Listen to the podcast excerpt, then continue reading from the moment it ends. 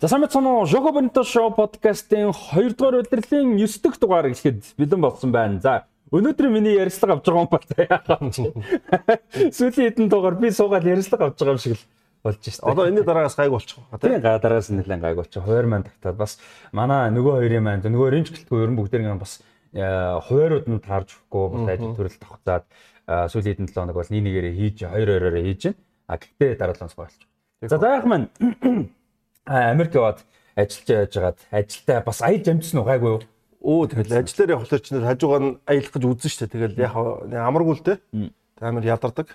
Тэг яг юу яагаад Америк руу угаасаа ажиллаар явсан. Тэг ажиллаар яваад ясч чинь манай найз өөрөө нөө Аргентины Мессигийн фэн ахгүй.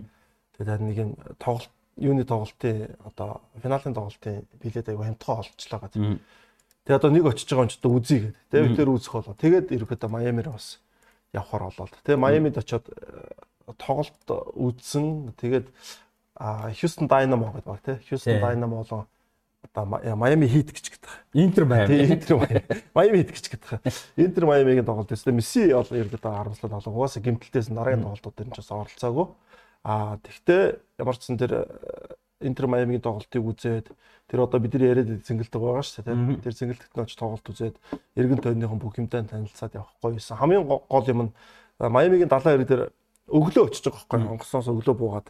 Тэгээд нугасаа оройн тоглолттой оройн тоглолттой ч тэр хоорондоо буудал муудалд буухлаач байгаасаа шал дими зардалж байгаа байхгүй тэнгууд нөө нь далайн хэрэг дээр нь очиод жоохон байга. Далайн хэрэг дээр нь байж байгаа. Тэгээд яг нөө тоглолт руу авах гээд автобусын зуух гээд яжс чадна нэг алдсан нөхөр явж чинь зитан түрээсийн дугуйцсан хоёр нөхөртэй явжсэн. Тэг жоохон харсан нөхөр явж байна. Тий. Тэгээ манай найзыг анзаарсан. Би нэг уцаар нь юу харчихсан. Автобусныхаа цагаа өөр мөр гэдэг хараа байжсэн. Зитан явж ин лээ битгдгүү. Юу яриад байгаа байж чи одоо гэсэн чинь. Үгүй зитан мөнгө дугаатаж байгаа өнгөрцөн баг. Тэгэхээр нь араас нь гүүгээд тэгсэн чинь нөхөрөө зогсоод яг ирэх гэжсэн юм. Гурав чи яваа. Тэгээд яг өө сайн уу зитан гэдэг. Ээ зизүү юу вэ? Хало хало зитан гэдэг тэгсэн шууд. Тэгсэн чинь Өө юм байна. Нэг сүдтэй мэрэхгүй сар одод ч угаасаа хүн болгонд гэдэг болохоор. Тэгээд тантай нэг зураг авахулчих уу ингээд таныг ингээд дэмждэг юм байна. Ингээд хөл өмгийн фанат ингээд тэг тэг гэл. Тэгээд зураг авахулаад. Тэгээд оройн нугасаа тэр арга хэмжээнд ирсэн байлээ шүү дээ. Месси, Бекхэм, Зидан энэ тэгээд ирсэн. Тэгээд яг Зидан бол юу амар гоё юусаа энэ бол. Одоо миний уулзсан хамгийн супер. Месси Марадона өдөр тоглолт би үзчихсэн. Тэгээд хажууд нь ингээд зогсоод явдаг бол. Амар гоё фит биттэй те. Яг л л дээ. Тэгээд Зидан ч англи хэл муутай мэлээ шүү дээ. Англи хэл муутай учраас английн баг санал манд талаараас очтгүй мочтгүй гэсэн юм. Тэгээд Бек Мессидертэй уулзаад бас нэг ажиллаар л ирсэн байх гэж бодсон. Гэтэ яг одоо Тата Бек Мекэмчлэл дээр ч испанаар л ярьж байгаа. Испанаар ярьж байгаа байх. Тата Мартино байгаа шүү дээ. Юуны Аргентинаас жодогч одоо Интер Майами. Барсад ирсэн шүү дээ. Цаад ч байгаа учраас шууд юу Интер Майамийн сулдж болохгүй байх. Ямар нэгэн байдлаар нэг ажиллаар очсон байх. А тэгээд Майами ч өөрөө юу юм бэ? Битүү испанаар. Латин тий. Испаний колонч байсан. Тэгээд Кубын аралч нь сэлмүүд харагддаг юм лээ шүү дээ. Тэгээд Куб ч өөрөө коммунист гэхэмтэй учраас маш олон хүмүүст дүүрвцэн. Тэгээд их оронтойгоо ойрхон байх гад Майамид бол тэр Флоридад айгүй хөөд юм лээ. Тэгээд ерөөсөө яг үндэ айлэр ирэхгүй юм. Битүү испан. Таксинд ингээл 3 удаа сууд 3 куб байгаа заяа. Гуруула куб хүмүүс. Тэгээ нэг нь ч англи хэл байхгүй. Испанаар. Тэгээ юм асуусан шууд испанаар ирнэ. Тэгээ намайг испанаар ирж ин гэж боддоо шүү. Тэнгүүд өө би испанаар мэдэхгүй юм гэхээр өө тийм үү гэд. Тэгээд болохоор манай динээс тэгдэх. Чамаг юу Аз мазаа шарахгүй юм шүү. Тэгээд тэр чинь ерөөс Аз мазтай биш юм л ерөөсөө. Ерөөсөө байгаа л тэр. Ерөөс байгаа л тэр. Ямар ч уурсан шууд испанаар ирдэг. Майами. Тэгээд Майамид бол ер нь испани хэлтэй бол ерөөсөө англи хэлний шаардлагагүй юм байна. Тийм ээ. Тэгэхээр Месси очиж байгаа нь бол бас тодорхой юм байна. Би яг надад хэлэх гээд байхгүй. Месси ерөөдөө бас Майамид очиж байгаа бас шалтгаан. Тэр нэг испани хэлтэй community тэнд бол амар том байгаа. Тэр нэг Месси одоо Алба Малба ч юм ийм гэр бүл хүүхдүүд нь бол айгүй амарх байна шүү дээ. Тэгээ Майами ч өөрөө ямар гоё цагаа гартай ямар юу газар л те. Далайн хэрэг те. Далайн хэрэгтэй байлээ. Тэгээ далайн амар гоё далайн хэрэг гараад тэнд нь очсон шүү дээ. Тэгээ далайн үүлтэй мүлд амар гоё бүлэхэн өстой янзын гоё юм билээ. Майами ч тэгээ хотын зохион байгуулалт юм уу гоё. Майами тэгээд аа оо юу хэлэх гэж байна. Майамид юу их хөдөг? Матар гөрүүл их хөдөг. Тэгсэн чинь тэр юуны далайн эргийн хажууд нь пүүлтэй зорч буудлаас авахгүй. Тэрний 0 руу орох гээд тавьчих чинь. Нэг эдгээр өнөд том гүрүүл үүдээ ном. Би ч яг багада говьд байсан нэг ёо хонин гүрүүл мөргүүл говийн гүрүүл дээр хараад тэр чинь барьж барьдаг. Тэр чинь нэг жоохон шүү дээ. Тэр чинь том гүрүүл харах эвгүй юм байна. Яг хамелеон шиг юм мөртлөө арай өөр гөрөл байгаа байхгүй. Одоо Lizard гэдэг чинь тийм. Тэгээд тийм гөрүүлсэн. Тэгээд ер нь бол матар байж идэм билээ. Яг хаа тэр пул мөдөр бол матар орж ирэхгүй л дээ ойлгомжтой. Ер нь бол байж идэв. Ер нь бол матар бол нь Майами ч угаасаа матраар алдар та. Гэтэ Майамигийн матар жижиг матар л да. Гейтер гэдэг аллигейтер гэдэг шүү дээ. Аллигейтер бүр том шүү дээ. А тэднийх жижиг. А жижиг юм. Жижиг юм билээ. Жижиг гейтер юм билээ. Тэгээд Майамигийн юунд яасан. Тэгээд тийм л өссөн тэгээд гоё юм билээ. Тэр хот мотон тэгэл янзын гоё. Цэнгэлтг нь нөө өргөжүүлж өрсөн гэдэг нөө жоохон өргөжүүлж мөржүүлээ барьцсан. Тэгээ Месси тоглохгүй гэж хүмүүс бөө уурал хэлээ. Тэгэл л дээ яад ч гэдэг. Хэн Бускетс албаа ерөөс аль нэг нь тоглосон аа. Аа Бускетс тоглосон. Бускетс бол ерөөс гүүхгүй тоглоод л тий. Сайн нөгөө тэгцээсэн Бекхэм нөгөө нэг докюментари баримтат гэмт цувралан гарсан шүү дээ Netflix дээр. Үзсэн үү тэрийг? Үзэж амжаагүй байна. Үзэж амжих юм бол үтх юм бол юу яд юм уу гэж боддог. Тэрийг шоуга дээр ярих гэж бодож байгаа. Тэгээ тэрний нөгөө нэг мэдээж маркетинг гэл иргэн тэр янз бүрийн шоугаар орж байгаа шүү дээ. Gavin Neville шин юу эхлүүлсэн баггүй юу? Шоу эхлүүлсэн. Тэгээ мань өмчтэй хичнээн шоутай. Тэгээ Detective Football гэх шоу эхлүүлсэн. Ian Wright, хин Roy Keane, Jill Scott тэг хин Carragher тэр тав ингэ шин. Тэгээ тэрэн дээр тэгсэн чинь хин зочноор Beckham зочноор. Тэгээ тэрэд ярьж л л дээ. Ингээд нөгөө юу юм уу гэд Интер Майами юу юм уу гэд ярьж исэн чинь тэрэн дээр бас тэр Зидан Зидан тэр Реалийнхан тэр Реалын нөхдүүдэд дуудсан тэр юуны хит Испани тоглох. Тэгээд тэр мэрийг ярьж байгаа л бахан л ярьж штэ. Тэгсэн чинь Мессиг ингээ ярьсан чинь мэдээж агуу те ингээд мундаг нөлөөмөл олж байгаа. Тэгсэн чинь нэг удаа актив мэдээж байгаа Интер Майами. Тэгээд залуу тоглогчид нь хүүхдүүд нь ингээд Месси дуулах боломж боломж гарсан л юм байна л да. Тэгсэн чинь нэг хүүхэд нь тэнцээстэй амар баяртай байл явж байсан л да. Бекэмтэй таарад за яасан Месситэй уулзсан уу уулзсан уу гэж тэгсэн чинь тийм Месси надад зөвлөгөө өгсөн гэж тэгсэн юм. За ямар зөвлөгөө өгсөн чинь намайг талбайдаа сайн алхацсан гэх. Тэгээ тэгээ бэкэм инээгээд тэр нь тэгээ ямар ашигтай гэж ингээд их алхахаар ингээд талбайгаа илүү харна гэсэн. Тэгээ нөгөө Месси чинь сүүлийн жилдээ айгүй их алхдаг байсан. Тэгээ тэрүүгээр нь тоглоом яг. Тэгээ тэгэж бас ярьсан гэж тэгсэн.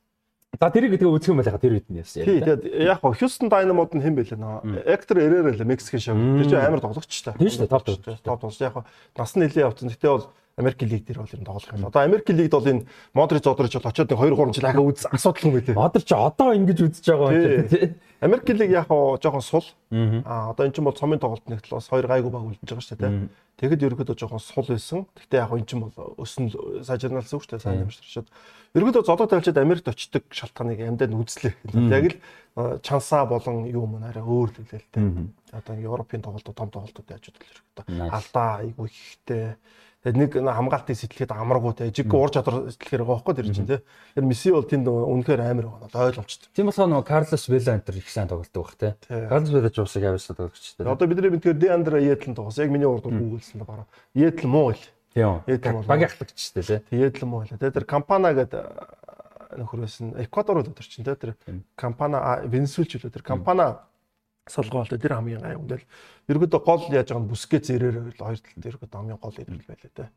Яаж за Интер Майами Хьюстон Дайнамогийн тоглолтын говь experiences ярьсанд баярлалаа. За өнөөдрийн дугаар мэдээж анзаарж байгаа А титэм спортс бар дээр бид нар бичлэгээ хийж байгаа үзэж байгаа хүмүүс бол бүр анзарж байгаа. Янзын гой газар шүү дээ. За та яг сэтгэлээ. Гоо амар гой газар байна. Бүр амар тийм нүсэр биш энэ спорт бар ч нүсэр болохоор айгу хэцүү. Би ч бас спорт бартай холбоотой юмнууд хийжсэн шүү дээ. Скор лонж гэдэг тэргээ нүсрэ болохоос амаргүй байдаг. Тэгээ спортын юу ч өөрөө нэг тийм гинт байн уурч байгаа нэг бол хөнгүү болчдаг тийм газар. Тэр энэ бол яг гой тийм тохирсон. Тэгээд орчин амар гой бүрдүүлсэн байна л да.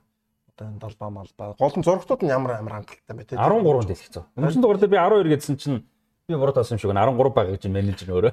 Энэ дэлс айгуу чухал гэдэг шүү дээ. Хаашаа жарсан ингээд үзэж болохоор тий. Хаанаас ч үзэж болохоор тий. Тийм тэгээд орчинд нь бол бас activity хийхдээ одоо ширээний хөлбөмбөг гэдэг ч юм уу снукер пүүлтэй пүүл бильярдын ширээ за тэгээд PlayStation гэдэг олон төрлийн хийх боломжтой олон төрлийн спорт спорт үзэх боломжтой юм байгаа. Тэгээд Титэн спортс барын хувьд бол тавхан захиалга хөгжил 80 тэгдэг 70 67 8767 тий. Энэ дугаараар бол холбогдчихсан. Миний өмнөх дугаараа дээр миний үжсэн дугаар нь болохоор юу юм бэлээ? Holiday Inn зочдлын дугаар юм бэлээ. Тэгэхээр одоо энэ дугаараар бол бүр яг энэ юуныхаа Титэн спорт барынхаа менежертэй холбогдох боломжтой байлаа шүү. Тэгэхээр 80 8767 гэсэн дугаараар холбогдож захиалга мэдээлэл авах. Наач яста айгүй чухал дугаар шүү те. Тоглолт дугаар үзэхээс эхлэв те. Тийм мэдээлэл авах боломжтой. За тэгээ нэг нэмэлт мэдээлэл өгөө бид нар 2 дугаарын өмнөх дээр ярьжсэн 16-ны 6-нд October Fest-ийг эхлүүлж байгаа гэдэг утгаар 10 сарын 6-нд ингээд гоё юу болно? Хөтөлбөртэй ивент болно. Такс байхгүй. Тэгээ 10 сарын хугацаанд бүх пинүүд нь 20% off. Тэгээ ингээ гоё таксгүй хөтөлбөртэй гоё үйл ажиллагаанууд болно гэд зарлж исэн тэгээ тэр үйл ажиллагаа бол амжилттай болсон байлээ. Тэгээд бүр дүүрэн хүнтэй болсон гэж сонссон. Тэгээ тийм учраас зарим хүмүүс бас харамсалтай надад ирээд ширээ олдоогүй э, явсан юм шиг байлээ. А тэгээ тийм болохоор та бүхэн бас 8070 67 гэдэг дугаараар холбогдоо ширээгээ захиалаарай. Хизээв гэхээр 10 сарын 20-нд буюу За энэ 5 дахь өдөр болол одоо Oktoberfest-ийн хаалт гэж ивент бас хийж байгаа юм бэлээ. Тэгээ урамшил нь яг 10 сар дууслаа явдгаар явна. А гэхдээ ивентийн хувьд бол 10 сарын 20-нд буюу энэ 5 дахьд орой 8 цагаас хийх юм бэлээ. За тэгээ алтан намар дуучин маань нь юуны мөг гэсэн баха тий. Алтан намар дээрс аа мундаг болоод. Юуны UB comedy-гийн залуу хөтөл нь алтан намар нөгөө юун дээр дуулсан? Алтан намар. Тийм мөн. Намар болов. Тий алтан намар. Намар тий. Алтан намар юу юун дээр дуулсан. Жанлука Замброта ирээд энэ чи ивент ихэд алтан намар дуусан. Айгуу гоё дуулсан. Тэгээ мань хүн чинь нөгөө блюз юугаар одоо жанрын жанрыг хүмүүст бас таниулах тийм зорилготой ер нь бол явж байгаа өөрөө их гой дуулдаг юм. Залуу блюз жанрын өөрөө фэн юм бэлээ сонсогч юм бэлээ тийм. Тэгээд гихмэт ийм гой хөтөлбөрүүд бол явнаа. Тэгэхээр 10 сарын 20-нд Титим спорт бар дээр захиалга аваад найз найз нөхөд хамт олноор бас өөрчлөлөөрөө тэгээд 8077 дугаараар захиалга өгч болох нь шүү. Тэгээд өнөөдрийн дугаарын ивент тэтгэгчээр ажиллаж байгаа Титм спорт барын хамт олонд Holiday Inn зочд буудлын хамт олонд баярлалаа. Та бүхэн итгэвтэй үйлчлүүлээрэй. За тэгээд Давтарын зарим нэг дуу чимээ юу яаж магадгүй бас дандаа микрофоноос холдож чадахгүй ингээр микрофонтой байж байгаа учраас бас жоохон тийм байж магадгүй уучлаарай. За А за сайн ингээд э, юуны ярьсан чи US Open Cup шүү дээ тий. US Open Cup-ын финалыг ярьсан болвол одоо 2023 оны Copa Libertadores-ийн финал болох гэж байна тун удахгүй. За энэ талаар ярив. Хэдүүлээ бол дандаа л хөлбөмбөг одоо ярихаараа Европын хөлбөмбөг ярьдаг. Тэгээ бас өнөөдөр Европын хөлбөмбөс гадна одоо бас ярих юм гой боломжууд одоо хоёрд том одоо хөлбөмбөгийн одоо юу шүү дээ хэсэг штэ. Тийм. Тэгээд тийм учраас Copa Libertadores CONMEBOL гэж одоо өмнөх өмнөд Америкийн хөлбөмбөгийн холбоо байгаа. За өмнөд Америкийн хөлбөмбөгийн холбоо бол дэлхийн анхны одоо Confederation гэж явдаг. Твийн одоо Federation тий. Энэ бол холбоо гэсэн үг. Тийм энэ бол 1930 онд анхны дэлхийн оргуулж авах CONMEBOL байгуулагдсан байсан. А UEFA ч юм уу одоо бусны бүр дараа 54 онд шүү. Тийм UEFA 54 онд одоо бусны ингээд янз бүрийн дараа. Тэгээ CONMEBOL бол анхных байдаг. Тэгэхээр бол маш ач холбогдолтой. За 23 оны Copa Libertadores-ийн шүгэн дөрөвт юу басныг тавчгаа яриад тэгээ финал руу орё. Шүгэн дөрөвт Boca Juniors Палмерас Juniors шүү. Juniors юм байлаа шүү. Би бүр өнөөдөр бүр зөрж бүр дуудлагнуудыг хаас Аргентинос Juniors Boca Juniors гэдэг юм байлаа. Яг Junior нь англи үгээр л ячиж байгаа юм байна л да. Тийм ер нь Junior үгүй тийм ер нь л тэрдэм байлаа шүү. Яг Juniors гэдэг юм байл. Тийм. Гэтэ би яг энэ Испанилийн яг зарим нэг юм одоо чинь Jenny Hermoso гэдэг юм байлаа. Henny Enter, Jennifer Enter гэдэг юм байлаа шүү. Jenny бүр яг ерөөсөө л Испанаар угаасаа Jenny, Jennifer гэдэг юм байлаа. Тэгэхээр бас яг одоо J үсгийг ямар үсэгт нь хийгээр дуудаад ямар Испанаар харин тийм төвөгтэй нь одоо тэр Бас Каталаны Бас Каталан дээр Бас өөр тэр чинь Бас. Гол асуудал нь тэн дээр л хөндөгдөн шүү дээ. За тайлбар хийж яхад Испанаар болоод өстой жиг нөгөө өндөд угсаагийн судалдаг шүү. Тэр чинь гой гой тэр чинь гой. Кастла хуу юм уу? Баск хуу юм уу? Кастла хуу юм уу? Андалусын юм уу гэд. Корск юм уу гэд. А тийм. За тэр тэгээд Boca Juniors Palmeiras-тай таарсан.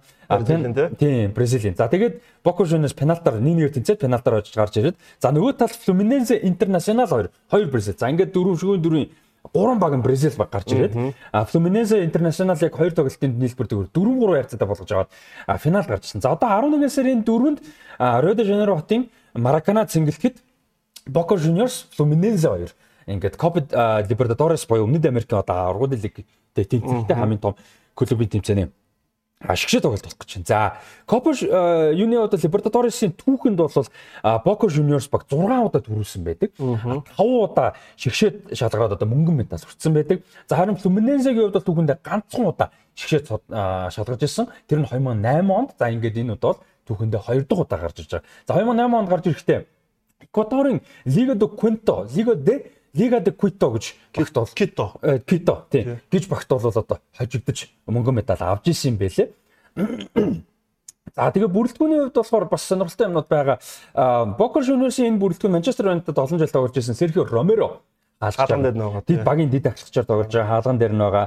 За багийн үндсэн ахлагч Маркус Рохо тоглож байгаа.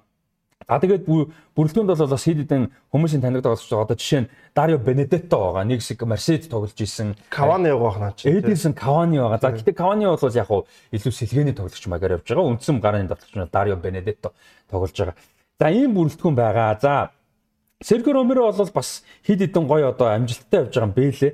Боко Жуниорсын хувьд бол хэсгээсээ нэгээр гарч ирээд шүгэн 16 8 шүгэн 4 бүгдээрэнд нь буулгаж авсан багуудаа тургуулийн цогцтой болгож байгаа. Тургуулийн цогцолт болгонд нь Серхио Ромеро 2 2 2 Ромеро угаасаа 11 аягуулсаа хадгалчихсан. Одоогийн байдлаар 6 пенальт таачихад байгаа. За энэ бол супер те шүгэн 16 2 8 2 Ер нь Аргентины хаалгачаар хаатган дээр мөртл 11 дээр их сайн байдэн шүү дээ. Тэгээ 90 оны дээр Гойкочо байна. Одоо наад Ромеро ч энэ 2014 онд ямар сан ажиллаа. Сайн Мартинсийг харж байгаа дэлхийн авдар тийм. Хаалган дээр мөртл 11 дээр сайн. Мартинс гэхдээ сүүлийн 20 бараг 25 жилийн хамгийн жиглэг хаалгач байгаа тийм. Хаалган дээр цаа 11 сайн байхгүй. Тийм. За тэгээд Флуминенсегийн хувьд болохоор За хамгийн мэдих боломжтой тоглогч нь бол одоо манай үзэгчдийн сонссон мэдих боломжтой Марсело байгаа. Мэдээж одоо Реал Мадридын домог те Марсело байгаа. За дээрэс нь одоо энэ а Флуминенсегийн одоо супер гол довтлогч нь Аргентин довтлогч. Ганцхан Аргентин довтлогчтой Херман Кано гэж. Одоо 35 6 настай юм довтлогч байгаа. Сүүлийн 3 4 жил сери одоо Бразилийн сери одоо тест будаа болгож байгаа. Энэ жилийн Copa Libertadores-ийн мэрэгэн бужаар явж байгаа ийм одоо Өмнөд Америкийн хөлбөмбөгт бол одоо супер юм довтлогч. А Колумбийн билүү дээ. Яна би одоо клубыг марчаад байна. Колумбиг санаад шүү. Нэг клубын бас томог юм бэлээ. Өмнөд Америкийн нэг клубын тэрэн тусаа хөрөмж залуудаа тоглосон. За ийм ба. За тэгээд би танаас одоо тавар асууя гэж бодоод байна л да. За Copa Libertadores-ийн түүхэнд Boca Juniors бол 6 удаа төрүүлсэн байна. Хоёрт орд юм байна. Хамгийн их нь ямар вэ гэж. Тийм хамгийн их нь юу вэ? Одоо Boca Juniors хэрвээ төрүүлэх юм бол нэгтээ тэнцэх юм байна. Төрүүлсэн багтаа. А тэгээд сонирхолтой мэдээлэл ихэд нэгт орсон, нэгт явж байгаа мэдээж 7 төрүүлсэн, нэг ч удаа мөнгө медаль авч байгаа. 7 удаа финалд гараад гараад 7 төрүүлсэн баг гэдэм юм. Урган Пенерал уу? Пенерал биш юм байна. Пенерал биш үү? Биш байна. За очроо. Ривер плейт бол биш бол дарах гэдэг. Ривер плейт биш байна. Биш байна тийм. Ривер плейт. Тэгвэл Бразил руу л очих юм л да шууд. Би Бразилийг нөөцлөд эхлээд Уругвай том бага юуны юу лээ? Аргентин Уругвай. Аргентин Уругвай хоёр том бага яцсан. Васко да Гама. Байна. Пальмерас идэр тийм байна да тий. За хэлэх үү. За бодоотхой. За би доошоо байгаа багууд энэ хэлчих. Пенерол 3-т байдаг юм байна. 5 удаа төрүүлсэн. Пенерол 5 удаа мөнгөн медаль авсан. Ургачин дээр нэг анх энэ байгуулж байгаа үед нь юу байсан бэхгүй. Амирс яг энэ чинь 60 оноос эхэлсэн шүү дээ. Тэгтээ ургачин тэр үед бас аягүй сайн байсан шүү дээ. Клубүүд нь. За River Plate 4 удаа төрүүлсэн байдаг юм байна. Аргентины бас одоо домогт Estudiantes дөрвөн удаа төрүүлсэн байдаг юм байна. За Парагвагийн одоо одоо хамгийн супер баг нь Олимпиа 3 удаа төрүүлсэн байдаг юм байна. Уругвагийн Национал 3 удаа. За Бразил Сао Пауло, Палмерас, Сантос, Гремио, Фламенго багууд 3 3 3 3 удаа. Ямар баг юм? За Крузеро Интернационал 2 удаа. А Колумбия Атлетико Национал 2 удаа хамгийн одоо дөрөвсөн Аргентин Индепенденте байт юм. Оо, Индепендент дээр үл бахан төрүүлж штэ тий. 1964, 65, 72, 73, 74, 74, 84 тийм л баг. гэж төрүүлсэн байдаг юм байна. Тийм. За тэгээд өнөөдрийн одоо биш өнөөдрийн энэ энэ удаагийн финалд гарсан юу болвол Флуминензе бол одоо 2 дахь удаа финалд гарч ирж байгаа. Ийм аа. Тэгээд одоо энэ Либертадорос яг урд нь л арай өөрөөсөө одоо нэг ийм юу руу орчод шиг байна л да. Одоо яг угаасаа Аргентин, Бразил, Уругвай ч юм уу эдгээр ч өөрсдөө хөлбөмбөгийн нөөц аягүй сайтай шүү дээ. Клубүүд нь дайжгууд. Тэнгүүд а энэ энэ дундаас Европ руу гарсан тамирчид чинь төвшин өөр хүмүүс байгаа тоххой. Тэнгүүд энэ хүмүүс чинь Европ тоглож буцаж ирнэ гэдэг чинь өөрөө одоо үүд чинь энэ багийн чанарыг чансаа хамаагүй өөр болгочтой. Дээрээс нь туршлага ирнэ тийм. Туршлага ирнэ, туршлага ирж байгаа чадвар ирж байгаа. Дээрээс нь Европ хөлбөмбөг таахдаг, мундаг тасгалжуулагчдын доор ажилласаар хагаад ирээд өөрөө тасгалжуулагч юмд ирж байгаа байхгүй. Тэнгүүд л одоо эдгээр тамирчнэр орж ирээд одоо Бока Жуниорс шүү дээ тийм. Сайн байгаа шалтгаан чинь наад ид юм байна. Аргентин ид байгаа байхгүй а Рохо, ин Ромеро, за дээрэс нь Кавани тэр чи сэлгээгээр тоглож байгаа гэж байгаа чинь Кавани ч өөрөө тэр чигээр хөлөмгийн энэ хэд бол ном шиг амт явж байгаа шүү дээ. Тэгэхээр ийм юунууд нь айгуу том давуу тал болчиход идэг. Одоо үүд чинь дам барьцыг тоглож одоо Европ тоглож байгаагүй багаар гарч ирэх бол одоо л ирэхэд бас амаргүй болчиход оршгүй шүү дээ. Яг байгаа. Тэр чи хөлөмгийн нөөц. Гэхдээ ерөөдөө эдгээр нэг ахмад тоглолчтой авчирндаг өөрөө том давуу тал болчиход. Нөө Сауди Араб тэнцээгүй Америкт багт очиагүй гараад ч юм бол тэгэл одоо энэ нутаг руугаа ч юм уу хятад метро явчихдаг гол нутаг руугаа тийм үедээ болж байна л да тий.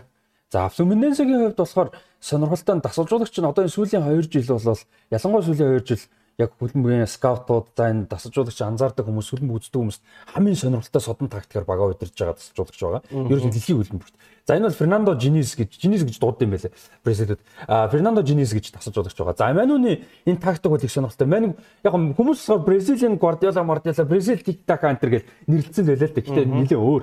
А Мануных болохоор ингээд ийм нарийнхан тоглолттой байдаг. Ингээ хоёр тал руугаа нэг гардаг гоо тийм нарийнхан голдоо тоглолт. Дээрээс нь ингээд хамгийн хэцүү тоглолт төр чинь. Хамгийн хэцүү дээрээс нь бичлэгийг үзэхээр манус тоглож байгаа. Би ямар утгаар хэлж байгаа. Ямар тактик мэдлэг замбраа өнөгдөд байж нэг гадар нэг бөмбөг бүгдээр яваачсан шүү дээ.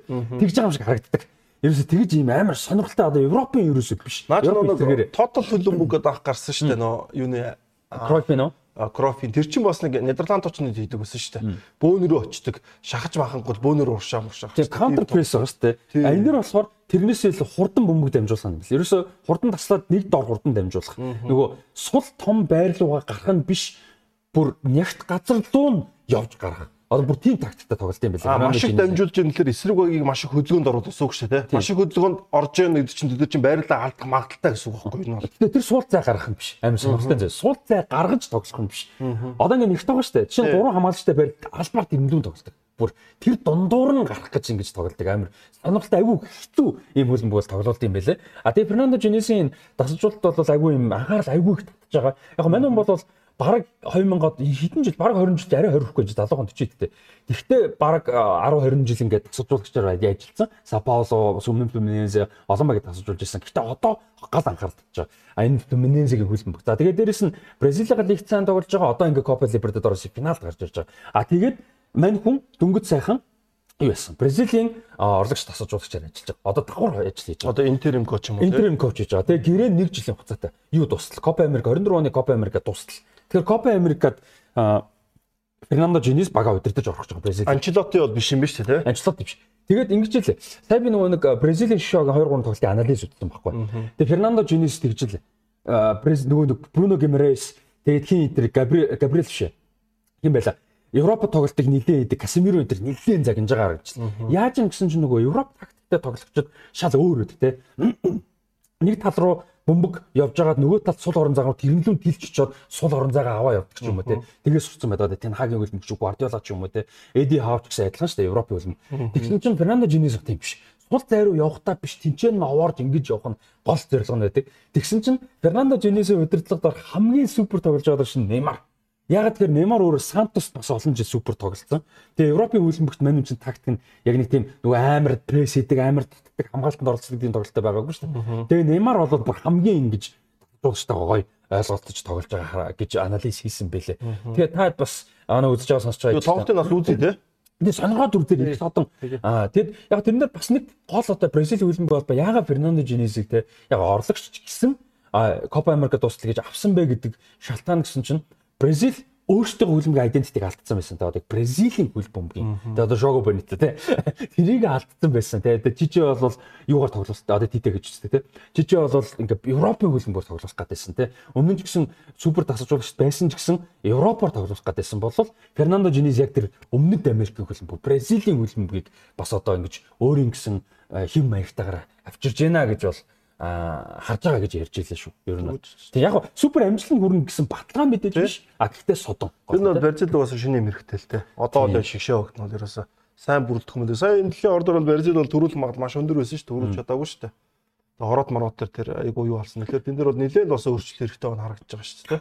Тэгээд яг яг Европод бол тасалжуулж байгаагүй их ихтэй өмнөд Америкт тасалжуулчин карьер нь явсан Фернандо Женис яг Тэгээ Минезэг бол яг үнэхээр мундаг удирдаад хүлээлтээс давуулаад те одоо ингээд том тэмцээнийхээ финал гараад ирсэн байна. Бразилийг хэр авч явах уу гэдэг бас сонирхолтой. Дөнгөж Венесуэлтэй нэгээр тэнцсэн.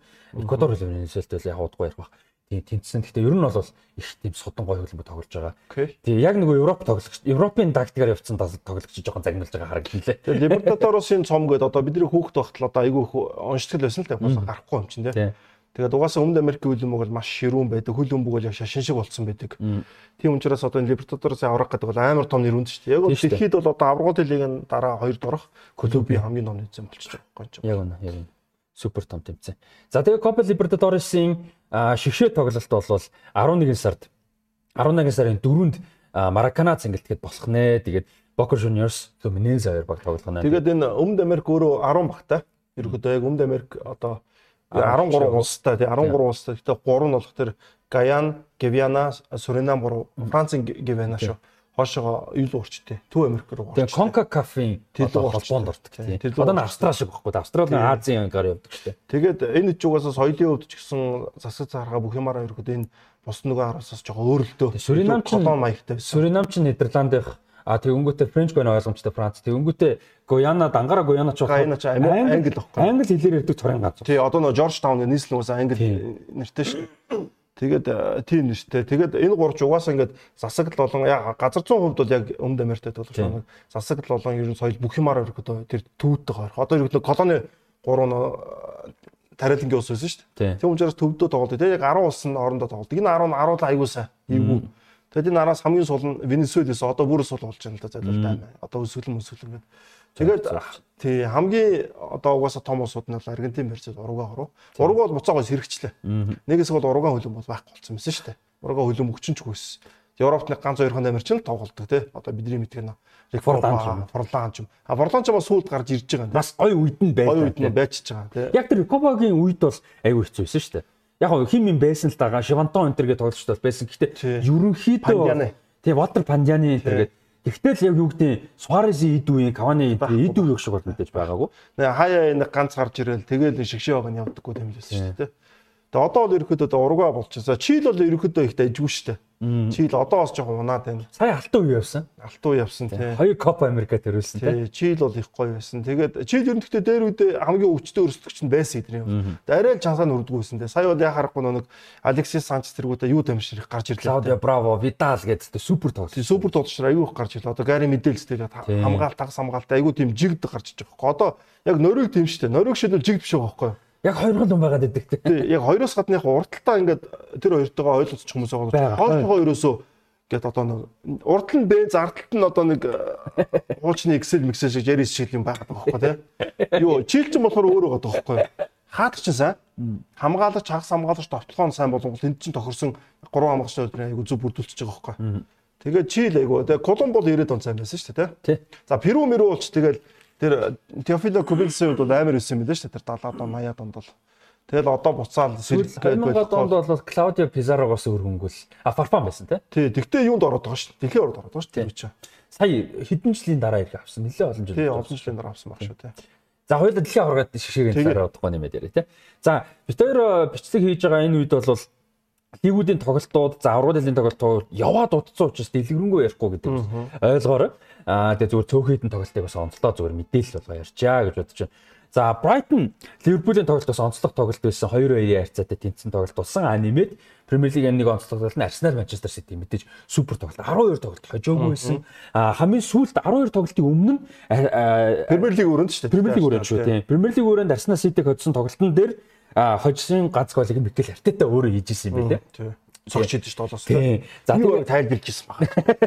За тэгээд одоо энэ тоглолтын дээр нэг голоор бол Манчестер Ситиг буулгаж авсан ийм тоглолт бол болсон. За Тоттенхэм харин нөгөө талд Лутон тавны нэгдгийг харьцаатай буулгаж аваад за ингэснээр Премьер лигт бол хожигдлгүй хоёрхан баг үлдэж байгаа. Тэгэл хойд Лондонгийн хоёр баг хоёулаа 20 оноотой Премьер лигийг тэргүүлж байгаа. За Сити сүүлийн хоёр дараалал хожиг Wolverhampton болон Арсенал дараалж хожигдож байна. Тэгээ Сити дээр яхаа нөө юу харагдж байна даа. Одоо үед чинь сайн тагтай сайн мэрэгчлэн байгаа ч ур чадвар бас заавал байж ах хэвээр. Одоо 100 байх юм бол чинь хөв байгаа шүү дээ, тий. Ур чадвар тагт нэлээд өндөр хувигдсан. Тэгээ ур чадварын үед Кевин Де Бройн байхгүй байна гэдэг. Родри сайн байгаагүй. Тэгээ Родри гээд төвийн яс хамгаалтын гол одоо тоглолт араас бацдаг хоёр хүн байхгүй болохоор яа харахгүй тоглолт нь яаж юм л та сул талууд нь гарч ирээ тэр сул тал дээр айгүй зөв тоглолтыг хийж байна л да тий. Кевин Де Бройны би өнөөдөр нэг статистик харж байгаа. Тэгсэн чинь Кевин Де Бройн том багуудын эсрэг ямар сайн тоглодог гэдэг статистик харагдаж байгаа. Одоо шилбэл Кевин Де Бройн Арсеналын эсрэг нийт 8 гол оруулж 5 гол амжилт өгчээсэн байна. 10 орчим тоглол 10 гаруй тоглолтонд. Тий. Одоо тоглолтын тоог мэдэхгүй. Гэхдээ эн чинь топ клубийн хувьд 10-аас дээш гол болон голын амжилт өгнө ч өөр айгүй том шүү дээ. Бүтэн карьерийн турш гэсэн дэ чинь амаргүй үзүүлсэн шүү дээ. Жил болгон тоглосон жил болгон голж байгаа ёстой юм байгаа. Тэгвэл эн чинь 13 гол болон голын амжилт өгсөн. За тэгэнгүүтээ Ливерпулийн алган 8 голын дамжуулдаг 4 гол оруулсан гэдэг. Одоо ингээд гарч шүү дээ. Дандаа хараа гарч байгаа. Тэгвэл Тоттенхэм дээр 9 ч юм уу те. За Манчестер Юнайтед дээр 7, Челси дээр 6 гэдэг ч юм уу. Аюу өндөр үзүүлэлттэй топ тоглолт. Дандаа топ тоглолтын дээр сайн байхгүй. Тэгэхээр энэ тоглолч өөрөө топ тоглолт байсан. Ийм топ тоглолтын дээр Родри, Кевин Де Бройн гэсэн топ тоглолчор одоо байсан бол энэ тоглолт арай өөр болох байсан. Родригоор 3 хожигдлоо тий. Аа Ньюкасл бас лигийн цомдоо хожигдсан. Аа тэгээ Родри бол их дутагж байгаа. Тэгэд энэ дэр Родри дутагж байгаас гадна за Матеус Нүн шиг бол шууд хүнжил бас болохгүй хаа. Дөнгөж ирээд дутаг байгаа тий. За харин Calvin Phillips ямар муу 8 болсон бэ гэдэг харин энэ дээрээс нэмж харж байна гэж бодоод байна. Лигийн цом дээр тоглосон сайн тоглож чадаагүй. Одоо Calvin Phillips бол 100 зээлэр боломж байсан юм бэлээ. Аа бол явуулах хүсэлтэй байсан. Тэгээ өөрөө бол үлднэ би байрныгаа төлөө өсөлтнө. Гөндөг өндөр явчихж байгаа болохоор гэж бодсон. А гэхдээ бол боломж гарахгүй явж байгаа сая л одоо боломж шүү дээ. Родер 3 тоглолтоор бандуулаа тий. Тэгээ тэр 3 тоглолтын дээр ингээ хоёр дээр нь яг оролцоод ингээ тоглоод бол үнэхээр одоо байр сураа өөр юм болгож авч өөрийгөө харуулж бол чадсангүй л дээ. Тэгээд яг хуу Лидс бол их сайн тоглож байсан. Тэрэндээ бол марахгүй байх юм. Рогорч сайн тоглосон. А гэхдээ яг Гвардиолагийн бүрэлдэхүүнд бол хангалтгүй юм байна л. Харин тийм хангалтгүй л болчиход байна. Одоо энэ төвийн ягс дээр яг Матеш өнөөс чи өөрөө бас урагшаа тоглоод тоглогчтой. Яг Родригийн байр гэхэлэр одоо хин л бас биш байхгүй юу. Тэгээ Рико Ливисийг сайн сүлд гол руу бас оруулж нэг тоглож үзлээ шүү дээ тийм. Тэгээ Родри ямар чухал додож одоо энэ Спаниш төвдөө Родриго тоглуулах бах уу? Тийм одоо Испанч одоо төвийн хамгаалагчаар тоглууладсан дээ өмнөх төр. Тийм одоо төвийн хамгаалагчдаар бол одоо э, хин Робин Ле Норман гэж одоо супер мундаг хамгаалагчиг бол одоо Испаниш шиг дуудаад авцсан шүү дээ. Францтай угаасаа зай олдохгүй байгаа учраас. Тэгээд дээрэс нь Эмерик Лапорт байж гэн хин байж гэн Пау Торрес байж Иниго Мартинес. За ингээд төвийн амлах шүү шийдчихэж байгаа байхгүй. Тэгэхээр одоо Роби Гарсиа ч болж байгаа байхгүй тий бүр. Тийм бүр одоо бүр. Тэгэхээр одоо юун дээр төвдөр бол Педри Гавихийн 3 Родри 3 супер төв яах гэж байна. Яг хав Педри Гави хоёрын нэгний ордны туршлагад олж орж иж байна. Тийм яг битэл Мерино энэ тустай ч юм шүү дээ. Тийм. Тэгээ Мерино гарахгүй Мерино. Мерино сая тоглож байгаа шүү. Гарч байна тийм. Битэл Мерино сайн байгаа. Сүүлийн хоёр жил үнэхээр супер байгаа л.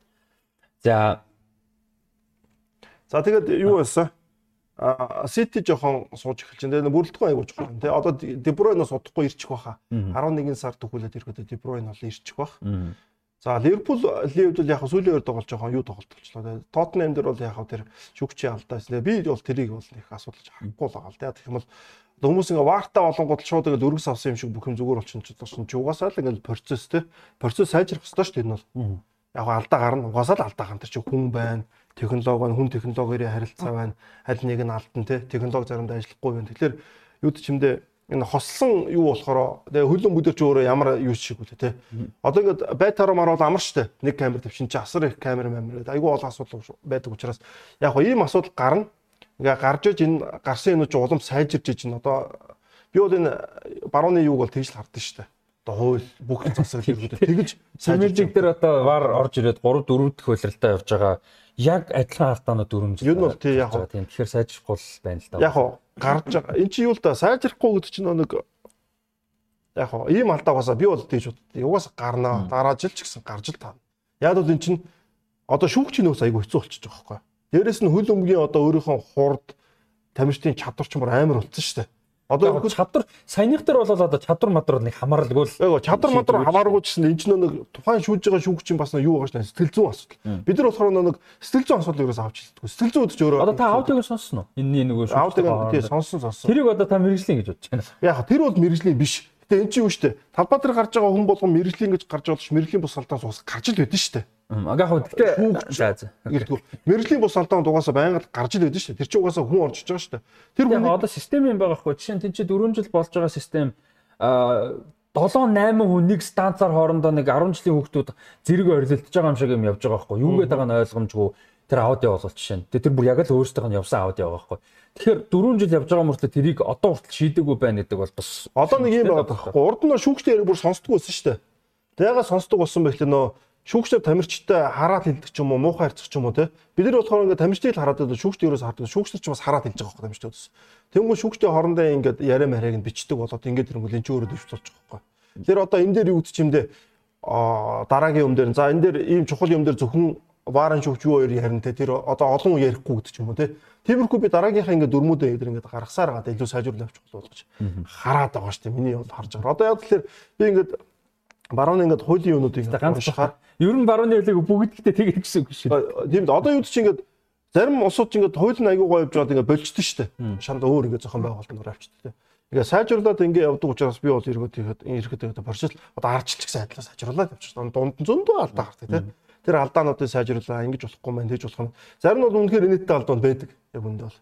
Гэтэ одоо тэр чи бас хүн шүүж байгаа байхгүй. Одоо би өөрөө нэг ингээд жижиг тоглолтууд Монголд шүүж байгаа байхгүй. Тэр чи миний үед ингээд талбай дээр гарч байгаа шиг амар чухал юм байгаа байхгүй. Би өөрөө бол зайн тоглолтноор би алдчих болохгүй ингэж болохгүй. Тэгэхээр тэр шүүгч ичнэ мэрэглийн ч гэсэн тэр шүүгч тамирчинтай адилхан талбай дээр гарахтаа маш их догтлдог.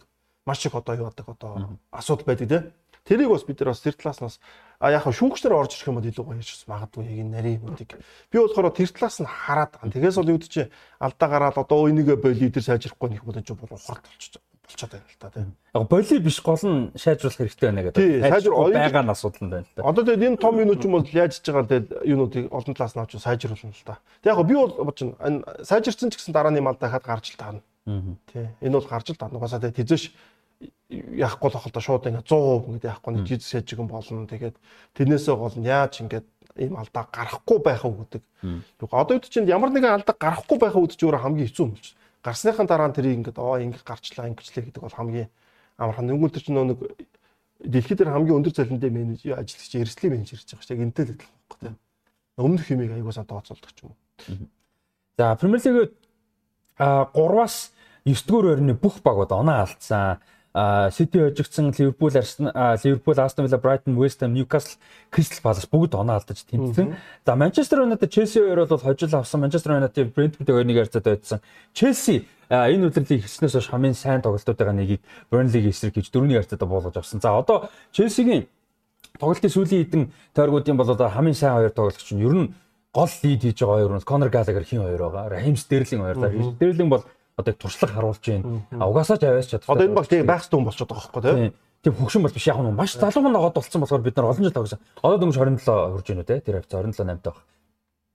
Тэгэхээр хэн бол Стерлинг Одоо 29 дэх шүү. 29 хүрж гэнэ үү? 94 оны гэсэн юм байна. Тийм үү. Би бол 95 мог санаад. А тийм ямар ч үсэн туршлага бол болж байна. За Конор Галагер бол бүх хамгаалтын прессинг статаар бол тэргүүлж байгаа юм байлээ. А ер нь бол үнэхээр мундаг байгаа.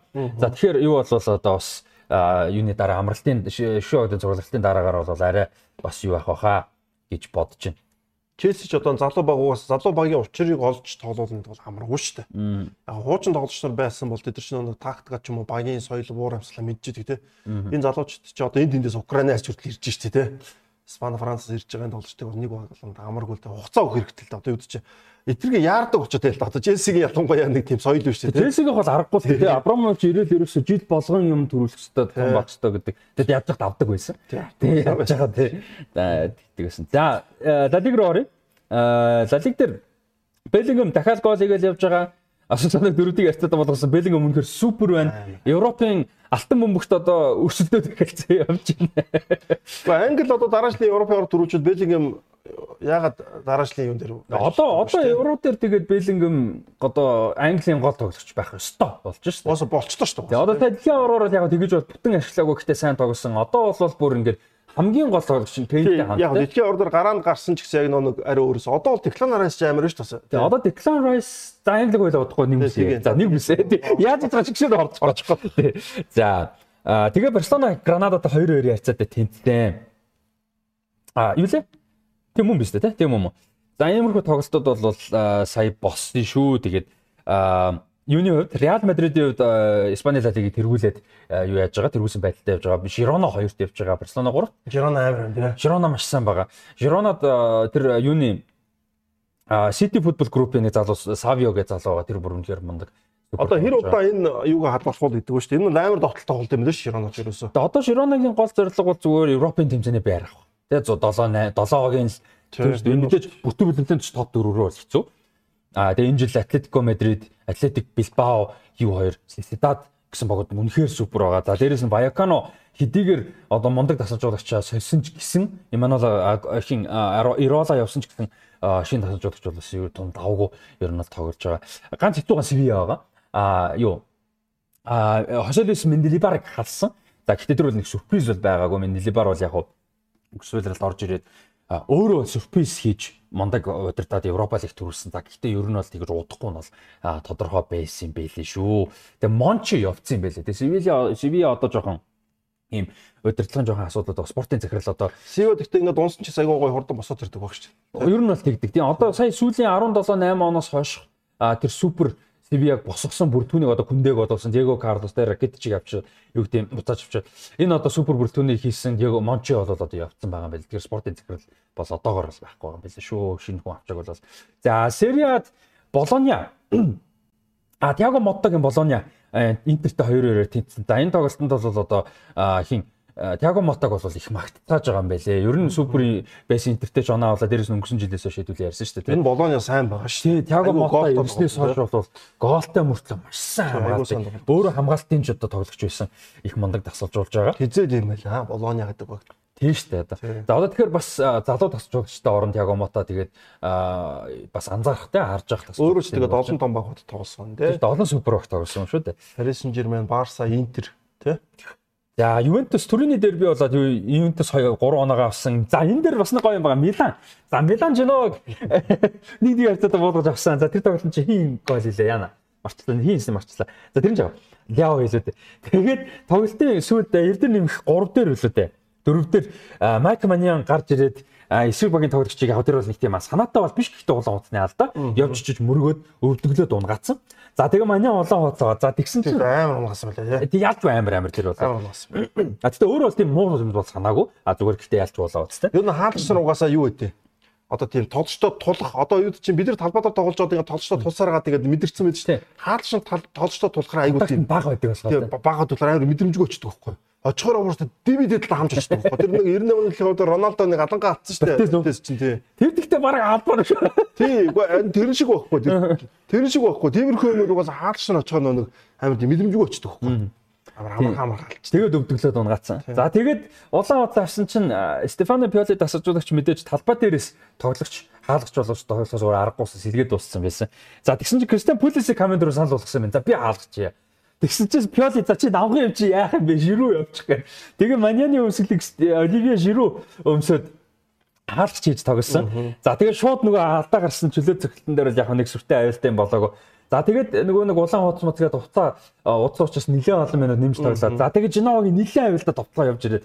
За тэр товтлогоон дээр нь амар супер орж ирээд хамгаалагчтай давтагчтай нь одоо алдаж орж ирж супер хаалт хийж олоод одоо багтаа оноо авчирхад нөлөөсөн. За тэгээ ингээд Эсим Милан бол одоо гол алдалгүйгээр нэг тгээ харьцаатай хийж. За хаад чиж байгаа хүмүүсийн чи анзаардаг бол одоо Фердинанд, Терри гэдэг одоо том бит хүмүүс байдаг шүү дээ. Тэр чинь бас нэг Кайд Walker-ыг халгаж ийл гэсэн юм байна. Тий. Кайд Walker ч бас гайгүй том бит юу шүү дээ хамгаалж ихэд.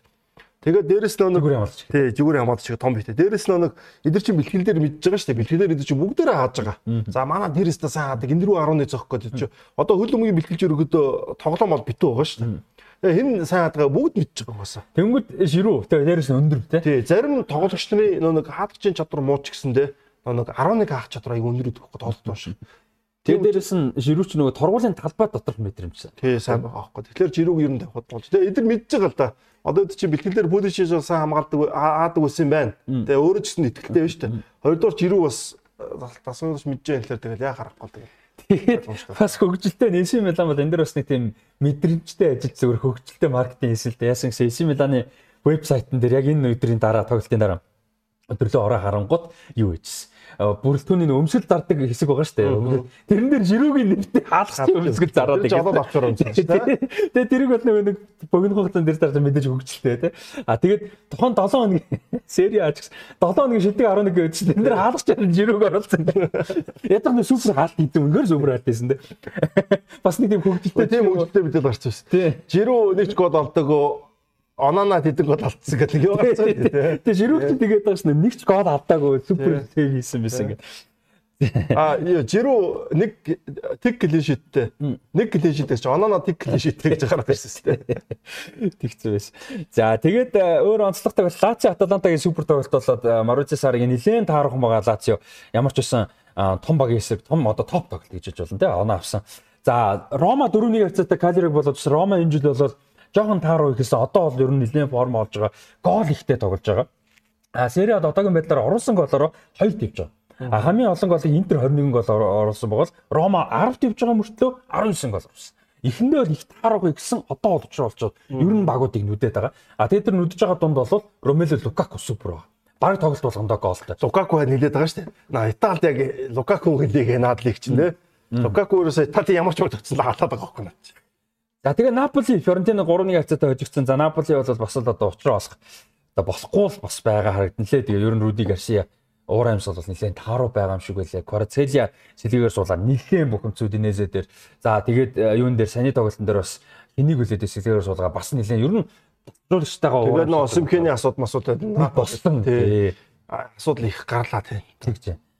За Бундеслигт нэг супер тоглолт болсон нь Боруссия Дортмунд Union Berlin-ийн тоглолт болсон. За Union Berlin-ийн хувьд бол өөрхий бүрэлдэхүүн бас ер нь жоохон хэцүү болж эхэлж байна. Нөгөө хоёр тэмцээнд авралын лигт давхар тоглож байгаа учраас одоо формо хадгалж болж чадахгүй хэцүү байгаа. Гэхдээ Боруссиатай бол дайжгүй тоглоод дөрөв яриа хацаатай хожигдсон.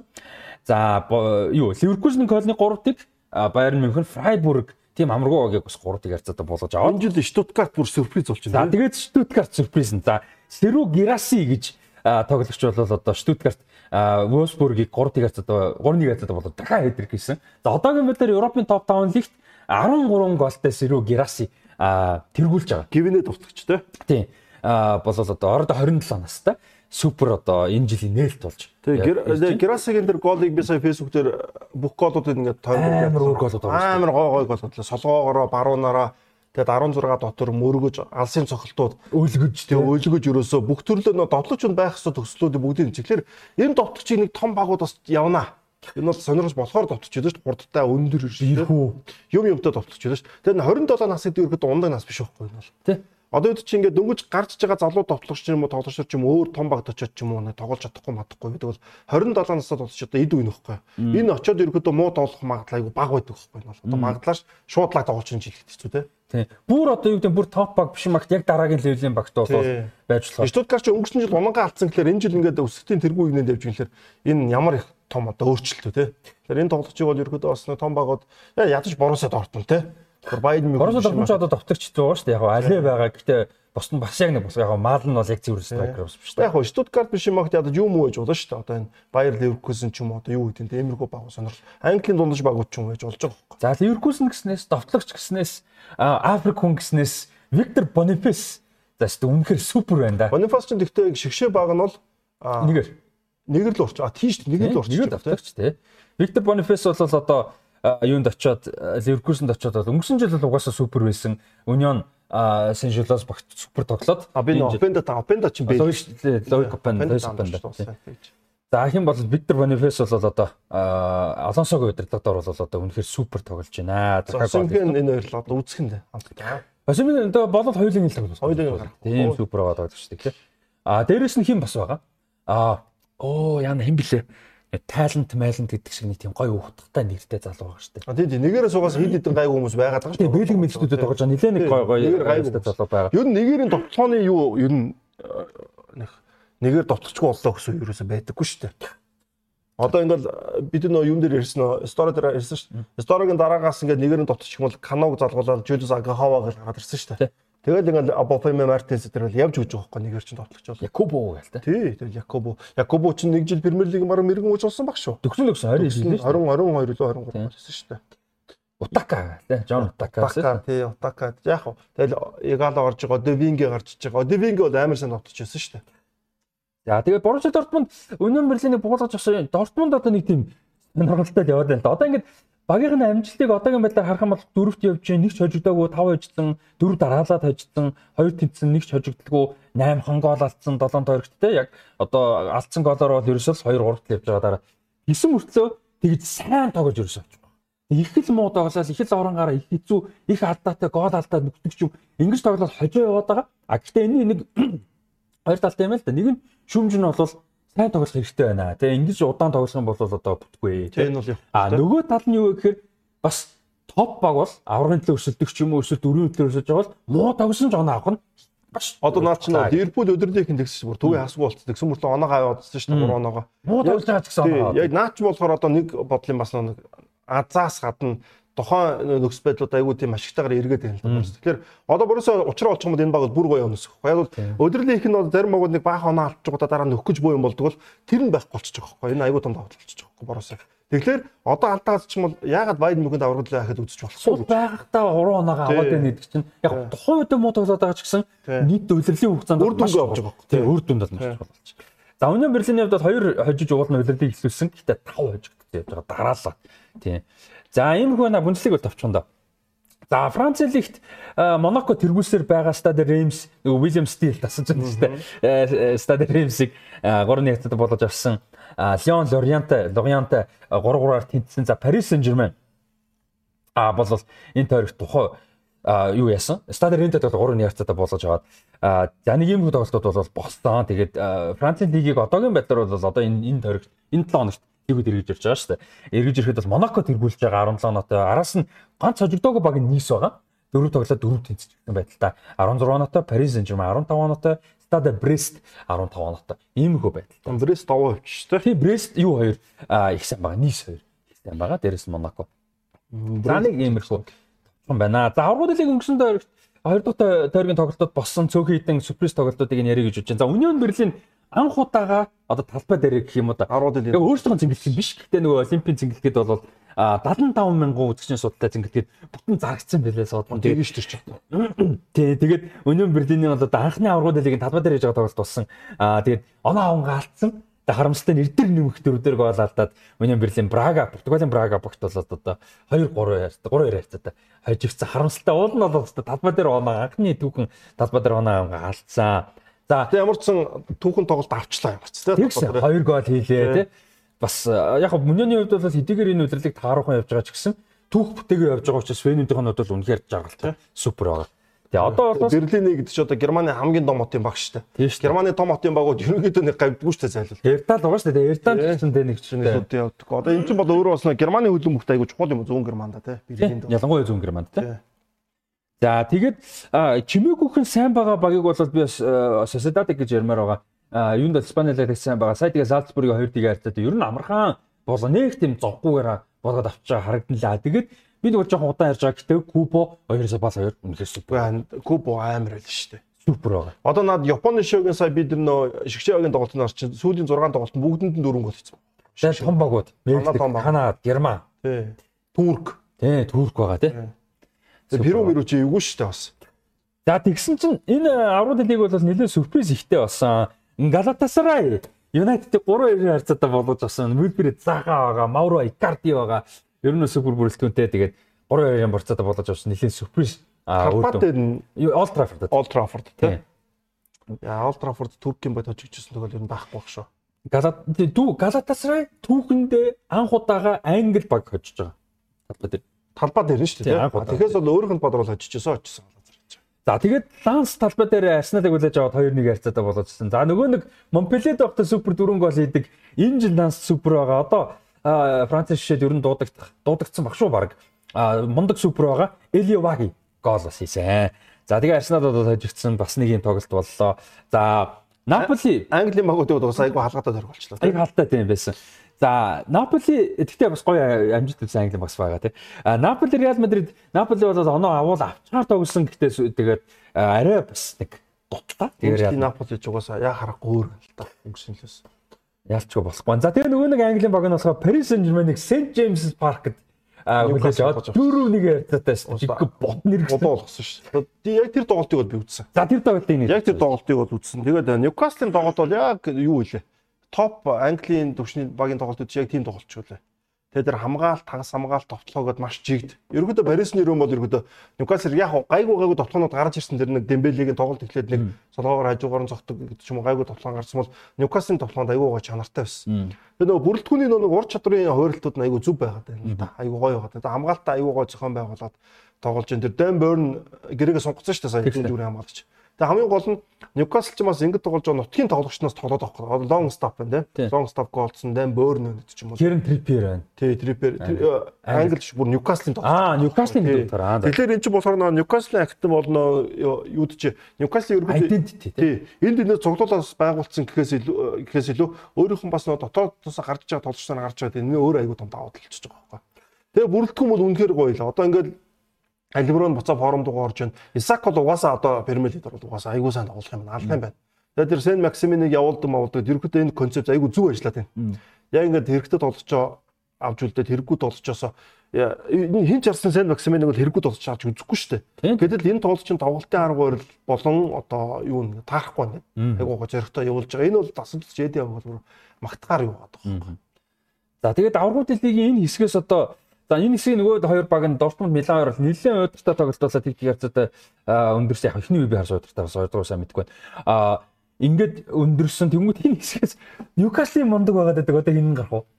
Энэ Ньюкасл надад тоглолтоор баг гарах юм биш үү? Энэ янзаар бол. Энэ янзаар бол Ньюкаслын тоглолт айгүй мондуулж. Яг бол Ньюкаслын хамгаалт айгүй сайн байгаа байхгүй. Мм. Хамгаалтын тунд авгүй байгаа байхгүй. Тэгэхээр энэ баг бол ерөөхдөө би бол анх бол бид нар Парис гэж бодож байсан шүү дээ. Гэтэ Парис бол гарах бах. Парис Ньюкасл гэдэг сонголт баг ирэх юм шүү. Милан ч өөрөө айгүй сонирн байгаад байгаа шүү дээ. Дортмунд муу байна. Дортмундыг сонио орон гаранд болоо. Тэгэхээр баг Дортмунд сонио бүнцлийг доноогоо одон мөртлөө юун дээр болохоор болохгүй байна л. Болохгүй байна. Одоогийн мэд тэрхүү энэ шиг л ярьчих тэгээ цаашаа гавь те. А Ньюкасл Юнайтед 2 дахь болтос 4 оноотой нэгт Paris Saint-Germain болон Милан 3 оноотой. За Paris Saint-Germain 3, Милан 2, Дортмунд 1 оноотой. А ийм байдалтай бол яг одоогийн байдлаа. Ньюкаслд бол хамгийн чухал багаас оноо авчиж байгаа байхгүй 3 оноогоо. Paris Saint-Germain. Тэгээ Парис нэрээс оноо авчиж байгаа. Энд чинь өөрөө айгүй том даваад болж. Дортмундтай тэнцсэн. А Дортмундтай тэнцсэн юм шүү дээ. Милантай. А Милантай тэнцсэн. одоо тэгэхээр одоо Милан Дортмунд хоёр бол ерөөдөө Парисыг хожин тэгвэл хэцүү байна. Одоо Дортмунд 2 тоглосон шүү дээ. Дараалаад. Энэ голын тоглолт их чухал байдаг шүү дээ. Одоо голын тоглолтоос нэг хожил авчих юм бол ерөөдөө шал өөр болно шүү. Хэрвээ Дортмундыг 2 хожиж юм бол одоо бүр гарах нь баттай боллоо. Тий, яг хоёр хожиж л байна. байлаг 4 оноо авчихвал ер нь хангалттай л та. Тий. 4 оноо олстой бүлдээ нүхлээс бол. За тэгээд аврагууд лигийг одоо энэ 7 хоногт энэ 7 хоногт тий. Тий. Юу дараа 7 хоногт шүү дээ. Дарлал байгаа юу сайн мэдгүй. Аврагын лиг дараа 7 хоногт байгаа. Дараа 7 хоногт тий. Тийм дараа 7 хоногт аврагын лиг ирж байгаа учраас дараа 7 хоногт бас гоё ярих баха. Тэгээд аа, дараа нь үргэлжлүүлж яриа. За тэгээд э, юуг шишөө өдрийн тоглолтууд руу орохоос өмнө лигийн нэг товчхон гоё рекордыг дурдъя гэж бодож чинь. За сая Барселонагийн эмэгтэйчүүдийн клуб баг Атлетико Мадридтэй тоглосон. Лига F-ийн өрөөнд тоглолт болсон. За тэр тоглолтыг тоглолтод бол А, Алексия Путес 51 минутанд цорын ганц голыг оруулж Атлетико Мадридыг нийтийн ардтай буулгаж авсан. За энэ гол бол маш маш бүгдтэй гол байсан. Яг гэвэл энэ голын ачаар а, Алексия Путес Барселона клубын бүх цагийн мэрэгэн боч эмэгтэй хөлбөмбөгийн мэрэгэн боч болсон а, 182 дахь гол оруулсан. За өмнө нь бол хин Жени Ермосо 181 голтой байсан. За ингээд Барселона клубын одоо шинэ рекорд дээд амжилт- амжилтыг бол Алексия Путес тогтоосон байлээ шүү. За тэгээ одоо удахгүй балондор болох байгаа. Тэгээ балондор дээр бол одоо Барселонагийн тоглогч Испаник Шиогийн тоглогч Айдана Бонмати баг балондор авах нь баг л тодорхой. Ер нь өсөлтөх хүн хэцүүтэй. Тий өөрсдөө өөрсдөө амар өссөн. Ингээд одоо бүр Тасарсан. боцоо гэж ярьдаг тийм. Юу Тийм супер байсан. Одоо ч супер байна. Энэ Шави Инеста хоёрын нэг миксэлсэн юм шиг тийм болж байлаа шүү дээ. тий. Энэ бол тий. Үнэхээр супер. Инестагийн хурдыг аваад тэр хууралтыг аваа Шавигийн тэр найруулга болон бөмбөг тэр араас найруулдаг тоглолтын стилийг авц тий. Биер бол Шави шиг тий. Тийм. Наач бол эвгүй нөхрөлөө шүү. Үнэхээр супер. Тэгээ бүтээсэг ажилгүй болгосон юм шүү дээ манайч.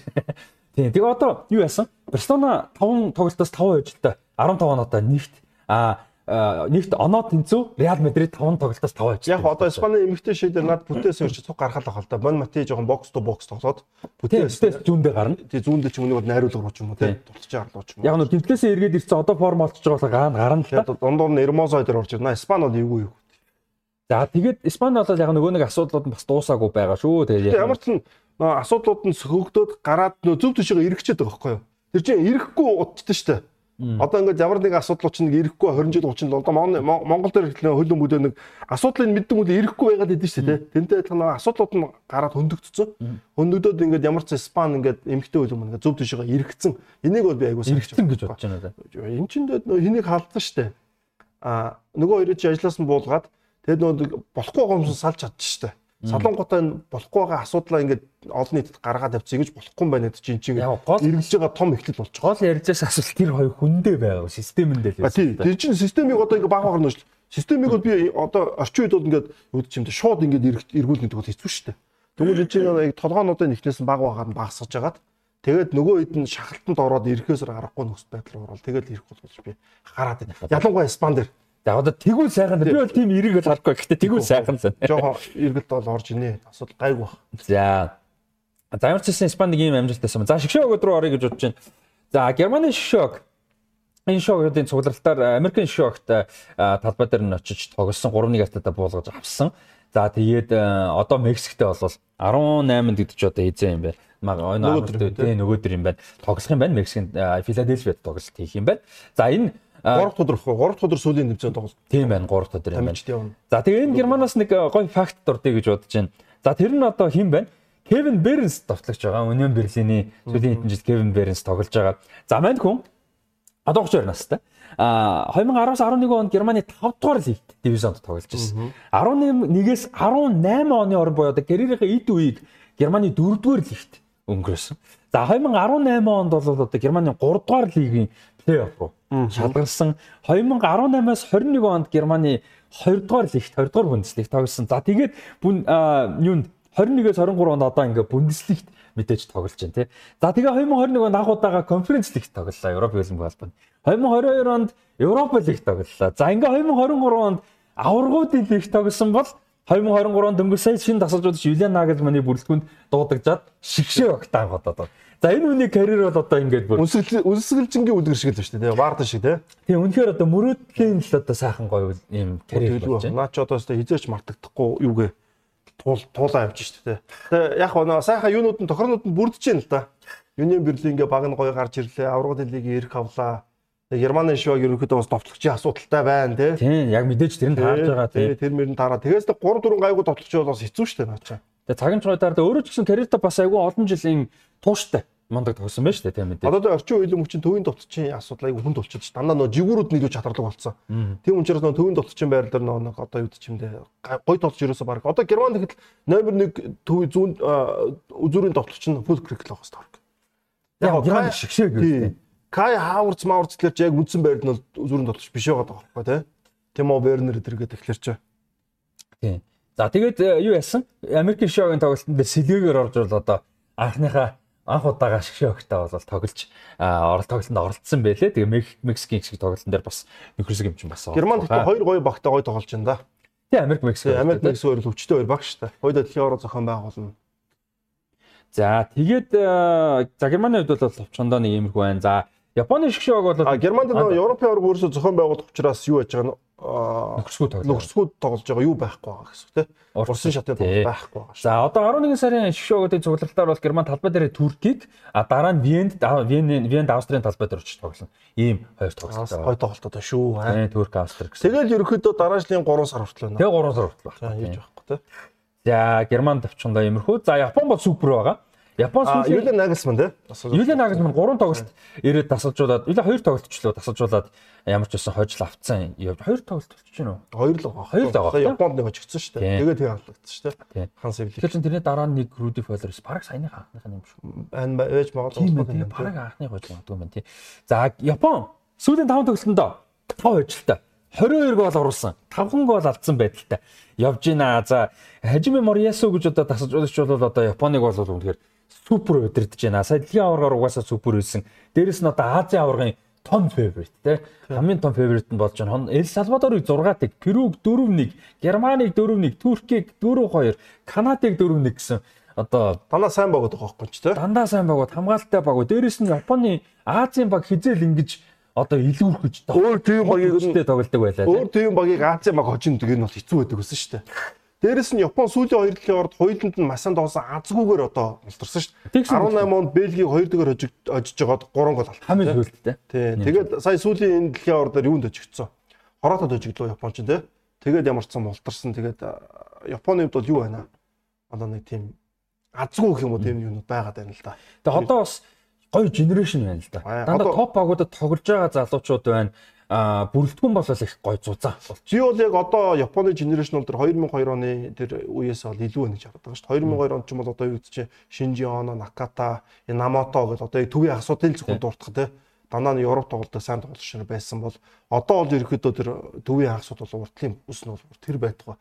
Ливерпулийн хамгаалагч энд байна хамгаалагчтай бол ярилдаггүй.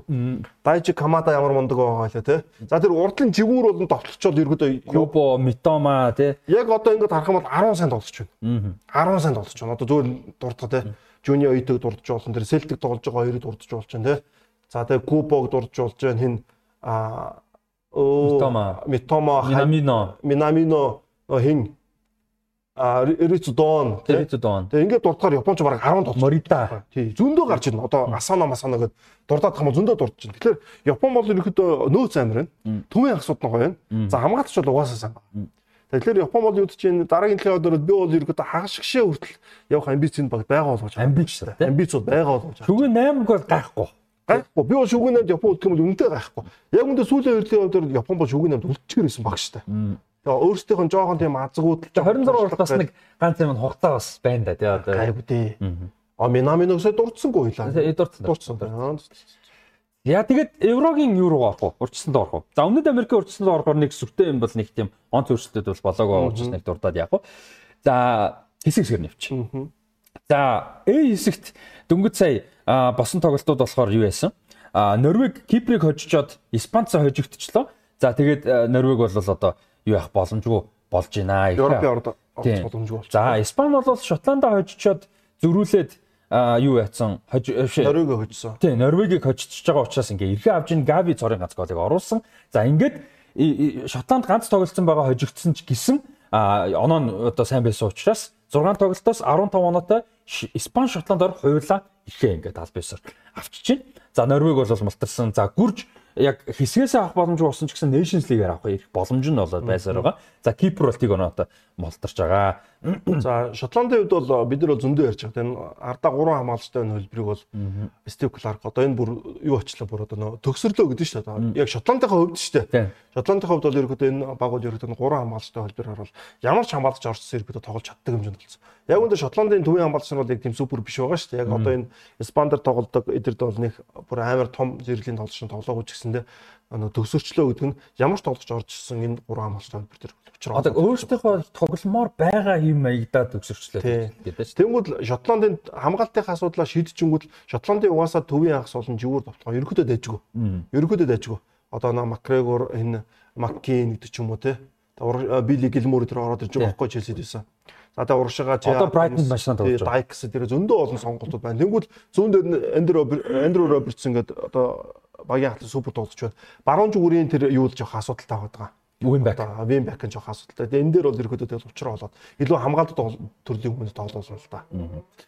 За, Испанд бол түрүүн хойлоо ярьсан Робин Ленорман бол одоо Испани шогийн төвийн хамгаалагч болчиход байгаа. Тэгээ Лапорт, Иниго Мартинес, Пау Торрес гэсэн гурван тоглогчид зүүн дээр нь тоглох боломжтой. Ер нь Лапорт хамгийн ууг нь одоо илүү тоглож ирсэн. Гэхдээ Сауди Арабын явцсан учраас а одоо бол одоо Паутороос Астон Вилла сайн тоглолчвол тийм ер нь Паутороос тийм энийг Мартинес Барселонод очсон яг орон зай гарах уугүй үү те одоогондоо бол яг Арухо Кристенсен хоёрыг бас нэг давчдаггүй байгаад байгаа одоохон. А тэр хоёрыг давна гэдэг хэцүүлтэй. Тийм Кристенсен тэр их сайн тоглосон шүү дээ. Давна гэж хэцүү. Одоо тэр гүндээ чинь дөрөв орчиж байгаа байхгүй. Тийм гүндээ өөрөө дөрөв орсон гол. Тэгээ Арухо гүндээ хоёрыг Кристенсен нүрт гарахад хэцүү байгаа байхгүй. Ядаж баруун дээр нөө канцело ирсэн болохоор гүндээ баруун тоглох шаардлага болсон. Барселонагийн одоо 15 бол одоо супер амар болчихсон. Тэр бол ярих юм байхгүй. Тийм. За тэгэд Испанд бол яг хуу Ламин Ямал одоо ингээ бүр тогтмол тоглоод эхэлчлээ. Ламин Ямал дээрэс нь Испани шууд гол орууллаа шүү дээ бүр те 16-наас хэдэн оногтой тагсан бэ. Тийм. Гэтэ тэр бол өмнөх юугаа шүү дээ. Аа ишг шоугийн цуглалт. Тийм өмнөх цуглалт. 9 сарын цуглалтаар тийм. Тэгээд өө тийм аврагуудын лигт юу яасан? Бас гол. Ламин Ямал аа юу гол оруулаад цэлгээр орж ирээд Гол оруулчлаа өдөр чинь. Гол оруулсан надад. Тэг гол оруулчлаа тий. Юм дээр мартсан юм шүү дээ. Хоёр хоёрсан юу яасан тоглолтын дээр. Тэг аврал лигт ямар ч байсан оролцсон түүхэнд хамгийн залуу тоглогчсон. Бүр түүхэнд. Тий. Тэр бас нэг том рекордыг. Аврал лигийн гараанд гараагүй тий. Үгүй сэлгээр орсон. Сэлгээр орсон тий. Тэг ямар ч тоглолтод оролцсон хамгийн залуу тоглогч болсон. 16-аас та гарна гэдэг бол амар л даа. Тэг одоо еврогоор ер нь явах нь бол бараг тодорхой болж штэ. Аа явах баха. Еврогоор нөгөө нэг жигүүрийн тоглогчтой сонголтын дунд Ямал амар онцгой байгаад байгаа. Онцгойгоос гадна тэр чинь угаасаа нэг 23 толчтой заавал нэг тинейжер ерөөдөө багтааж авчихсан. Дараагийн нь юуг бэлдэн ш том багууд ялангуяа. Тийм одоо 26 явах 23 явах гэдгээс бас хамаарж байгаа. Тэр 26 хамар ламын бол бүр баттаа. Гэхдээ ерөөдөө энэ 26 яваад байгаа тийм. Хэрвээ тэргээр явах юм бол яг жигүүрс гоё болчихлоо та одоо Баранеч байна, Ереми Пино байна хим байна? Нико Вильямс байна. Хоёр Забала. Хоёр Забала өөрөө жүгүүр. Гарант нь Олмо гарах бах энэ. Олмо яг бүр вин бүр вингер гэдэг утгаараа яг тэгээ Олмо мэдээж тоглож. Одоо Испанч 4 3 3 шүү дээ. Пати байна зүүн. 4 3 3 шүү дээ. Тэгэхээр чин төв дээр бол ерөөдөө Родри, Гави, Педри ч юм уу заа нэг ахаад нэг өөр ахсууд орж иж байгаа юм те. За Мерино ч юм уу, Фабиан Руис ч юм уу одоо энэ бид юм те. Одоо тэгээд хин бас шигшээдээсээ дуудагдсан. Аа Брайан Зарагоза гэдэг давтагч. Жигүүрийн давтагч. Бүр супер байгаа. Энэ жил амар формтой байгаа. Сая Барселонад 2 гол хийсэн. Бүр супер 2 гол хийсэн. Урд бол ерөөхдөө Дани Олмо, Морото хоёр дээр хэн орж ирэх вэ гэдэг би сонголт байгаа гэж хараад байгаа ч Спанер бол. Олмо харин яаж тоглох вэ гэдэг сонирхолтой. Олмо ч олон байранд тоглолдог болохоор яг яаж тоглох вэ гэдэг сонирхолтой. Урдлын 3 4-аас би бол Морото төвд болооч хараад байгаа. Морото бол угаасаа Тэнгүүл Дани Олмо баруун зөөр айлнэгд нь ороод ирнэ шүү. Ферран Торрес форм тав энэ жил. Анд тэгэхээр тэгэхээр бас хоёр талд нь сонголт бол их болсон. Тэгэхээр би ороод байгаа. Ерөнхийдөө би бол Феррандор шиг гараа гэж харахгүй байгаа. А Морото Олмо өрдөд нэг нэмэгт бол хоёр забалуу энэ үү. Ямаал бол шууд гараанд гарахгүй баг. Тийм Ямаал гараанд болохгүй. Тийм. Тэгэхээр одоо гуулдаг би сонголт. Нико Уильямсыг бол нөгөө хамгаалтыг задлах шаардлагатай тоглолт гарч магадгүй. хурдан босгоо супер хурдан. Тий, хурдан. Тийм. Гэтэ гараа бол унтсан. Баруун руу гарна л да Нико тий. Тийм. Нико бол баруун руугаа зүүндээ ч тоглож. Тий. Испани бол одоо жигүүр супер болж. Яг Ферран Торрес гарвал Моротыг ондорч. Тийм. Моротагийн шилгээгээр л ер нь явах. Нэг бол Фос 9 дээр ч юм уу. Тийм. Гараанд Морото чи одоо Ферранторс чи шигшээдэж гол ер нь сайн оруулж гин өөрөө ч их сайн тоглож байгаа шүү дээ Барселонад. Ер нь бол Дааны олмоо сайн байна. Үнэхээр сайн байна. олмоо янз янз байгаа янз янз ба. Одоо тэгээд тэр 21 оны Европын ордоор бол их сайн тоглосон шүү дээ. Луис де ла Фуэнтед энэ бол одоо нөгөө нэг э, гоё асуудал гэдэг шүү дээ. Хэрэгтэй проблем байгаа байхгүй. Гоё проблем те ингээд олон сайн тоглож байна. Энийг гарах уу гэдэг проблем Тэр чинь гоё проблем байна. Хөнгүү гэдэг проблем байхгүй. Тийм хөнгө проблем Яг байна. үнэ. Наач юм шүү дээ. За одоо хаач дээр хүртэл гоё сонголттой болж шүү дээ. Унай Симон сайн тоглож байгаа. Одоо Давид Рая мундаг байна те. Тана хаад ч уусаа. Санчес байна те. Тэгээд Кепа Мепа гэл Кепа байна. Гол Дехя Михага Тэгээ байхгүй байхад дөрөв хаалгач шүү дээ. Тий. Тэгээ тооцохгүй байхад дөрөв биш үү. Ер нь гэхдээ Испани ер нь хаалгач юм уу? Гайгүй л үүдэн шүү дээ. Одоо тэр Касеси өмнө тэр Молина хоёр сайн байсан шүү дээ. Оо хэн бэлээ нөгөөд нь. А Субизарате хоёр тийм. Антони Суберзарата олон жил тоглож шүү дээ. Тэгээд Касес ч орж ирээд ирэхэд удаан авчихсан л та. Тэгээд Касиэсээс тэгээд Рейна олон жил баттай байсан. Пепер на зөндөөс л Амар дарагдсан амар дараа. Тэгээд Балтис бүр дуудагддаггүй байсан шүү дээ. Карьераараа дуудагдаагүй шүү Тэгээд дээ. Валтас чинь 3 дугаар хаалгач нэг ганц хоёр явсан. Тэгээд сүүлд 14 онд 13 4 онд ч манай он бүр Валдиг Ваксисыг суулгацсан байсан байхгүй. Тэгээ нөгөө өвдөгний ч толбоосон гэмтэл карьерийн төлөв дууссан шүү дээ. Валтас зайлууд 3 дугаар хаалгач хардаг. За тэгээд би хэсэгт Франц ирэхээ авсан. Аа Франц э, сая Килиан Мбаппе 2 голыг оруулж Нидерландыг 2-1 артаа буулгаж авснаар Альбес ирэхээ авсан. За Гибралтар Ир- Ир- Ирланд 2 бол ирэхээ авах боломжгүй болсон. За Грек 12 оноотой, Нидерланд 9 оноотой аль нэг нь ирэхээ авах юм боломжтой байж байгаа. За тэгээд 16-нд буюу өнөөдөр бид нар битэрийн бичлэг хийж байгаа өнөөдөр Грек Нидерландаар тоглосон. За энэ бол өстой хамгийн болох юм шүү хамгийн чухал тоглолт. Энэ хоёрын хоцсон нь бол одоо баг Ер нь тэнцчүүл Нидерланд байгаа шүү дээ. Тэгвэл гэр- грек. Грек дэд нэг болоо тий. боломжтой тийм 3 оноо нэ дээр. А Нидерланд очвол оноогоо тэнцвүүлнэ. Хэрвээ грек очивол тэгээд ер нь боломжгүй. А Нидерланд Европ Nations League ирэх байгаа мó? А Nations League-ийн ирэх байхгүй байна. Өөх хөөх. Нидерланд өнөөдөр тэнцэхэд баг ивгүтчих юм биш үү? Тийм ер нь гэдэг шүү. Өөх хөөх Нидерландд. Яа. Дараа нь Гибралтартай тоглоно. Яг гоо А Гибралтар гэхдээ яг хуу өөрсдийнх нь талт гэж бодох юм бол грек юутай тоглоно. Францтай тоглоно. Тэр яг хуу бас мэдээж Францыг барахгүй байх боломжтой. А, Тэгээ Нидерланд өөрсдөө дараа нь хоёр тоглолт үлдэнэ. Одоо гректэй тоглолцоод тэр нь Ирланд, маш муу байгаа Ирланд, маш муу байгаа Гибралтар. Тэр яг одоо юу гэдэг юм Нидерланд тоглолт дутуу мó? тоглолттой баг. Нэг Тэгвэл тэгвэл бас зүгээр. Тэгээ өөртөө хожичоод дараа нь одоо хожино үү гэх юм бол 3 оноо чи хожих юм бол оноо тэнцчих юм ба штэ. тэгнь. А тэгээ мэдээж грек Францыг барах бас хэцүү шттэ. Тэгэхээр бөмбөгийн зөрүүг нь хардаа. Аа 5 голын зөрүүтэй хоорондоо. Одоо Нидерланд нөлөө юм уу? Үгүй Грек. Грек нэмэх 7, нэмэх 7 бол Нидерланд, нэмэх 2. Яг нь Гибралтарыг 5-0 олчих болно доо. Тэгээ Гибралтарыг 5-0 олчих болно л асуудалгүй л байна ч юм. Тэгээ Гибралтарыг 5-0. Тэгээ дээрээс нь Франц Грекийг буулгаж аавна гэдэг итгэлтэй тогтох боломж бас байгаа шүү дээ. Найдлага тий. Яг нь оноо тэмцсэн тохиолдолд өөртөө хожиж авч болчих واخгүй нь бол. Тий. Бас найдлага бас байгаа. А гэхдээ өнөөдөр хожигдвол маш хэцүү. Өө энэ байхгүй болчих штэ өнөөдөр. Тий. Яг онлын үед боломж үлдэн л дээ. Гэхдээ маш хэцүү. Юу юм байна л да. Бүр болохгүй тэнцчих болох юм байна л да. Франц Грекийг хожиж өгнө гэл. За тэгээд одоо хэдүүлээ ярьдаг шүү дээ хөлбөмбөгчд мундаг супер одоо хамгийн топ тоглогчид олон жил тоглох ялангуяа Роналдо Месси хоёр тий. А олон жил тоглох тусам рекорд эвдээлээд тий. Үйлдэл болгоно л ямар нэг рекордыг тий. А энэ удаад Антон Гризман үнэхээр гайхалтай нэг рекордыг тогтоосон байна. Би бүр ингээд үнэхээр шок. Интернэшнл хөлбөмбөгийн түүхэнд олон улсын ярд шигшээ клубыгоо төлөө гэдэг юмны түүхэнд дэлхийд айр шүү. Нэг рекордыг тогтоосон байна. Францын шогийн сүүлчийн 81 тоглолтод бүгдэнд тоглосон байна. Дараалж. Бүр дараалж. Тэгээ гимтэхгүй байна, хууц авахгүй байна те. Сайн форм өндөр байна гэсэн франч мөн ерөөсөө. Тэгээ Франц чинь ямар мундаг зузаан бүрэл түнтэй байлаа тий. Тэгээ 81 тоглолтод дараалж орсон. Энэ бол одоо түүхэн Дараалж 81 тоглолт нь жигшөөхөд тоглох ч өөрөө баг. тийм шүү дээ. 81 шишээ тоглолт. Тэн чинь дараалж идэх чинь асар олон үйлрэл давмж байгаа. Дунд нь мань хүн гимтэж байгаа, форум, орн, гарна тэгэхээр шигшээдээ баттай байна гэсэн үг. Амар. Энэ бол бас үнэхээр гайхамшигтай За рекорд. Франц бол угаасаа л Европын оргын гол фаворит аваад байна. Нэг ч ойлгомжтой те. За дараагийн фаворитууд юу юм? Англи уу? Би бол номер 1 нь удаатай англи гэж харж байгаа шүү. Номер 1 нь Номер 1 нь би англи гэж харж байгаа. Аа. Тий. Яг л английн дээр төвийн хагас. Одоо Франц чинь төвийн хагас жоохон тийм Франц сайн заяа. Бид нар хүмүүс ингээд Францыг лагмаг гэж харж бол Францаар ингээд яг ингээд наривчлаад үзэх юм бол төвийн хагас жоохон асуудал байгаа байхгүй. Шомин байна, Рабио байна, Камавинга байна. За тэгээд Аа, За өөр юм. За Погбагийн карьер жоохон асуудал Канте байхгүй болж байгаа тийм. Канте бол хэцүү те Сауди Араби. Тэгэд ингээд харахаар ерөнхийдөө Францын сүүлийн жилүүд хамгийн сул төвийн хагас харагдаж байгаа хэвээр. Тэгээ Гризман төвийн хагас болцсон та одоо. Яг тэгээ Гризман яг төвийн хагас л та. Саядлын ороор одоо тэгээ божигнол. Яг 4 3 3 гээ бодъё л да Франц жишээл те. Гризман, Чомени, Камавинга. Камавинга ч юм уу гарахаар надад бол ерөнхийдөө Английн хажуудаас сул сонсгож байгаа.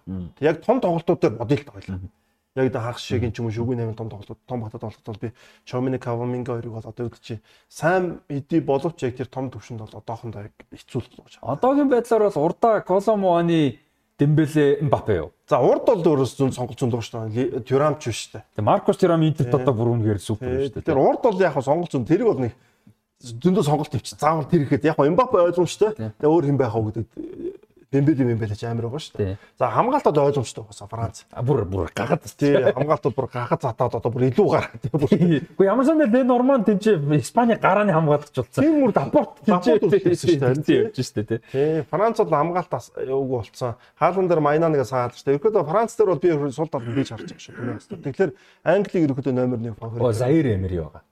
Заир Эмери залуу. Одоо Парис Сен-Жермэний гараа болчихлоо. 17 гараа тий. Гэхдээ Европ явах шүү дээ. Тиймээ яг мэдээж итгэл найдар болох нь хаашаа. Гэтэ зүгээр бүрэлдэхүүнд байгаа гэдэг. Тэгээ бүрэлдэхүүнд Заир Эмери орж ирнэ. Орж ирэх байгаа. Гэтэ Романы чинь залуухан. Камавинга чинь залуухан байхгүй. Яг би Заир Эмериг супер шууд яа гэж байгаа юм шиг. Гэтэ нөгөө нэг ингэдэг штэ. Педриг дүмж гарч ирж байгаа. Беллингем те одоо юм битээ. Ингээд 17 8-тай мөртлөө бүр нэг юм. Хоо гэмээр тоглож Заир Эмери. Яг хоо Францын шиг аврахны тулд чинь гэндэс ээж болох юм. Гендүс сайн байгаа маш. Гендүс сайн тоглоод яг гарааны бүртгэнд гендүс орчих юм бол гендүс чинь бол ерөөдөө дунд агуу тоглож. Гендүс нь олон жил болсон болохоор бид нар марчаад одоо дөнгөж 24 5 98 98 оных шүү. Тий, залуугүй шүү. Тэгэхээр бас боломж байгаа. Тий. Арсенал төр чи 18 амханд очиж байгаа бол тэгэл гараанд гараа зайлуу жоох хөвч хэцүү шүү. Тий, бас их том юу байсан шүү. Прешэр байсан. Одоо бол Марсей хамгийн том тоглогчтой нэг болсон шүү. Тий, Гендүси Чомени Грисмэн жохмол харин арай гайгүй гэж магадгүй. А тэгээ Камавинга баг тоглож. Гэтэ Дишам юу яадаг л да хин сайн гэсэн л тоглоулсан шүү дээ. Заавал. Гендүси ч хамгийн гол нь юу л та нөө хамгаалт давтлах нь юу аягүй сайд таахгүй. Сайн сайн сайн. А бокс бокс аягүй гоё тоглох. Тэгээ бөмбөгтэй таарцаа. Бөмбөгтэй тоглосон. Тэгээ аягүй дэмжижигхэн мөртлөө аягүй дайчин тоглолдог байхгүй. Би тэр Гендүси бол ерөөдөө яг Камавинга Чомениор цуг мог гарах юм бол ерөөдөө англи шүү дээ. Камавинга Чомени хамт хэцүү хэцүү. Ялч ялангуяа Камавинга одоохондоо бас яг тэр нэг потенциаланда бас яг муу тоглохгүй ч гэсэн тэр ятах хөөрхөдөг үе. Яад бутаж чад дахиад зүүн дээр гарчих юм аа. Харин тий. Баяа зүүн хамгаалт тоглож байгаа Франц шиг нэрээ төвийн хамгаалтан дээр хагас хамгаалтнаар тоглож идж үн бол амаргүй баг. Хэцүү хэцүү ялч. Тэгэхээр би Франц дээр жоохон юу байгаа нь төвийн хагас дээр жоохон айгаад байгаа байхгүй. За өөр төгс. За сюрприз байж магадгүй гэж бодож байгаа баг байна. За энэ хоёр бол за фаворит юм байна те. Турк юу болж байгаа Турк юу орж магадгүй шүү. Дунднаас саялтаа. Турк яг өмнөх еврогоор их гайгүй баг оржсон бол жоохон яваагүй. Турк яг жоохон бодъё. За одоо байлаа тэгвэл Туркийг ярина. Би жоохон бодож байгааг яг ярихгүй яг бодвол яг гоё олчихно л доо. Тэгэхгүй ингээ бодохгүй ячих ингээ жоохон яач наагур нь явчих гал юм л да. За байлаа тэгвэл хэсгүүдээ яриад яриад. За си хэсэг би сая ерөн төрүүлж асуудаг буруутсан. Ер нь наапа чинь 3 сард яруул гоё дээ шүү. Яг төхөөд. Тий, яг төхөөд яруул янзын гоё гоё нь гарч иртээ. За си хэсэг.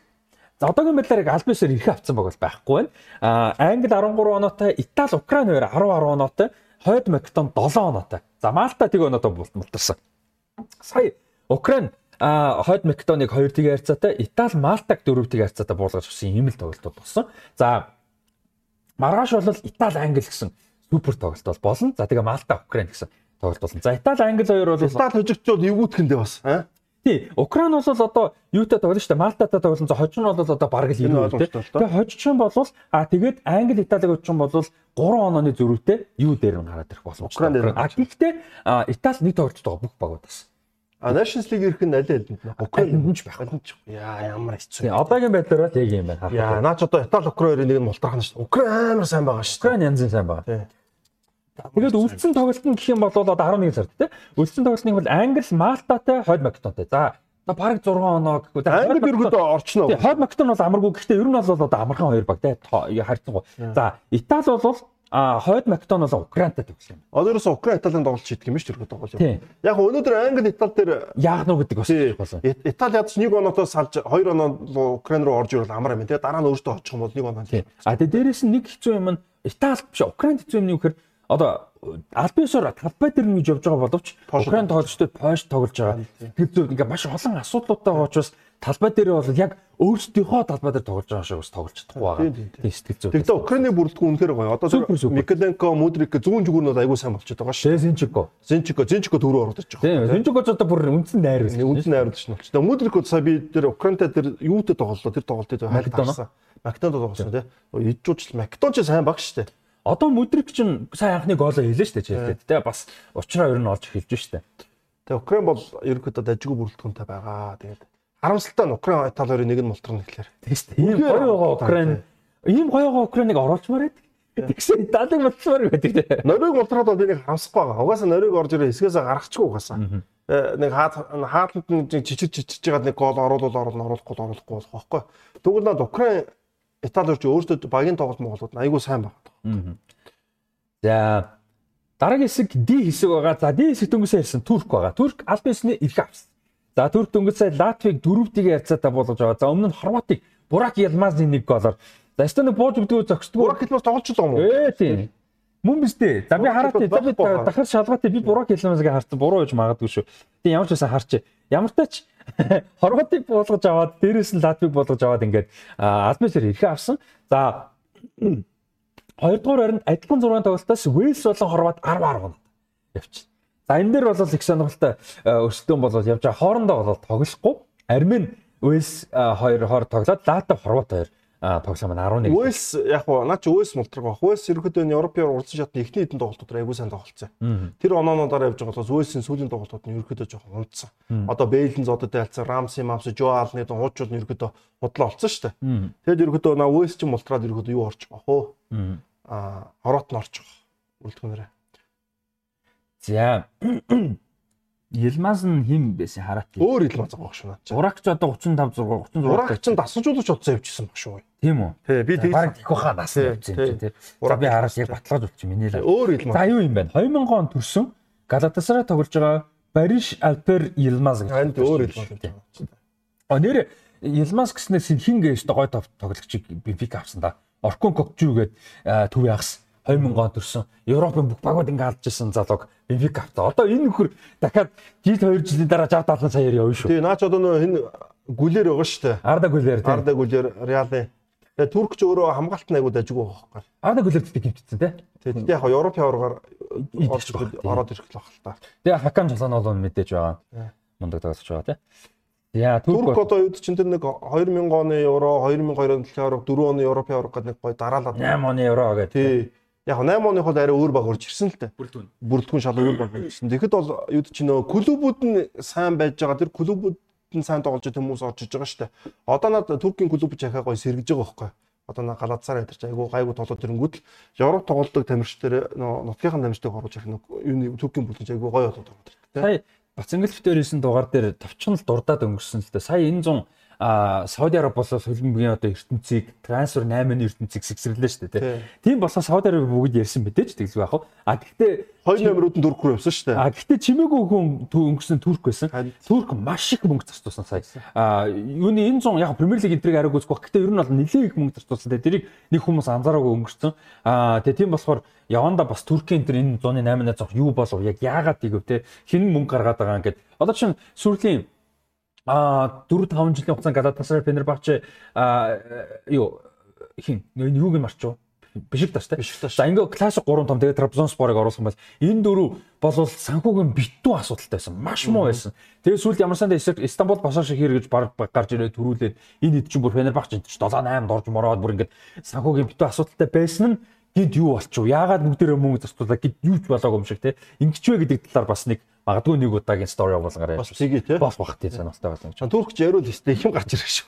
Одохгүй хэлийг турк дахиад ярина. Туркийн хакан шүкүрийг ярьсан шүү дээ бас нэг тий. Одоо удахгүй дахиад туркигээс ярина. Хоёр дахь хэсэг дээр. За сая бол ингээд э, хорват хоёр хожигдчихж байгаа. Хамгийн том асуулт тэр. Сая хоёр туркд нэг тэгээр хожигдоод Вэлст хоёр тэгээр хожигдсон. Хоёр нэгээр. Вэлс нь 20 голыг оруулсан. Башалич нэг голыг оруулсан. Аа, Вэлс тожигдсан юм шүү дээ. Вэлс тожигдсан. Тэгээ Вэлс ч одоо ингээд юу ячиж байгаа байхгүй юу? Оноо тэнцэж байгаа. Вэлс ч дөр өдрлээ өдрлийг эхний тоглолтууд айгу гайгүй тоглосон байхгүй юу? Тэнгүүдээ дундуур нь байхгүй болсон дөө сүүл цай хороод шал тийм ожигдсан юм байна. Тэгэхээр одоо Хорват өөрөө Латвтай тоглоно, Арментай тоглоно. Аа, Вэлс болохоор одоо оноо тэнцэж байгаа Вэлс Арментай тоглоно, Турктэй тоглоно. Яг Турк л яах юм байна л да. Зогсоох ч үзэх юм байна. Тэ. Оноо тэнцүүд наа ч нэ гоолор шидэг хоорондын тоглолт Еве голын дүрм яриндаа баг болцсон баг шүү. Одоо Монгол Афганистай хоёр одоо тоглоно шүү дээ 3 цагаас. Одоо бид нар нөө оруулж чадвал тоглолцсон байх юм шүү дээ. Энэ дээр бол манай Афганистан нэгдүгээр хожигдсон гэсэн Еве голын дүрм байхгүй байгаа. 2-1-ээр хоцсон ч гэсэн. Хэсэг дотор бол away гэхээс илүү зүгээр нөгөө голын зурв шүү дээ. Тэ. Тий, надтай Европч хэсгийн юу хоорондоо тоглолт гэж үзэж байгаа хаа. Үзэх баг шүү. За би тэрийг нас харчих. Хоорондоо тоглолт баг шүү тий. Тэрийг батлаажуулаа харчих. Тэгээ дараа нь юуны тоглолт гэж үзээд идэм билээ. За тэр юу ч н За ингэ чинь Украинтал ч яг байна да. аа хоорондын харьт тоглолт. Танд хоорондоо тоглолт. Тэгээд дараа нь хоорондын тоглолтын гол хэрвээ тэнцсэн бол тэгээ гол нь тэнцсэн болвол оруулсан гол нь за тэгээ бүр тэднэр нь тэнцэх юм бол файнал юугаар нь бүр ингээд өөр юмнуудаар нь явах юм да. Ямар ч байсан саяныхаар юм хоорондынхаар юм. За И хэсэг дараагийн хэсэгт бол Албан тэргүүлж байгаа. 13 оноотой 10 байгаа албантай. 13 оноотой тэргүүлж байгаа бол ардаас нь Чех 11 оноотой, Польш 10 оноотой, Молдов 9 оноотой, Фаро Айланд. Бона Польш ч юм байгаа байхгүй да. Польш маш муу. Маш муу. зөлийн хэсэг те. Польшнсаа Молдовтой тэнцсэн үү? За Молдов сая тийм Польштой тэнцсэн. Аа тэгээд Фаро Айландаа 2 тийг харьцаатай болгож авсан. За Албан Чехийг сая 2 3 тийг харьцаатай болгоод авцсан. Тэгээд евро ороод Одоо ингээд нөө клубын сайн тоглолт шигшээ багт яаж нөлөөд на Молдовчаар нөө Шериф гэдэг нэг баг Жорж Реалыг өдсөн шүү дээ. Аврал лиг дээр. Тэгээ тэрнтэй адилхан одоо на Молдовын клубүүд нь өөрсдөө сайн тоглонгол шигшээ багт насар том юу өгчөж байгаа байхгүй тэр чинь. А нөө яг тэр тамирчинд орчиж байгаа ерөөхдөө тий. За тэгээд Польш Фаро Айландаар хоёулаа 7-7 тогтсон нөгөө 3 6 6. Тэгэхээр ер нь бол бүр сул талтай байна л гэсэн Польш бол хоорондын тоглолтоор. Албан дэргүүлж ин лээ наад чинь баслаа. Үнэхээр амьдралын хэсэг биш үү? Нэ тий. Тэгээ одоо Албан болохоор юутай тоглоно? Молдов Фаро Айланд хоёр тоглоно. Ядчих хаа. Албан гарцсан биз дээ. Тийм. А тэгээ Польш болохоор Чехтэй тоглоно. А Чех дараа нь Молдовтой тоглоно. Надад чи хоорондын тоглолтоор хоёр хөрш би би байна. Тэр нь хин нэг нь Молдов. За Молдов бол арай гуул байх. Энэ хоёрын нэг нь л бэлгүй дээ тий одоо яа. Молдов бол одоо Молдовын түүхэнд амар. Амар гоё штэ бас тий өөртөө. Амар болно шүү. За Эфисг Эфисгээс Бэлэг эрхээ авсан аль байснаар а Австрийн шгшөөгийг 3-2 харьцаатай буулгаж авсан. За ингээд Бэлэг бол аль байсаар эрхээ авсан. За Австри хожигдсон ч гэсэн 3 онооны ард хоёрт нь явж байгаа. За Австраас 7 онооны ард нэг тоглолт дутуу Швед явж байгаа. За тэгээ Азербайджан 4 оноотой, Эстон 1 оноотой аль байсаар мултарсан. За одоогийн байдлаар бол ийм тоглолтууд бол дутуу Азербайджан, Австри, Швед үнээр харамсалтай тий. Швед бол одоо Александр Исаак, Эмил Форсберг гэдэг ч юм уу те хэд хэдэн мундаг гой тоглогчид байгаа ч гэсэн Швед бол одоо их юм байгаа шүү дээ. United үе хамгаалагч. Оо хин. Оо хин Виктор Линделов. Линделов бид бид хоёр таг мацдаг шүү дээ. Линделов гэдэргээд Исаак Мисаак амар амар амтд байгаа шүү дээ. Наад чог нь бол. Тэгээд Швед бол зайхан одоо нэг тоглолт аль аль аль багаас нь дутуу байгаа да тэр тоглолтоо хожлоо гэж бодсон ч гэсэн одоо хоёр тавьж байгаа би Австраас 4 онооны арт болж. За Шведийн хувьд бол яг нэг тоглолт дутуу учраас олон ах боломж мэдээж илүү их байгаа. Азербайджан, Эстон хоёртойгоо тоглоно. А одоогийн дараагийн тоглолт нь өнөөдөр юутай тоглох. Хамгийн чухал тоглолт гэж хэлж болно. Бельгитэй. Хамгийн чухал тоглолт нь өнөөдөр. Одоо энэ Бельгийн гарааны бүрэлдэхүүн дээр Доминико Тедеско сонсуулж байгаа тийм. Тедеско 4-4-3-аар тоглоод энэ амар гоо тохооны баггаар тоглуулж байгаа юм байна шүү дээ. Опенда, Доку, Жереми Доку, тэгээ Лукаку. Лукаку тэгээ Лука Бакио гэдэг энэ залуу байгаа. Лука Баки 2 гол хийсэн. 2 гол хийсэн. Тэгээд Онона Мангала гэхээр эн чинь бол эргүүд амар гоё товтлооны баг тоглоо. Одоо Бэли ингэж тоглох хэрэгтэй байхгүй юу? Уулна уу? Уул нь ингэж тоглох хэрэгтэй байхгүй юу? Үе ингэж тоглох байсан. Тий, ингэж тоглох. Тэгээ хамгаалж хамгаалаа заваараад тэгээ гурван хамгаалалттай хөлбөрч хийж байгаа шиг тий яг гоо. За нэг дэлхийн одоо 14 онд бол гурван хамтч бол болохоор байсан. Угаасаа баахан дүү хамгаалж тоглосон. Систем нь супер байсан. Тий. Одоо энэ дэр ингэж харахаар яг Фейс Вертонгон хоёр төвдөг Кастан Барунда Тросоор бэлтгэл гимтэлтэй байсан уу? Тий, Тросоор орж ирэх юм бол энэ чинь бүр гоё болж байгаа хөөхгүй. Тросоор Докугийн оронд юм уу? Лука Бакиогийн оронд. Лука Бакиогийн оронд орлоо л да. Доку гараад байна л да. За тэгээд ингээд Бак Телеманс орж байгаа яг үнэ. Телеманс өстой супер тоглож. Одоо ингээд энэ онооноо хашлаад гэж айгу зөхгүй. Андре онооноо чинь төвдүүд эсэргүүгийн тоглолт амар нураадаг. Нэг гем нь улаан уц авдаг, энэ дээр улаан уц авцсан байна. Бууц Яаж авдаг. ч чанга тоглолтыг нөх. Тий, үнэхээр хэрэгтэй болчихгүй онооноо бол. Тэгэхгүй тэгэл вицлээд назар эдрээ нүд юм тий тий. Яг гоо сайн нь ч яг үед нь үдээд байгаа. Одоо энэ дэр чи онооноо телеманс гэдэг гачаар гоё болчихж байгаа байхгүй. Тэгээд энэ опенда чи ерөөхдөө баг товцчаар тоглолцсон шүү дээ энэ харахад бол. Супер хурдан. Гол амар хурдан. Пендал. Тэгээд доку хурдан. Тэгээд Лукаку гэж одоо destroyer супер товтлогч байна. Тэгээд Лука Бакайо ч бас хурдтай шүү. Тийм Лука Бакайо маш хурдан. Гоё гоё юу болж байгаа тий. Бэл гоё ашиглаж бол гоё бүртгэнтэй ш. Одоо эн чинь Дебройн орж ийн гэж боддоо. Тийм шүү дээ. Яа. Аим Телемас Дебройноор гол тоглоно гэвч даалгана шүү дээ. Ард нь оноо нөхгүй. Тий. Хэвээ үнэхээр супер бүртгэн. Тэгээд Тросар, Лукаку тэгэл Доку тэр гурал тоглох хэрэгтэй байна. Доку тий. Доку гарах нуу харин хин гарах нөө. Харин тэр алтан үеийн гоё маань хамгаалагч үнэхээр супер байсан. За Альтерверэл Бертонгийн гурав аа оо хэнийг мартаад байна нөгөө Арсенал Вермал нь. Вермайлн. Тий. Үнэхээр супер байсан тэр гурав бол ялангуяа Альтерверэлтгийн хоёр бол Бертонгийн хоёр. За G хэсэгт Унгар 13 оноотой тэргүүлж байгаа. Серб 10 оноотой, Унгар хожигдоогүй явж байгаа нэг ч хожигдлоо. За Монтенегро 8 оноотой, Литв 5 оноотой, Болгар 2 оноотой. За Литв, Болгар хоёр бол орохгүй тодорхой болсон. Украинаас байж чадахгүй тий. Тэгсэн болоо те. Тэгээ Серб одоо а, сая бол Унгарт хожигдсон. Адам а, Салай гол хийсэн байлаа хожлын голыг. За тэгээд Литв Болгарыг хоёрыг харьцаад болгосон ийм ийм л тоглолтууд болсон байна ихний байдлаар. Унгарчин дээр хамгаалт сайтай дээрээс нь Собслайдер ороод тэр Собслайчин дээр Европ яваар гинтсэн байхгүй. Тэчтэйг бол Уул нэрхээ авахт амар байсан шүү дээ. амар чухал үүрэгтэй тоглож байсан. Одоо дээр Собслайдер ороод тэр нь Серб ч угаасаа сайн байгаа шүү дээ бодлого дээр. За тэгээ одоо юу бол энэ ч Nations League-ээр ирэх авах баг бол байхгүй. А Литв Унгар тоглосон Серб Монтенегро хоёр. Nations League-ээр Хоц нэг ус байсан. Nations League-ээр тэгтээ сонь сонь уусууд орж ирэх гэдэг шүү дээ. их авах боломжтой болсон Тий. сонин сонин ус байгаа. За энэ чэнэс бол одоо тоглогч дуртай бол мэдээж Бенжамин Бенжамин Бишэхийн Доминик Собослай мундаг байгаа энэ хэсэгт. За H хэсгээс Словен бисаа Бенжамин Шашко гоцсон. А Словен Дан 2 16 оноотой хойлоо хэсэгт ирүүлж байгаа. Беньямин юм болов? Бен да Бенjamин биш баха Бенjamин. Одоо юуг бол Бенхамин гэж дуудсан шүү дээ. Испанаг бол тийм. Тий, Испанаар бол тий. бол тийм. Тэгээ Бенjamин Шешко л гэдэг дээ. Одоо яг үг Бенjamин үт юм уу? Тийм. Тий. За Шешко л ч ямар ч Шешко гэдэг. Тэгээ Шешко сая Финланд хэсэг а хоёр гол оруулсан. Тэгээ Финландыг 3-1 харьцаатай болгож аваад нэгтэй. Финланд унчлаа бөө те.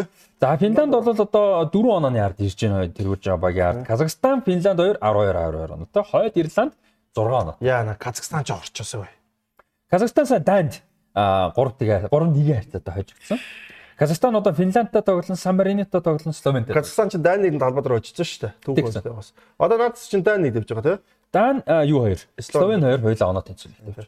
6 багтаа болохоор нөгөө зүрхгүй яг 3-3 хоорондоо тоглоо яваад байгаа байхгүй. Тийм. Гэхдээ нөө бус 5 багта скуттайгаа харьцуулах сүүлийн багийг шууд хасчихдээ шүү дээ. Одоо Самарино ч Мальт. А тэгсэн тэгсэн Самаринонд хасчихсан. тий. Энэ юу оноогийн тоглолтоо. Одоо энэ 3 дорсон багуудыг тооцохдож оноо зөрчдөн шүү дээ. 6 хэсэгтэй багч нөө 3 дорсон баг нь илүү өндөр оноотой. Аа. Тий нөө нөгөө 5 багтагийн 3 А дорсон нөө өндөргээд 3 дорсон West Rank гэдэг баг явтаа юу? Одоо тэд нар ч нөө хоорондоо нөө урд нөө тоглолдог байсан шүү дээ. 3 орсон багууд Тий, нэг тий, тоглолтыг гардаг. Тэгэхээр нөө тэндээ нөө чансааг нь гаргадаг. Аа тийм тийм. Гэтэ одоо тэр болоо. Одоо байхгүй болчихж байгаа юм, тий. байна. За I хэсэг Румын нэгт явж байна. 16 оноотой. Нэг ч хожигдоогүй. За Швейцар 7 тоглолтоос 15 оноотой. Бас нэг хожигдоог явж байгаа. За Израиль ард нь 11 оноотой явж байгаа. Гэтэ Израиль Румынээс 2 тоглолт, Швейцараас 1 тоглолт дутуу. Тэгэхээр Израильтаас бас одоо боломж бол их байгаа. За гэтэ одоо Израильд бол мэдээж асуудал юмнууд бас байгаа. За Косово 7 оноотой Беларусь Андор 2 хуйлаа мултсан аль биесээр. Ийм байдалтай байгаа юм байна. Сая хамгийн супер тоглолт болсон нь Швейцар Беларусын тоглолт болсон 3-3 харьцаатай. Тэнцэн ийм тоглолт бол болсон. За тэгээд Косово Израиль хоёрын тоглолт сая болох ёстой хуваартай байсан. За гэхдээ Хамас бүлэгл одоо юу руу дайрсан тэгээ Израиль руу дайрсан э, Газад том юу асууж Тэнд байна. тоглолт болоо хийцүүлтэй. Тийм учраас яг Косово тоглолттой байсан. Гэтэ нөгөө Израилийн тоглолтч бол яв бүрэлдэхүүн бол яв. Одоо нэг Европт нэг ийм харагдав. Одоо наад дараачлал Европын ордод нэг жоохон асуудал гарах гэдэг юм л да. Яг гэх юм бол урд нь л Европын ордод яг том багууд ороод дундаж багууд гэдэг эвгүй эвгүй багууд орж ирдэг байсан шүү дээ. Тэг чи одоо наад чи яг тийм эвгүй гэлчгэр баг эвгүй хэцүү болчиход байгаа байхгүй. Наа Швейцар ч унчлаа, Польш ч унчлаа, Австри хэцүү. Австри унчлаа. Яг Вэлс нас нь- нь нэлээ авчлаа. Вэлс унчлаа. За тэгээд а- айгүй гой гарч ижсэн цөөхөн баг нэг Украин байсан. Украин одоо орох үгүй нэргэлзээтэй болчихлоо тий. А тэнгууд Турк хамгийн гайгүй нь одоо баг Турк. Тийм ээ, Турк байна тий. Тэгээс бид нар одоо үүд чинь одоо үүд чинь за энэ багийн нэгүүдээ гэдэг нэг багууд үүд шүү дээ. Dark Horse Тийм гэдэг. яг тийм баг нэрлэхэд одоо над Европын өндөр чинь Шотланд нэг болчиход байгаа одоо. Тэгэхээр Шотланд яг яг цагаа тусгаар явахгүй болох. Тэгээ их аваад Яа Шотланд үгүй одоо гайгүй. Яг одоо? Шотланд хамгаалт нь гайгүй. Өмнөдөр бол тэгсэн бохгүй. Яг ирэх авахын чухал байсан. Ороод ингээд Унгар болсон. Унгар жоохон харин наа чи ингэчихэд байгаа. Яг хоо дээ. Угаа бэлч угаасаа л том баг шүү дээ. Бэлж яг сүүлийн нөгөөун унаадагаа бодоод босох юм шиг. Би бол Унгарт бол бүр амар итгэхгүй байгаа. Унгар бол яг хад ажиг байгаа гэсэн Унгар нэг яг нөгөө эд гой бүрэлдэхүүнтэй байсан тоглолч нь бас жоохон багасчаад. Яг хад эд эдэн гой тоглож байна л хамгаалтан дээр нь хагастай гэдэг ч юм уу. Гэтэ би бол Унгар гэхээс илүү Шотланд яг Унгараас хойж болох юм байна те. Серб нэгээс унтсан байж байгаа Серб удаа гайг болж ирж байна. Яг гол тоглогчд нь жоохон явчлаа шүү дээ. Явсан тий. Гэхдээ яг нөө залуу тоглогчдоос нэлээд бас хийдэг. Бас байгаа байгаа. А 21 оны тэр болдог Еврод төрчин ерөөхдөө бас нэг 4-өөс 5 нэг эвгүй богод гарч ирсэн шүү дээ. Яг тэднийхэн нэгэн шиг цаар ахтал Францыг мулталдаг ч юм уу те. Тэгэхээр одоо юу чи наад дээр энэ дараагийн Европ одоо энэ жил хараа жил гарах гэдэг шүү дээ. Тийм бас хугацаа бас байна. Хугацаа бол байна. Тэгэхээр тэгээ Нидерланд тэр орж ирэх нөгөө зөндөө олон юмуд бас гарч ирэх гээл байна л да. Итали ирэх авах уугүй юу те. Тэгээд харамсалтай нь Оросын хувьд бол нэг Дани бол бас юу ахгүй те. Оролцох боломж. Орос ч бас их сонирхолтой байх орж ирдэ шүү дээ 24 дээр те. Сая нөгөө нэг 14 7 хүртэлх насныхны Оросын шгшөөгийг Европын улсын холбооны нөгөө Еврогийн урьдчилсан шатны тоглолтод оруулах одоо зөвшөөрөл өгөх гэж шийдвэрийг бол FIFA-гаас гаргах гэж үзсэн. Тэрийг бол маш хатуу эсэргүүцсэн бусад холбоод бол тэгээ ер нь байсан юм шиг байна. Тийм. За J хэсэг Ахаа байгаа үйл үлчин тий. Оо тий одоо сүнс яхна. Аа гоо дисгтэй. тий. За Джейсик Португал ирэх авсан. За одоохоор Роналдо талбайтай нэг юм ярина. За Португал ирэх аваад 21 оноотой 7 тоглолтоос 7 хөжилтэй их авцсан. Явж гин за Словак 13 оноотой, ард нь явж гин Люксембург 11 оноотой. За энэ Люксембург ч одоо жиг тэнцгүй үгүй нэг ганц тэнцэл авдаг багч одоо юу вэ бүр 3 хожоо 2 тэнцэл 2 жигт 11 оноотой. Гол оруулах нь чухал байсан шүү дээ. Люксембург ч юм бол. Тий. Тэгээ одоо Люксембург тэг амар сонирхолтой нөгөө нэг юу яаж байгаа Люксембург хожигдороо цанга хожигдоод хожигдоо ингээ гяндаж хожоо яваад байгаа. Тэгээ тэгсэн чинь Люксембург ингээ 11-т 3-т явж штэ 7 хэсэгт оноо багтаа хэсэгт 8 оноо гол оруулж 17 гол оруулсан хасах 9-т мөртөө 3-т явж. Португал баг алдахгүй нэ. Том багтаа божмоо да тэгээ нөгөө хэдийг хожоо. За Босны 9 оноотой А Исланд 7 оноотой, Лихтенштайн 1 оноотой. Исланд Босны одоо юу юм бэ? Люксембургийн ард бичтэй таг тав. Энд ч одоо бодох одоо юу гэдэг вэ? Саяхан бол ингэж итгэмээр итгэмээргүй юм одоо яаж штэ тий. Тэгэхээр над Европын хөлбөмбөг ямар амар штэ тий. Амар дээшээ гарч аюу хурдан доошоо хөнжэн тий. За тэгээд э, сая бас юу яасан бэлээ? Э, сүүлийн 3 жил чигшээ огтод дуудаагдаг байсан. Сүүлийн 3 жил ер нь мэрэгжлийн хөлбөмбөг тоглоогүй байсан. Гилби Сигүртсэн шигшээдэд дуудагдаж тогсон байлээ. Аргаад дуудсан юм. Тэтгэврэг орохгүй нэгэд аргаад дуудсан. Гол нь нөгөө нэг яг яагаад дуудсан бэ гэвэл нөгөө нэг 21 оны 21-с 22 оны улирал эхлэхийн өмнө хүн 100 а юу яасан штэ. Яг албан ёсоор нэрийг нэрлэхгүйгээр Премьер лигийн нэг тоглогч бол одоо child sex offense гэдэг ч одоо хүүхдийн бэлгийн дарамт үзүүлсэн байх магадaltaй ч юм уу тийм аюултай том хэрэгээр бол нэг тоглогч баримтлагдсан. Тэр бол нэрийн тухайд нь хуулийн одоо үүднээс бол зарлаагүй. Гэтэ гэлбисийг гүрдсэн ойлгомжтой байсан. Эвертон ч гэсэн тэрийн зар одоо нэрийн дурдахгүйгээр нэг тоглогч ингэсэн гэж зарласан. За тэгээд ер нь бол юу бас ойлгомжгүйгээр карьер нь ингээд таг болцсон байсан болвол бүр сүүлцээ Greater Manchester Police буюу одоо мань үнийг баривчсан юунаас бол юу яасан бэлээ яг charge хийхгүйгээр буюу одоо юу бэ? Яг аль биесний хэрэг үүсэхгүйгээр одоо ингээд орхисон юм бэл. Ер нь бол. Тэгээ мань хүн болвол тэнцээ өөрөө шүүх мөхт өгөхгүй гэсэн юм бэл одоо миний карьерийг инглээ тэглээ гэдэг ч юм уу те. Тийм юм байхгүй. Тэр өөрт нь ч бас ноо байж те. Ноо байсан юм шиг байгаа. Гэтэ ямар ч аль бисээр хэрэг бол том хэрэг үүсээг юм. Ямар ч баримтлагдсан. А тэр үед нэг юу өгöd гарчдаг шүү дээ. Мөнгө төлөө түр тэр зүгдэг үлээ. А нөхөд нөхөд бүр л бэйл бэйл шүү дээ. А тий тий бэйл бэйлдээд гарцсан. А тэгээд хэрэгтэй ингээ явж байгаад яг аль бисны charged буюу одоо бүр хэрэг үүсэхгүйгээр нэг тэгээд нэг өнгөрцөн батлан даах байхгүй. Тийм батлан даарт тийм батлан daa гарсан бил. А тэгээд нөгөө нэг Исландын гадаад иргэн яамнаас бүр оролцож байгаад мань үнийг тэр нөгөө travel banтай байсан. Мань хүн ингээ хил давж болохгүй нөгөө одоо Их Британаас цудаана гэдэг утгаа тийм болохгүй гэсэн юмтай байсныг нь бүр Исландын гадаад иргэн яамнаас холбогдчихэж одоо болиулаад нутаг бүтсэн юм бил. Тэгэд нутагтаа 2 жил хөлбөмбө тоглохгүй байж байгаа сая Исландын Дани гэсэн баха тийм Дани нэг багт тоглож байгаа юм билээ. Сая энэ хөлөлтөөс эхлээ нэг жилийн гэрээ байгуулсан нэг хоёр тоглоод амжицсан. Тэгээд сая бол шигшээдэ дуудагдсан биелээ шүү. гэж би сигүрцний хувьд бол тий. А тэгээд Исландын хувьд бас сонирхолтой. А хоёр Гудионсон тоглож байгаа. Дахиад урд нь хоёр Гудионсон байсан шүү дээ. Өмнө нь бол Арнар Гудионсон гэж байсан. За Арнер Гудьонсон бол өөрөө 17 настайдаа хүүхдтэй болж исэн байлээ. За 17 настайдаа төрс төрсөн одоо хүүхэд нь бол Эдер Гудьонсон гэж бидний мэддэг л мөгч байсан. За Эдер Гудьонсон 17 настайдаа шишөөгийнхөө төлөө тоглож исэн. Аавтайгаа хамт аав нь тэр 34-тэй байсан. За Эдер Гудьонсон өөрөө 20-тай хүүхдтэй болсон юм байлээ. За тэгээ 20-тай болсон хүүхэд нь бол бас шигшээдэ тоглож одоо 25-тай зал том залуу байдаг юм байлээ. Тэгээд шидэ бол тоглолдог. За Даниэл Гудьонсон гэж хоёр дахь биш Даниэл ч баг нь 3 үгтэй мөлий. А хоёр дахь хүүхэд нь хин гэлээ Тэр хүүхэд нь бас бас шигшээд одоо тоглож байгаа. Хоёр Гудянсан одоо шигшээд. Хоёулаа Гудянсан хүүхэд юм уу те? Одоо гурван хүүхэдтэй мэлээ Гудянсан, гурван хүүхэдтэй Эдэр Гудянсан. А тэгээ том хоёр нь хоёулаа шигшээд тоглолдог. А тэгээд баг нь А одоо дөнгөж мэржлийн хөлбөмбөг баг хүн амтаа усын давуу тал энэ 200 мянга бол үнтэй ш тэр чинь тий. Тэнгүүл тэр чинь талны эмхтэй гэдэг хуваахан бол айгуу байгаа нэг юм ангой байсан юм сте. Исланд 230 хэдэн мянган хүн амтай. 300 хэд. Тэгээ 300 за 300 за 300 мянган амтай 150 мянган эмхтэй гэх юм те.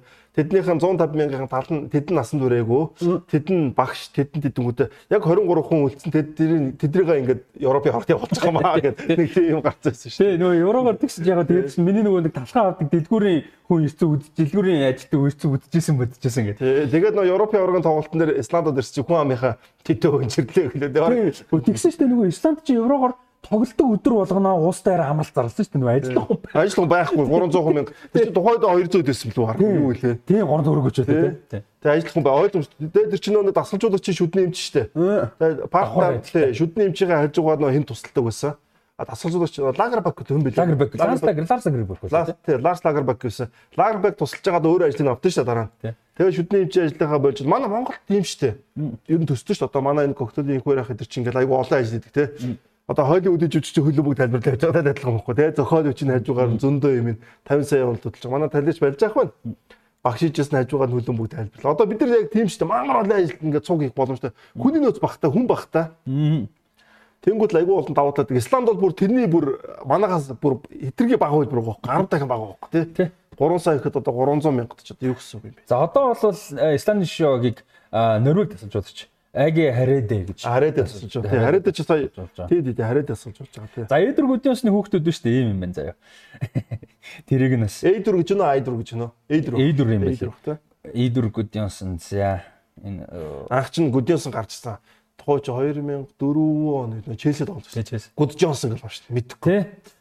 За том хүүхэд нь 98 он төрсэн Свен Арон Гудионсон юм байна. Одоо Шведийн дээд лигийн Элсборг багт тоглолдог. Шгшээд банк тоглож байгаа. Донд хүн Андре Лукас Гудионсон 2022 онд төрсэн Шведийн Норкопен гэж багт бас дээд лигийн 2 онд за багт тоглож байгаа. За хамгийн залуу хүүхэд нь болохоор юу юм бэ? Даниэл Тристан Гудионсон гээд 2006 онд төрсэн. Энэ жил Малмод анхныхаа мэржлийн тоглолт. Даниэл Тристан гэдэг нь Англид байсан. Англи мэр Испанир мэр олдож орсон байж наа чинь те.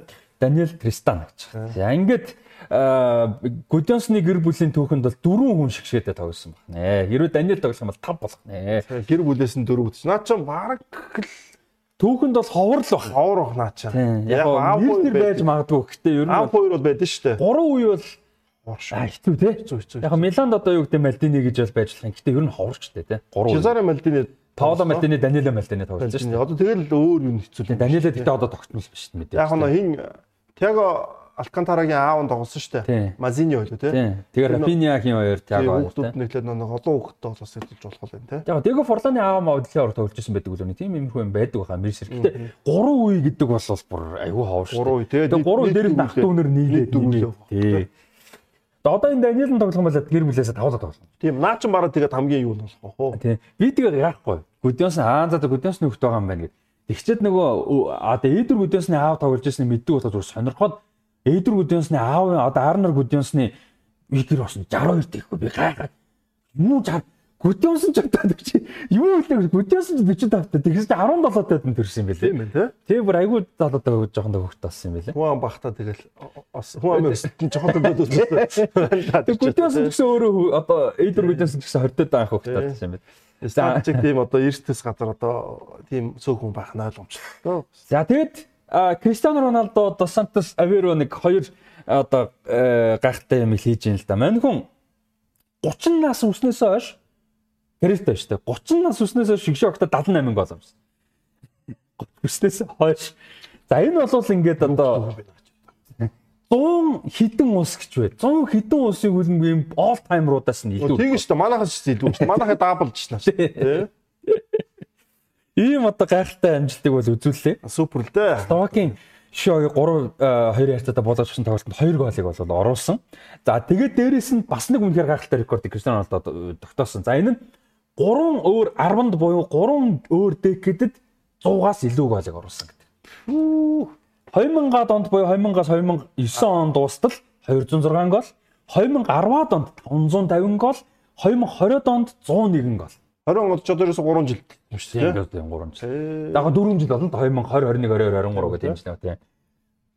Ийм одоо супер Амар. юу гэсэн ч үгүй. Одоо дараа жилийн Европоор Гонсало Рамош Роналдорыг хин гарах юм чинь.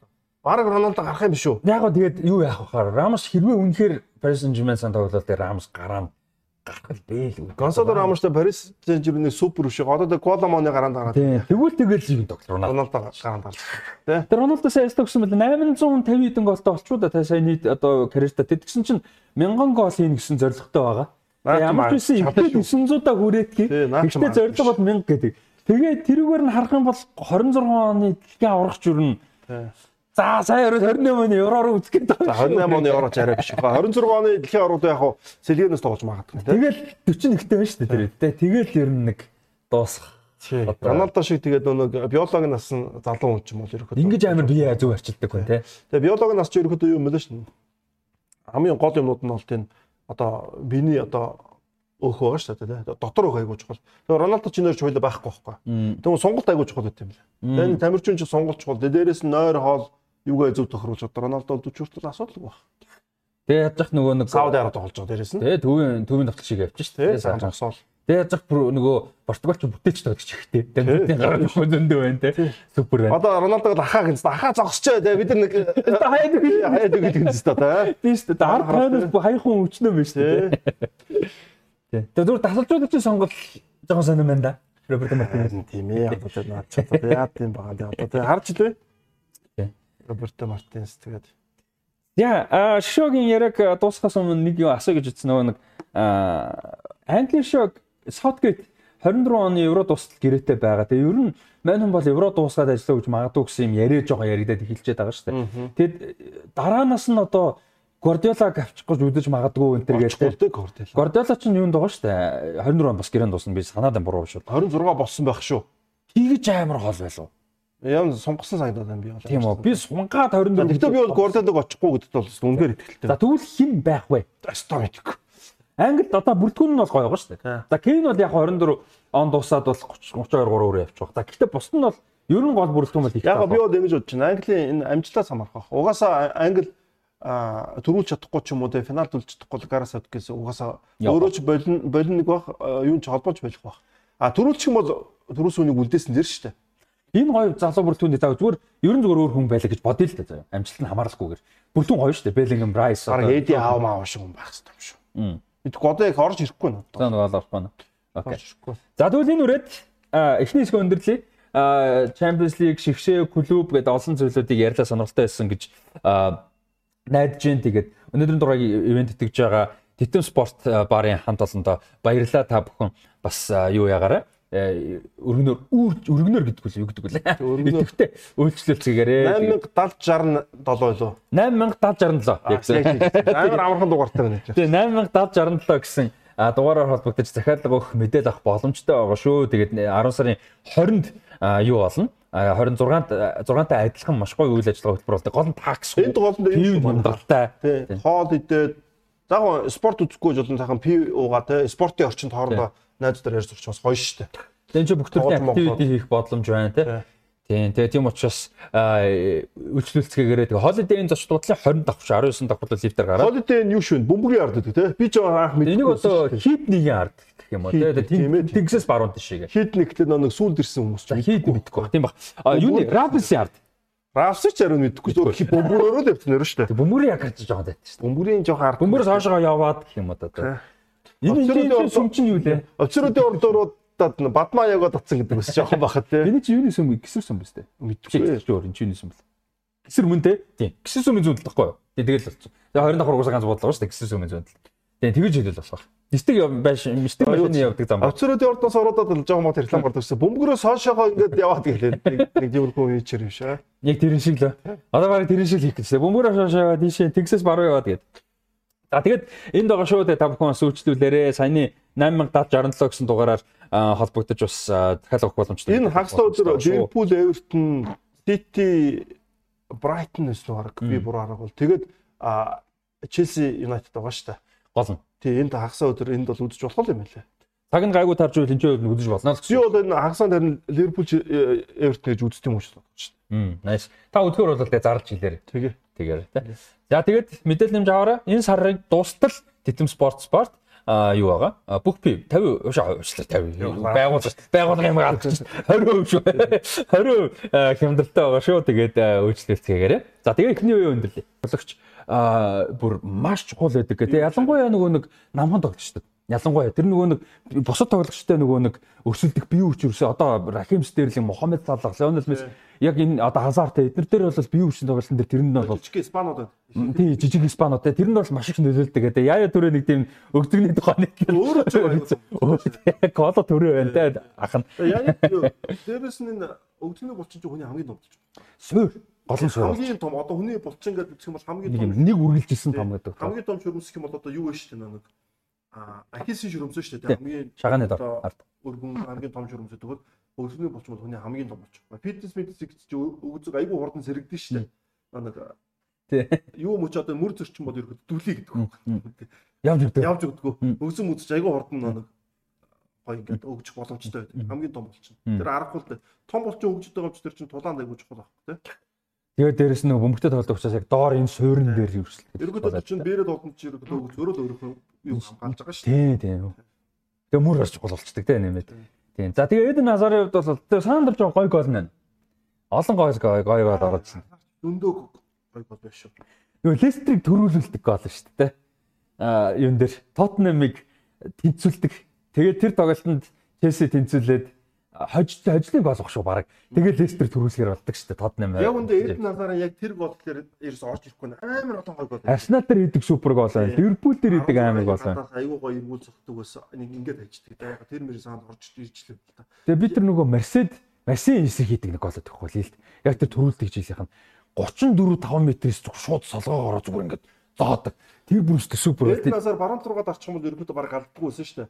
Зүүн рүүгээ хүмүүс баруун руу нэг зүүн рүүгээ айгүй хурдтай учраас гарч ир зүүнээр айгүй гоц. Сайн зүүнээр айгүй сайн баггүй ерөөсө дутуу үнэлэгдээ ус. Тэр лилд байхдаа тэр машин хэсэг бол бүр супер гол. Тэгээ тэр чинь лилийн фэнүүд бүр 21-р зууны одоо лил клубын шилдэг гол гэж бүр одоо Челси клубын дүүхэн ч тэгж байгаа шүү дээ. Одоо нэг багийн лидер тэр лидер ямар нөлөөтэй байдгийг хэдэн асарч байгаа. Эдэн Азар байгаа учраас Челси тэр дундуур чинь Премьер Лиг ингээд төрүүлэх мөрлөх боломжуудаар айгүй том. Одоо зүүн зүгүүр дээр санаа зовхгүй нэс байхгүй. Эдэн Азар байгаа юм чи бус байрлууд дээр ингээд тоглолттой авчираад Эдэн Азараа ингээд зөвшлөө тоглолттой. Баян Челси гэдэг клубын лидерээр удаан ч амаргүй шүү дээ. Тэгэд ирсээс хойш өргөдөө Реал руу явтлаа өргөдөө багийн гол лидер нь Азар шүү Челси. Тэгээд одоо ганц харамсалтай юм нь л одоо юу яасан гэдэг те. Илүү олон жил тоглосон. Одоо Азарыг анх лист дээр төрүүлдэг жил төрүүлдгийн өмнөх жилд нь гарч ирж хахад би бол яг яг үгтэй Франц лиг гардаг байгаагүй учраас байн гол үзэн шуудлаахгүй. Гэтэ 10 11 оны үеэр яг тэр залуу шилдэг залуу тоглож авдаг үеэрд бол сонсож ирсэн. Сонсоод андтай хазард гэдэгтэй амар гар өнөөл нөгөө нэрээд. Тэгээд тэгэхэд яг чинь Месси шиг жижигхэн техниктэй хурдан тэгснээр Роналдо шиг амар зөгтөг Тэгэл хурдан гэ том алхаатай гэж. Бэлэг гэ тэ. Тий, тэгээд тэр үед ингээ үзэж хахад бичлэгнүүдийн үзэлтэй YouTube-с ч юм. Тэгээ ингээ үзэж байгаа. За наач шүү Роналдо Мессийг нийлүүлсэн юм шиг хүн байна. Тэгэж явдаг бас шүү бид. Роналдо Мессийг нийлүүлсэн юм шиг гэж. Насараг амьдрал дээр өөрөө амар тийм фан гаргалаа шүү дээ. Амар тийм би би нэг хүн амьтан доо ялдаг, тоглоом хийдэг, хөгжилтэй, хөнгөн хайртай. Хамгийн гоё юм нөө Иванович шотдаг. Тэ. Тэр юу? Тэр бүр алдтай бичдэг шүү дээ. Дембаба, Жон Терри, Эден Азар а Иванович гэдэг нэг Челсигийн телевизийн телевизийн рекламад ордон шүү дээ. За ингээд та бүхэн ингээд Челси ингээд тоглолт моголтыг үзэргээл хэрж чинь Иванович нэг аялах ч өөрөө айгууд юу шүү дээ. Хатуу аялахтай. Хатуу аялахтай тийм Слав аялахтай. Тий. Тэгээ тэрийг доойлдог тий. Тэрийг доойлдог. Тэр үстэй амар гоё шүү. Тэрийг үзээрэй манайха цаа. Билгийн нөө тий. Тэгээ азар ч өөрөө яг хүмүүс болохоор нөгөө юу гэж яагаад гэдэг тий нөгөө бэлтгэл хийдэг засах уу гэх тэрэн дэш яг нэг тийм яг мэдээж Роналдо ч юм уу те ингээд тийм амар хөдөлмөрч тоглох шүү дээ. Хендерсон ч юм уу те. Тиймэрхүү ингээд нэг юм тим тоглогч бол мэдээж биш байгаагүй. А гэхдээ үрзэн авьяастай. А үнэхээр гахалтай авьяастай. Тэгвэл мань хүн болохоор нэг тийм юу байсан байхгүй. Нөгөө хөнгөн хэмд юмд жоо хөнгөн ханд тий. Тим тоглогч байсан. Тэрэнд ч зарим ус туртаа ягаад шүмжлэн шүмжилдэг. Аа тийм супер тоглогч байсан. Гэтэ одоо яг хүмүүс залхуу малхуугаад одоо хард мэржлийн карьераа яг одоо яг бүтэн уйлрал тоглож ирсэн уйлрал нь 2008 9 он байгаа байхгүй. Тэрнээс хойш төхөл лигийн үрээнд 30, 37, 38, 38, 34, 35, 38, 31, 36, 34, 37 тогсон байгаа хгүй. Юу одоо Реал руу явах хүртэл Асараж угаасаа тэр ч одоо юу гэсэн үг вэ те? Гэмтэл байгаа. Гэмтэл зөвхөн нэг булчингийн гэмтлүүд үзсэн байна. Жижиг жижиг нэг шилбэний арч гэмргүү гэмтлүүд аваад хэдэн тоглоомчдод хүнд гэмт юусаа авч байгааг ч хэлсэд баг та. Тэгэхээр энэ тоглогчийг одоо залхуу ч юм уу те юу гэдэг гэж бол хийж болохооргүй супер байсан байгаа байхгүй. Яг залхуу гэхлээр хүмүүс зөвхөн Роналдо дээр лугаа очуулчих гэдэг. Тэр чинь бол бүр next level. Роналдо бол бүр үнэхээр ингээд нэг тийм одоо Роналдо, Жокович Хамилтон хэн бэдэн Том Брэд эдгээр чинь бүр ингээд нэг юм бүр бүр супер human level-ийнхэн шүү дээ тий. Одоо LeBron James тий. Шууд тэгж харьцуулах гэсэн ерөөдөө нэг амар тийм залхуу малхуу байгаагүй яг. Заримдаа ингээд алхаж яхахлаар н азарын жигүүр гэж жоохон хамгаалтан дээр сул модод тийм юм гардаг ч тийм топ тоглолчдоор амрах цаг угаасаа байх хэрэгтэй. Яг л дотоон дээр хамгийн юу гаргадаг үлээ. Гаргадаг байхгүй тийм. Тэр Реалд очиод тэр гимтэл бол ер нь л хамгийн л одоо карьерийг нь нураацсан л гэж. Түүнээс ингээ өмнө харахаар яг сайн хэлсэн дандаа 30 үед тоглож байсан байгаа байхгүй. Тэгэхээр харин Неймартай харьцуулахад яг Неймар бол супер шүү дээ. Неймар Сантос тухта Барс яг Барс Месси гимшиг гэхдээ Сантос Барсад ерөөсөө тэгж их гимдэг байгаагүй байхгүй. Тэгээ Парис Сен-Жермэнд очиод ерөөсөө салхаад. Тэгээ нөгөө багийн бэлтгэл орчин айгүй олон юм байна. Нөлөөл Эд Назар дээр ч гэсэн Челси бараг гимддгүйс нь олж Реал очиод гимтэлтэй очиод эргээл буцаал яана гэдэг ч юм бас амаргуул байна гэсэн тий. Юу н орчин соёлын гэдэг бол юу юу гэж юмдээ монголчууд яг нэг эх орон дотор орчин соёлоод одоо орнотгоос бич сод төрж байгаа шүү дээ. Надад бол ч айгүй том үйлдэл байхгүй. Айгүй том мэдгүй багшин дээр ирчээд багшин дээр та нарт түүнээс асууж ивч асуугаа бичсэн нөхөрч тэнгуэл чинь уус дотор уус солиод хил солиод те хоол ингээд цаг агаар дээр солино гэдэг бол өөрөө тийм бас амаргүй байдаг. Тэн дээрээс нь удаан дасан зогсдог тамирч юм байдаг. Тэнгуэл дасан зогсохоос өмнө ингээд асуудал орчдөг. Би бол тийм байдлаар аа жишээлбэл нэг англи тоглогч ингээд Испани Испанд айгу муу тоглоод дээ шүү дээ. Нэг ихэнхтэй ихэнхтэй цаг агаар асуудал зөрөөх байхгүй шүү. Тэгээ хил соёл те. Тийм Одоо ингээ би Америкт очиод Сиэтлд байж байгаа ч юм уу, Майамид очихоор илээд ч юм уу шал өгдөг. Цагаагаар хувцс хүмүүсийн хандлага хандлага. Одоо бидэрт бол Сиэтл гоё байхгүй нэ жоох ингээ сэрүүхэн мэрүүхэн ч юм уу те. Майамид очихоор амар мангар гоох амар. Тэнгүүд тэд нар чинь нэг халуун оронд амьдраас сурцсан хүмүүстэй гоё гоох. Нүцгэн явж байгаа шүү те. Тэндээс сурц. Бид нар чинь баг нүцгэн сураагүй хүмүүс шүү дээ. Ямар нэг юм нүмерч юм уу өмсөж яваа сурцсан хүмүүс. Тэнгүүд тэр амар бид нар анзаардаг бол учраас юуны ялгаа айгүй хөөдөг юм лээ. Тийм соёлын ялгаа, тийм орчны ялгаа зөндөө. За азарын хувьд бол хөдгөл тий. Тийм шүү дээ. Найз гэр бүл мэдээж тий хөгтгээд зөндөө асуудлууд бас байгаа хаа. За азарын хувьд ингээд Бэлин шогт 126 тоглолтод 33 голыг оруулсан. А Лил клубын төлөө 194 тоглолтод 50 гол, Челсигийн төлөө 352 тоглолтод 110 гол, За тэгээд Реал Мадрид клубын төлөө дөрвөн хувилралт 76 тоглолтод 7 голыг оруулж тэгээд мэрэгжлийн карьертаа Колумбийн хүрээнд 622 тоглолтод 167 гол оруулж болол карьераа дуусгаж байна. Тэгээд 2010-ад оны за би бол 10-ад онд юу л хийж харьцуулах гэдэг юм. Гризман, Неймар хин интертэл Луис Суарес ч юм уу те энэ үед нэг одоо өссөн. Месси Роналдо угаасаа тусдаа шүү дээ тий. Энэ хэд л одоо нэг хэмжээнд өсөлтөд 10-ад оныг эзэнсэн тоглогчдын болов гэж болол бодож байна. Яг өөр ганц хоёр мэдээж тоглож бас байгаа л басаа Погба идүүдээ гэдэг ч юм уу те бас байгаа. Гэхдээ энэ хэд бол одоо хамгийн л супер байсан тоглож байгаа. Торган Азар дүүн Челсид ирдэ штэ. Бас Азарын 8-1 хэсэг болж ирдэ. Тэгээ дүүтэйгээ цуг шигшээ багтаа тоглоно. Энэ бол айгу нэг гэр бүлүүд бол айгу том үйл явдал шүү дээ. Хоёр хүн ингэ. Энэ чинь гурван ах トゥ. Торган торганы доотлоо хэм блэ? Бас нэг азар. Тэр нь гэтээ энэ хоёрыг арайгүй ч. Торган чинь сайн шүү дээ. Одоо Дортмунд бол бас тоглож байгаа юм чинь. Шигийн юу тоглодог гэсэн. Өөрөө тоглож байгаа хоёр Челси ч юм уу том клубийн хэмжээнд тоглож юм байхад Дортмунд шиг клубын айгу том юм багхгүй тийм шүү дээ. Яг хэдүүлэл нөгөө хамгийн суперүүдийн яриад байдаг болохоос шүү дээ. Торган Азар Бэлгийн шигийн зүүн зүгүүрийн нэг Винбек тэр Краскотой юм гэсэн гэсэн тоглодог гэсэн тийм. Тэгсэн. Ер нь бол Дортмунд хэдэн жил бас бүрэлдэхүүнээ тоглож байгаа. Бол торгон азар гарна. Тийм тийм. Торгон азар юм. За ингээд Эден Азар зодог тайлсан байна. Тэгээ манай сэтгэлээ холцороо тий. Азар бол үнэхээр супер бодогдож байсан. 2010 он гарч ялангуяа нөгөө Гризман, Неймар энэ Яг өстой яг нөгөө Роналдо Мессигийн залгамжлаа гэх. Тэгээд Бейл те Гарет Бейл би сая Гибелийг мартсан байна. Гризман бол яг яг тухайд нэрлэхгүй жоохон сүүл рүү нэрлэчихсэн те. Тэгсэн. 13 4 оноос. Тэгээ одоо ерөөсөө Месси Роналдо энэ залгамж халаа гэж ярьсан тоглож бүр зодог тайлаад дээ. Мэл зодог тай, Азар зодог тай. За Гризман яг мэдээ супер тоглож байгаа. Тий. Нөгөө хоёр нь одоо супер хөвөрөө нэг нь Месси одоо балан доор өшөлдөж шүү дээ. Тэгэхээр ч одоо тэр хоёр одоо ямар утга учиргүй супер хүмүүс вэ? Одоо Луис Суарес Бразил тоглож байгаа гэдэг ч юм уу те. Луис Суарес энэ Интер Майами ирэх юм шиг байна шүү. Хэрвээ нөгөө нэг Америкийн MLS нэг нөгөө нэг юу тоглогч special хин DP гэдэг те designated player DP-ийнхаа тоог 5 болгочихсон байлаа. Тэгэхгүй бол 3-аараа байгаад байгаа. Одоо 3 байхад нөгөө одоо 3 дүрцэн байгаа. Алби Алба Бускетс мэсээ 3. Компани дээр байх ш байх дээ. Бид тэд нар чи designated player-аар ордог баг. Тийм үү. Тийм. Нөгөө том тоглогч авчираа дандаа designated player болчихдог. Тийм, цалин нь өндөр байхгүй. Тийм. Тэгээ топ болгоно гэж яриад байгаа юм байна. Яг хоороос төрчих хоороос чи мессиг хамгийн. Тийм. Best гэдэг чинь. Тийм. Яг тэр чинь хоёул нөө дундаа юм хувааж байгаа. Одоо их их хүмүүс тэгдэггүй шүү дээ. Тэгээ нөө хоёр ихнэр ихнэрүүд нь бас бизнес бизнестэй байлаа шүү дээ хамт. Чи бод одоо ингээд сургуультай ондоо битэрчлэг хувааж юм шүү дээ. Гэхэд тэрээр чинь Месси уужсан сууралт чи Месси сууралт уужсан буцаад Месси төгч өгөө тэдээр чи Месси чи амар найзад. Клубтэй агуур ихийн Суарес тэмүүтэй шигшээд агууртай амар сайн найзад шүү дээ. Тэгээ Суарестай бол гэр бүл юу талаар. Тэгээ би одоо энэ дараагийн нөхдүүд гэж байгаа салхихгүй хүмүүстэй амар таардаг юм шиг. Месси Суарес Саата энэ ловрын нөрч амар нийлдэг үсэн шүү дээ. Тийм баланс нь таардаг. Баланс нь амар таардаг юм шиг байна. Энэ юмуд бол. Тэр Александр Арнольд тийм ч бас амар сайн найзууд юм байна шүү дээ. Робертсон хоёр. Чад өөр характертай тийм амар сайн найзууд юм байна шүү дээ. Аяа Шотланд хоёроо. Тийм. Энэ ч угаасаа юугаар энэ жил боцоо тавиад идэв шүү дээ. Хин гол их гол. Ойлгом голын дамжуулдаг хөөгээд тийм. Айгуу таараад идэв. Месси суураас хоёр бол бүр гэр бүлийн өвч гэсэн бүх юмараа амар юу юм бэлээ. Бүр нэг хүн шиг болцсон юм шиг. Яа тэгээд Эден Насарын талаар яриаг энүүрээд өндөрлөе. Тэгээд одоо дэлхийн авраг болон Евро гэх мэт том төвүүдийн дэлхийн тэмцээнүүдийн талаар ярилцъя гэж бодчих. За ойрхон юу юу болох вэ гэдэг ихтэй яриад тэгээд нэмээд шууд үргэлжлүүлээ явчих. За CONCACAF Gold Cup буюу одоо CONCACAF бол одоо төв болон хойд Америкийн одоо хөлбөмбөгийн холбоо гэж хэлж болно. За Gold Cup гэж нэр нь явдаг энэ тэмцээн нь. За энэ бол 2023 онд сая Америк болон Канада зохион болсон. Гэхдээ Канадын ганцхан Торонто болсон бүгд Америкт зохион байгуулагдсан. Мексик төрүүлсэн. 9 дэх удаага Мексик төрүүлсэн. За Копа Америка бол 2024 онд 6 сарын 20-оос 7 сарын 14-ний хооронд буюу Европто зэрэгцэн.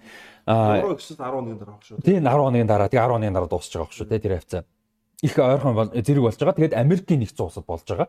За Өмнөд Америкийн авраг хойд Америкт болох гэсэн үг үгүй юу? Ер нь бол. Тийм Өмнөд Америкийн авраг нь хойд Америкт болж байгаа гэсэн.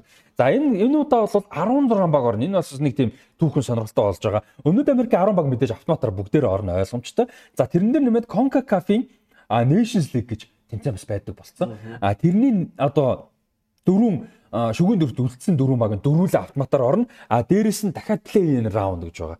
Тэнцэнээс хоёр баг. Одоо магадгүй Коста Рика ч юм уу. За Коста Рика баг эхний дөрөөр орж байгаа. А Америк Канада Ютагаа нийлээд те Мексиктэг баг орчмоо Коста Рика ч илүү сайн хэмжээ. Тэгээ Ямайк Мамайк ч юм уу те бас орох боломжтой. Хондурас ч юм уу. За ингээд 16 баг бол Копа Америка тоглох юм байлээ шүү. Тэгээ Өмнөд Америк болохоор яагаад гэдэг вэ? Өмнөд Америк угаасаа 10 баг. Тэгээ 10 баг нь хэсэгт багтахгүй бүгдээрээ тойроо дэлхийн аварга уурсан шатл Копа Америка бүх юм тоглосоор дандаа хоорондоо тоглоод байдаг. Хоорондоо тоглохоор ингээд өөдөгтэй болцсон. Дээрээс нь яг хідэн баг нь илүү сайн. Илүү сайн. Тэгээд энэ газар зүйн хувьд энэ багч нь нөхөрсөд тоглолтыг таг төвдөх. Аз мазруу оч нөхөрсөд тоглолт гэхэлээ дэлхийн тоглолтыг дуулна. Европ руу явахаар хоошоо хоол. Тэгээд нөө нөхөрсөд тоглолтод баг тэр үрээ дахиад нөгөөдтэй тоглох. Тоглохоор тэгээд нэг ойрхон Ямайк гэдэг Гондурас эдэртэйгээ болох гоо. Тэгээд нэг Африк Мафр явахаар бас асуудалтай. Эдэр чи ядууд бас нэг ийм план бид харах ёстой тоххой. Эдгээр нөө санхүүгийн асуудалтай эдийн засгийн асуудалтай учраас мөнгөтэй улсуудтай тоглох чухал байдаг. Одоо нөө Мессиг аваад одоо энэ чи Японд тоглох ч асуудалтай. Тэнгүүд ингээд Африкт болохоор Африк өнөрч яг адилхан зорилготой гэдэг. Хоорондоо энэ ингээд болж өгдөггүй, болж өгдөггүй.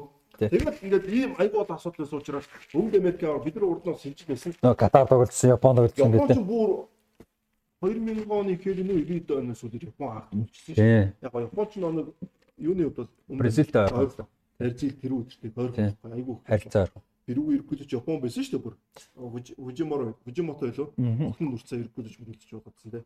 Тэгээ ойрхон учраас Япон тоглож ирсэн байдаг. Аа дээрэс нь Катар сууд орчихсон. Мексик ордог гэсэн. Хойноос. Мексикч орж ирээд түрүүж мөрүүлчих гээд балдаг ус дүнээр орж ирээд.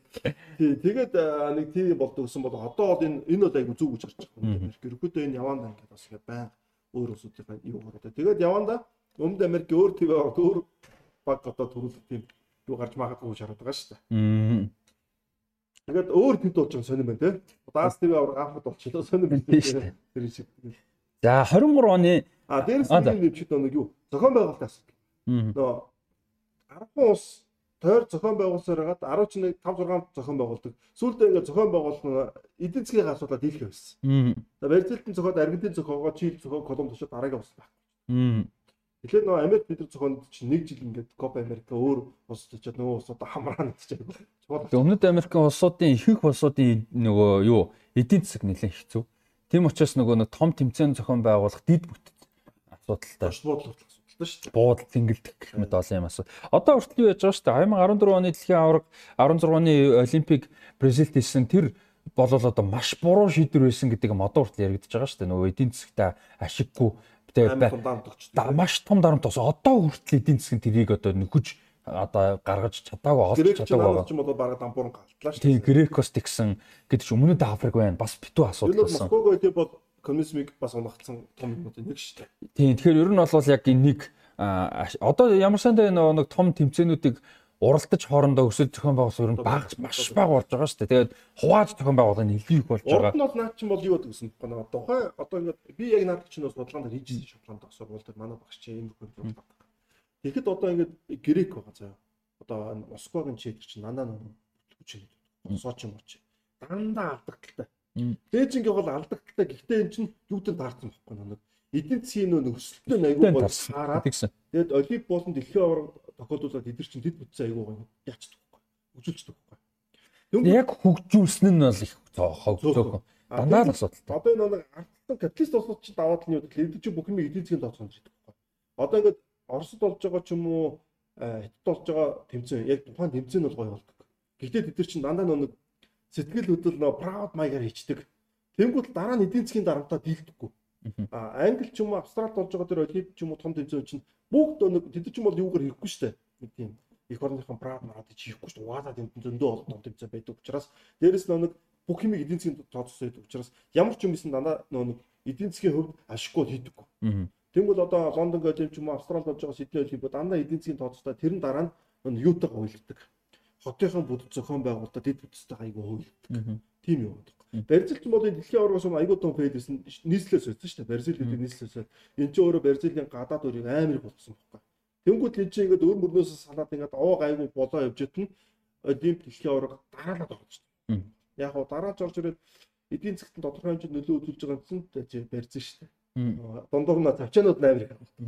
Тэр нь айгүй хас. Тэгээд тэрнээс их мөнгө зарж байгаа зардлаа татвар төлөгчдийн зардлаар оруулаад башгаа буцаж олохгүйгээр үлдчингүүт хин хохирдог вэхээр иргэдэн хохирч байгаа хугацаагаа тийм нөлөө нь тийм. Тэгээ ядуур л угаасаа ихтэй байсан Бразил бүр их нэмэгдээ. Эдгээр нуган Бразил айгүй өөр болж ирсэн шүү дээ. Тэгээ одоо нэг ахаад нэг жоохон нэг эвгүй болчихлоо. Сая тэгээд Босонаро бууж иж одоо шорон орох гээд шорон орох бах байтэр. Тэгжээч нэг жоохон буцаад нэг жоохон гайг болох гээд шүү дээ. Тэгэхээр одоо нэг энэ юм зохион байгуулалт чинь засаглалын асуудал гэж болчихлоо. Одоо Америк гэдэг бол ерөөдөө өөрсдөө ашигтай хийх байхгүй эдийн засгийн бүх тооцоо юм. Тэгвэл Бразил шиг ч юм уу авилал ихтэй газруудын асуудал. Зохион байгуулж болно гэхдээ дараагийн асуудал үүтэй. Грекос Европын холбоог татчуунаа галтсан шүү дээ. Олимпос болоод тэгээд Сочи дээр чинь юу байсан юм? 14 оны өвлийн олимп чинь өмнөх зуны олимпиудаас аа илүү их зардалтай болоо. Тэгээд Сочи чинь хамгийн гол нь дараа нь тэнд Сочид очих юм байхгүй. Тэнд монголчуудыг хүртэл манай сэтгүүл баяраа мариж хүртэл чинь тэр спортын сэтгүүл зайнаас сурч. Яг бол дараа нь ингээд идэвхжүүлэх юмуд нь айгу сул учраас тэр нэг бүхэн дүрэн болцсон. Одоо 2004 оны Грек болон Сочиг Олимпиадад нэг цэнгэлт мэнгэлгүүд нь зарим балгас олцсон зөндөө ашиглах юм байна. Японд ч гэсэн а гайгүй гисэн оронд хүртэл тийм шүү дээ. Японы 2002 дэлхийн аваргын хөрөнгө оруулалтын юмнуудаас ашиггүй үлдсэн юм зөндөө байд юм лээ шүү дээ. Жижиг боловстой тий. Тийм. Шизоко гэдэг. Тийм. Одоо тэр Сайтама энэ төр чинь ерөөсөө тийм ашигтай нэг байдаггүй. Тийм. Тэр бол айгүй их үлдсэн байт юм байна. За, үргэлжлүүлье. За 23 оны аль бисны нэр нь 23. 23 оны Африк ТV-ийн одоо Африкийн үндэстнүүдийн авраг гэж. Тэ яг Африк ТV. Тийм Cup of Nations үндэстнүүдийн том. Те. Яг ер нь бол ТV аварга. За энэ тэмцээн 23 он гэж албан ёсоор явж байгаа гэхдээ 24 оны 1 сард болно. 24 оны 1 сарын 13-наас 2 сарын 11-ний хооронд зааны ясэр болно. За энэ Кот дивар гэж. Кот дивар буюу тийм зааны ясэр. За сонирхолтой нь болохоор 19 онд Камерун 19 он 21 онд Камерун зугаа болох хэрэгтэй байсан. А тэгээд 21 онд Занесэр буюу Ivory Coast-д болох ёстой байсан. А гэхдээ тухайн үед бол Африкийн хөлбөмбөгийн холбооноос Камеруны бэлэн байдлыг бол одоо хангалтгүй байна, удаан байна гэж үзсний улмаас Египтэд өгч исэн. За тэгээ 21 онд Египтэд болоод хойш 21 онд байх ёстой байсан Заны Ясерг 23 онд болоод а 21 3 онд байх ёстой байсан Марокко 25 онд болоод а тэгээ 25 онд зохион байгуулах ёстой байсан Кен, Танзан, Уганда гэж хамтран зохион байгуулж байгаа анх удаага зүүн Африкт болж байгаа одоо твийн аврах шалралт төлөв бүг байхгүй ч тийм тийм байхгүй юм чи. Тэгээ тэр нь 27 онд болохоор басан. А тэгээ энэ нь өөрөө Кен, Танзан, Угандад бас юу бас бас амьсаа авах боломж бас. Тийм хоёр жирээ хойшчингууд бэлтгэл ажилд бол илүү боломжтой бас. За иймэрхүү зүйлүүд бол бас болсон бэлээ. Тэгээд хамгийн анх удаага одоо зүүн Африк зохион байгуулж байгаа гэсэн юм шиг. Зүүн Африкаас айгу яг нь Египтийг л тооцоо зүүн Африкаас гарчсан айгу үзэн бөчөж хэцүү шүү дээ энэ бол. За Египт ч одоо яг зүүн Африк гэж зүүн хойд болчиход байна. Яг зүүн яг гол зүүн биш биш болчиход байна. Жибути, Кен, Танзан, Руанда, Руанда, Бурунди хөлбөмбөгчтэй орнууд тийм. Кени хин л байгаа шүү дээ. Ваняма. Ваняма л. Ваняма ч Кен. Йоо, Кен шүү дээ. Виктор Ваняма. Виктор Ваняма Кен. Тийм бил үү? Кен гац зүг. Оо, Ваняма ч Кен юм тийм. Чи өөр ус олд ямар ус байхгүй шүү дээ болж исэн бодгоо. Тийм билүү те. Тэр нэг кен кен. Оо за. Кен ганц одно. Би бүр хаандахын ч бодож байгаагүй юм байна. Би зүгээр нэрээр нь бодоод нэгээр гэ бодсон юмсан. Африк нөө нэгээр Камерун дээр очдөг шиг. Яг нөө нэр нь нөгөө нэгээр Тийм ээ тийм ээ. Би би яг нөгөө Ваняма гэдэг нэр нь нөгөө нэгэрүүтэй ойролцоо нэр болохоор тэгэж бодчих. За за за. Ийм байгаа маань. За Азийн авраг. За Азийн авраг болохоор одоо 24 болж байгаа. Бас 23 гэдэг нэртэй явж байгаа. Энэ нөгөө ковидын өөрчлөсөн юмнууд яваад байгаа шүү. 23 оны Азийн авраг 24 оны 1 сарын 12-наас 2 сарын 10-нд болох байгаа. За 27 оны Азийн авраг шалруулах тэмцээн 27 оны 1 сард Сауди Арабид болохоор болвол тэдэд эргэчих юм шүү дээ. А тийм энэ бол ингээд юу яатсан байгаа. Хуваар бол зогтцсон ба. За одоо Сауди Арабиг уйлаж өндөө ярина угаас одоо багын Сауди Арабиг зөндөө ярьж байгаа. Тийм угаасаа ярих юм ядах байн гарч ирж. Сауди Араби яриаггүй байхгүй ч юм уу. Тийм Катар Сауди Арабиг гэсэн байна. Сая Катарын нөгөө нэг шейк алж жисэн хин блэ шейк жисэн ямар жисэн блэ. Уучлаарай нэрийн цааш марч. Тэр хүн ч одоо сая нөгөө Манчестер Юнайтед 100% аавна гэдэг санд ярьж байгаа болцсон байлээ шүү дээ. Юу байсан бэлээ? Товчхон ярьчих. 8 тэрбум еврогийн санал байсан бэл. Тэгэд 6 тэрбум нь Глезерийн гэр бүлийн хувьцааг 96% эзэмшдэг юм байна шүү дээ тэд нар чинь. Бүтэн худалдаж аваа. Тэгэд өөр мөрийн бүтэн дараад ерөөсөө ингээд бүр бүгдийг нагаад а тэгээ 2 тэрбум нь болохоор шууд клубтэй орж байгаа юм бэл. Одоо тэрэнд нь өөр мөрн тэгээ нөгөө United Old Trafford-ыг шинжлүүлэх бэлтгэл бэлтгэл нөгөө моол зоол бариад тэр аюу гой санал шүү дээ. Тийм байсан. А тэгээд тэрийг бол үгүй гэсэн юм бэлээ. Өөртөө 10 тэрбум нэгдүгээр үнэлж байгаа. А А гэхдээ тэрийг бол фэнүүд асар том эсрүүцэлтэй. Угаасаа Катарууд тэ эзэмшин гэдэгтээ бол ерөөсөө нийлэхгүй байгаа. Катарууд Катарын клуб бол босхгүй гэдэг юм. Одоо Манчестер ч тэр чигээр араа болох юм шүү дээ. Тийм шүү дээ. Одоо тийм Катарын юм бол босхгүй гэж маш том эсрүүцэлтэй байгаа. Тийм улсын клуб бол босхгүй гэдэг. Тэр Red Cliff нь авчвал тий. За Jim Redcliffe ахвар болсон. А гэхдээ 25% байна. 25%. 25% нь аваад спортын талыг нь хариуцахаар болсон. Одоо спортын захирлыг нь томсон те одоо тасжуулагч одоо юу байдیں۔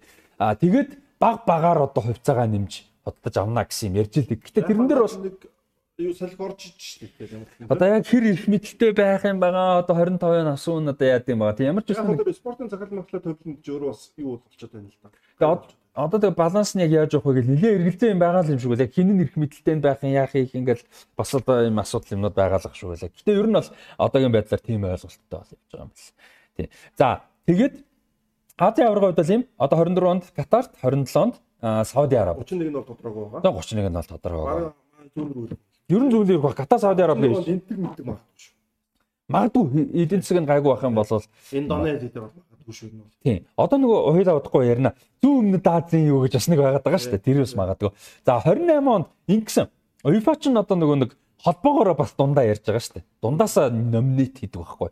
Евро за евроч яг дундаа дэлхийн аваргын зохион байгуулах дээр нөө UEFA зохион байгуулах өрсөлдөх юм боломжтой үе таарж байгаа шүү дээ. Тэнгүүт дунд хамтраад ичтэй. Одоо хамтраад гэхээс илүү нөгөө дундаасаа нэгийгээ сонгож явуулах. За ер нь та нар нь яваа гэж. Шууд бид нар ингэн гэдэг байхгүй. Ягаад тэгэхээр нөгөө нийтээрээ саналаа өгөх гэж нөгөө холбоогоор шууд саналаа өгөхийн тулд хоорондоо саналаа хуваахгүй тулд ерөөсө дундаасаа шийдэж ингэдэг. За аим UEFA ч угаасаа амар байна. За тэгээд Их Британи, Ирланд 30 оны дэлхийн аварга зохион байгуулах хүсэл их байсан, амбиц их байсан. За тэр амбицэнд бол сая 20 оны Еврогийн төгсгөлийн тоглолтуудаар гарсан маш олон асуудлууд бол их зөргөөр нөлөөлсөн те. Зохион байгуулах чадлагүй байна. Тэгээ маш олон асуудлууд гарлаа. Маш их асуудлууд гарсан. За тэгээд ярьж байтал бол хоорондоо дотроо UEFA яа гэж хэлсэн. За та хэд еврог авч байгаа.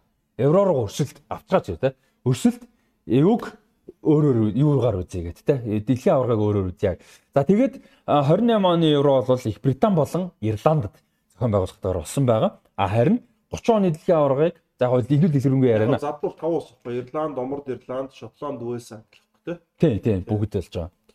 За ингээд 5 ус зохион байгуулалтаар болоод евро нь 32 оны евро энэ хамгийн сонирхолтой. Итали, Туркт Яг газар зүйн үед хит одоо дагнсан одоо залгаа улсууд бол биш. Энэ хоёр улсын завсар Болгар, Грек, Хойд Македон, Серб, Косово, Албан, Хорват, Словен гэсэн улсууд завсрын дунд нь. Яг дадагаар мэдээж тойрхон бол байгаа. Тийм Грекийг тойрхон бол байгаа. Тийм Грекийг тойрол байгаа. Гэтэл Италийн ч одоо том цэнгэлгүй бүгд хойно байгаа. А тийм ингэсэн бэлээ. Нэг сонирхолтой юм сая дөрөв ойлаа ярьсан шүү дээ. Улсууд бол одоо ийм том тэмцээн ер нь олимпич гэсэн тий. Зохион байгуулалт хүсэл их бага болсон ашиггүй байдаг бас их дарамт болдог тийм. Шинэ мөнгөтэй усуул зохион байгуулсан шүү дээ. Тийм ер нь их ихтэй аа гадаа цаад спортс ваш хийж байгаа тийм. За тэгсэн чинь Итали Турк хоёр чинь тусдаа өсөдчихсэн. За тэгээ 32 онд өөр өсдөгч байхгүй. Энэ хоёр тусдаа өсөдчихсэн. Тэгээ сүүлдээ за болиго Турк болцсон юм. Ерөөсө болиг. Тэгээ ягаад гэсэн чинь UEFA ерөөсө тэр 10 тэнгэлт мэнгэлтгээл айгүй том стандарттай байсан. Тэгээ уулын турк стандарт үржсэн мөртлөө туркид ингээ жоохон ингээ хатуу хандаад юм л да. Тэгээд туркээс бол за бид нарыг ялгуулад байна боли. Туркийг ялгуулж байгаа шалтгаан дээр эдийн засгийн докторгүй юу улс төрийн докторгүй байдаг байхгүй. Яг улс төрөөс эдийн засаг те. Эрдоган ч одоо яг байгаад байна. Тий. Одоо тэгээ 30 онд ямар болох уу? Яг одоо турк ч айгүй юу байхгүй. Эдийн засаг нь улс төрөөс хамаарат байгаа байхгүй. Тэгмэл улс төр нь эвгүй болчихсон бол эдийн засгийн эвгүй болчих واخгүй төрөгч. Тэгэхээр мөртлөө ингээд эдийн засаг хязгаарч ухнахгүй айгүй эвгүй эдийн засаг واخгүй. Тийм яг ингээд амар олон юмны дунд ашигтай эдийн газар болохоор ерөөсөө тийм. Гэхдээ нөгөө нэг НАТО дотроо грек мрек тэгээ байлт гад ингээд нэлээ болоод байдаг тийм. За тэр мөрч дүүсэн. Гэхдээ яг хөө тэгээ швед мэл финланд асуу. Хамт юм байна тийм. Тийм ер нь бол зүгээр улс төрийн асуудалтай тийм. За тэгээд Итали Туркийг хамт хийгэр бол. Яагаад гэсэн мэхээр Итали өсөлтөгчгүй байсан Турк дундуур нь болцсон байсан. Тэгээ УЕФА-гаас орж ирээд хамт хийчихээ Тэгээ хоёр байгаа юм гэд. Тэгсэн за окей. За тэгээ хоёулаа бол өөр өөртөөхөө анхны яг үндэ Италид наач айгуу том давуу тал болно шүү дээ бооч гэж. Юу яаж байгаа? Италид 26 онд Миланд Олимп болчихж байгаа. Тэнгүүд одоо ингээ 32 онд евро болох боломжтой болж байгаа. Тэгээд а юуны хувьд болохоор зохион байгуулах газар хот одоо зингэлтийн хувьд болохоор аль аль нь 10 10 зингэлт санд болгоцсон угаас оролцсон байсан анхны одоо юун дээр. А тэгээд одоо 10 10 нь хэврээ байгаа. Гэтэ UEFA-гаас 5 5 болгож хувааж шаардж байгаа юм билээ. Тийм. А гэтээ зингэлтийн хувьд бол асуудалгүй юм билээ угаасаа. Итали бол ойлгомжтой 5 том хотод хуваачсан шүү дээ. Аа Непал одоо Напол Монголоор юу гэх юм бэ? Наза Наполи л гэж тийм. Наполи тийм. Наполи, Рома, Турин, Милан тэгээ нэг хот нь одоо Флоренц байх юм уу? Венец байх юм уу тий? Бол урагшаага Палермо байх юм уу тий Сицилийн тий. За албан ёсны венюнуудыг ярих уу? За ийм юм байна. Бүр яг албан ёсоор өгсөн венюных нь лист бол. Турк бол Стамбул хоёр зингэлт болчих. 3 байгаа яг хоёрт нь аваад нөгөө таван хотод нь Анкарад нэг аваад Трабзонд авах. Избирт аваад Трабзонд авч болно. Трабзонспор авч том. нөгөө Аданад авахгүй тийм. Тийм байж бол. Энэ топ. За яг санал болгосон арууд нь юм байна. Миланы Сансиро Ромын Стадио Олимпико, Наполис Наполийн Армандо Марадона, Диего Армандо Марадона, Баригийн Сан Никола, Бара байж болно. Зүүн урагшаа Ференцегийн Арменио Франки, Артемио Франки уучлаарай. Турины Ювентус цэнгэлдэх, Веронагийн цэнгэлдэх, Болоня, Женоа, Калери гэсэн хотуудын цэнгэлтгүүдийг бол оролцсон байсан юм байна. Тэгэхээр энэ ч 5-ын одоо хасах шаардлагатай болж байгаа гэсэн. Тэгэхээр Милан, Ром, э, Наполи гурав бол үлдэх нь ойлгомжтой. За түрийн бараг үлдэх баг. Тэгээ энэ дээр зүгээр Лоренцо урагшаага яг арал мардаа бодол бол Бари Калериг үлдээх үү юу л гоо гутлын хэсгүүд ч өсгөө өсгөний жоохон дээх нь байдаг. Нэг бол арал руу явуулна гэх юм бол Калериг ойлгож болж байна тий. Сардины. Тийм сардин жижиг тоглолтуудыг явуулна гэх юм бол тий. За Туркд а юу байгаа вэ гэхээр за Стамбулын 3 цэглэлтэй ойлгомжтой тий. Яг ч нэг нь авах. Стамбулын 3 ойлгомжтой. За дээрэс нь Бурса, Анкара, Эшиг шehir, Газиантеп, Анталия, Трабзон, Коня автуудын цэглэлтэй байна. Газиантеп бид нар ч сайн газар хөдлөлт болдог. Тийм тийм тэр бүстэй. Зүүн тал руу гэх юм. Одоо төв урагшаага. На буурса мурса чинь зүг байхгүй. Тийм. Бурса Стамбулд тэгтээ ойрхон. Тий. Стамбулд байна. Наа ч нэг эдийн засгууд аяг ашигтай Тий. байхгүй. Дуугаад ойрхон тий. Трабзон гэх юм бол нэлээд холтчихно. Трабзон бүр бүр зүүн ашиг. Зүү ашиг Тий. тий. Армени гэсэн юм дээр Армени үедээ. Нэлээд ойрхон тийм тийм. Тэгээд Трабзон ч өөрөө хөлөмгийн аягүй юу тоо. Амар тоо. Одоо ерөөсөө хөлбөмбөг хоёр дахь том хотно шүү дээ. Яг л Стамбулын дараа. Анкара шиг. Анкара ч байхгүй. Анкарагийн клубүүд өдөртөө клуб байдаг. Байхгүй байхгүй. Ямар санда Испани юуны Турк хөлбөмбөгийн дөрөв дэх том клуб Трабзонспор шүү дээ. Спорт чи ерөөхдөө юуны бат үйлдвэр бат байхгүй. Тийм. Тэгээ Анталиа бол тэгээд туризмын од шүү дээ. Яг хөлбөмбөг. Анталиад болох гоё байхгүй. Яг тий зүгээр нөгөө нэг туризм энтер гэдэг утгаараа болвол тийм. Анталиагийн чинь тэр юу мөн энэ дээр аялал жуулчлалын юм үнээр тасархаа гэж. Анталиад өтсөн өөр газар очиод та Анталиаг бүр амар гэж үздэг юм шүү. Аа. Тэгээ Анталиагийн энэ Анталиа стадиум гэж цэнгэлтгэн 32 мянган үзэгчийн судалтай цэнгэлтүүд юм байна. За энэ дундаас Анкарагийн цэнгэлтэг бол шинэ цэнгэлтэг барьж байгаа юм байна. Ер нь бол 45 мянган үзэгчтэй шинэ цэнгэлтэг одоо барьж байгаа. Наа чи одоо тэгэхээр би бол Стамбулын 3-аас 2-ын үлдэх бол гэж бодож байна. Тэгээ Анкара угаас нийслэл оруулаа шүү дээ. Тэгээд Трабзонспор ороод Тэгэл болчих юм шүү. Трабзоных ороод. Трабзон ороод 4 байгаа шүү. Тэнгүүтээ Аа та тийм ээ. Газанти бид нар орж магадгүй. Уршаага.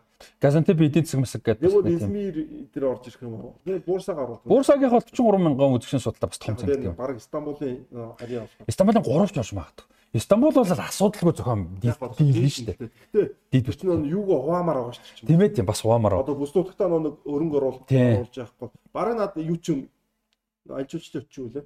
Анталиа. Анталиа манталиа. Тэгээ Анталиа тэгтээ гоё байхгүй. Анталиад бол яг туризм талаас нь бол гоё. Яг хөлбөмбөгийн хөлбөмбөгийн хот шүү дээ. хуваагаад байна шүү дээ. Бүс нутгуудаа одоо Монгол ч юм ивэл тэгж хуваал гоё шүү дээ. Усад нэг болоод. Тэгдэг болов. Гэхдээ ер нь хөгжлөн тийм байсан бол гоё л байна. Тэгээ тийм байсан бол. За Стамбулын 3 том цэнгэлтэг нь Ататүрк Олимпийн цэнгэлтэг байгаа нөө аврал лигийн финал болдог те 74 мянган үзэгчийн судалтай Али Самиян Али Самиян спорт цэнгэлтэг байгаа. Тэр нь 53 мянган үзэгчтэй. Тэгээ Шүкрү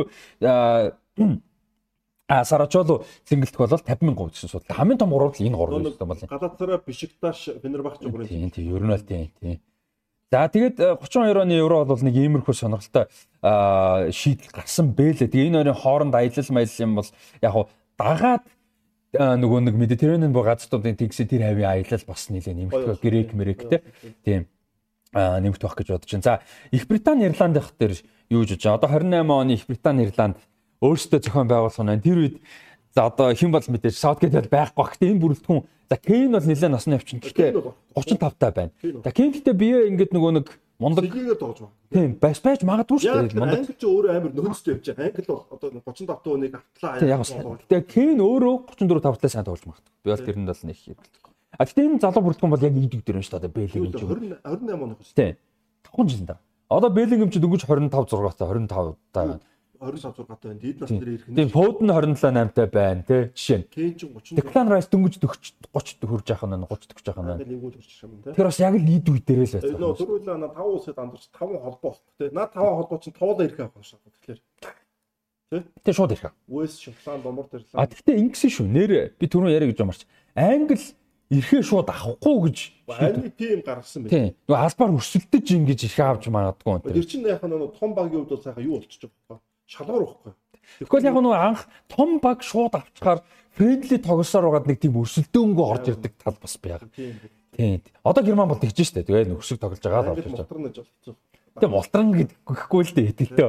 Гэхдээ тэгтээ онлайн боломжтой ч өөртөө за тэгээ хэлдэг. Тэ. За бид нар шалгуураа тэр молторчууд тэр чи одоо бүр өстэй мянганы оноо болно шүү дээ. Яг гайгүй сонголтой гэхдээ Их ордон дээр чинь болоод 8 он тэгсэн шүү дээ зайлууд. Европын ордоор хорват Орос хоёрыг урдаа алдчихаа тий. тий.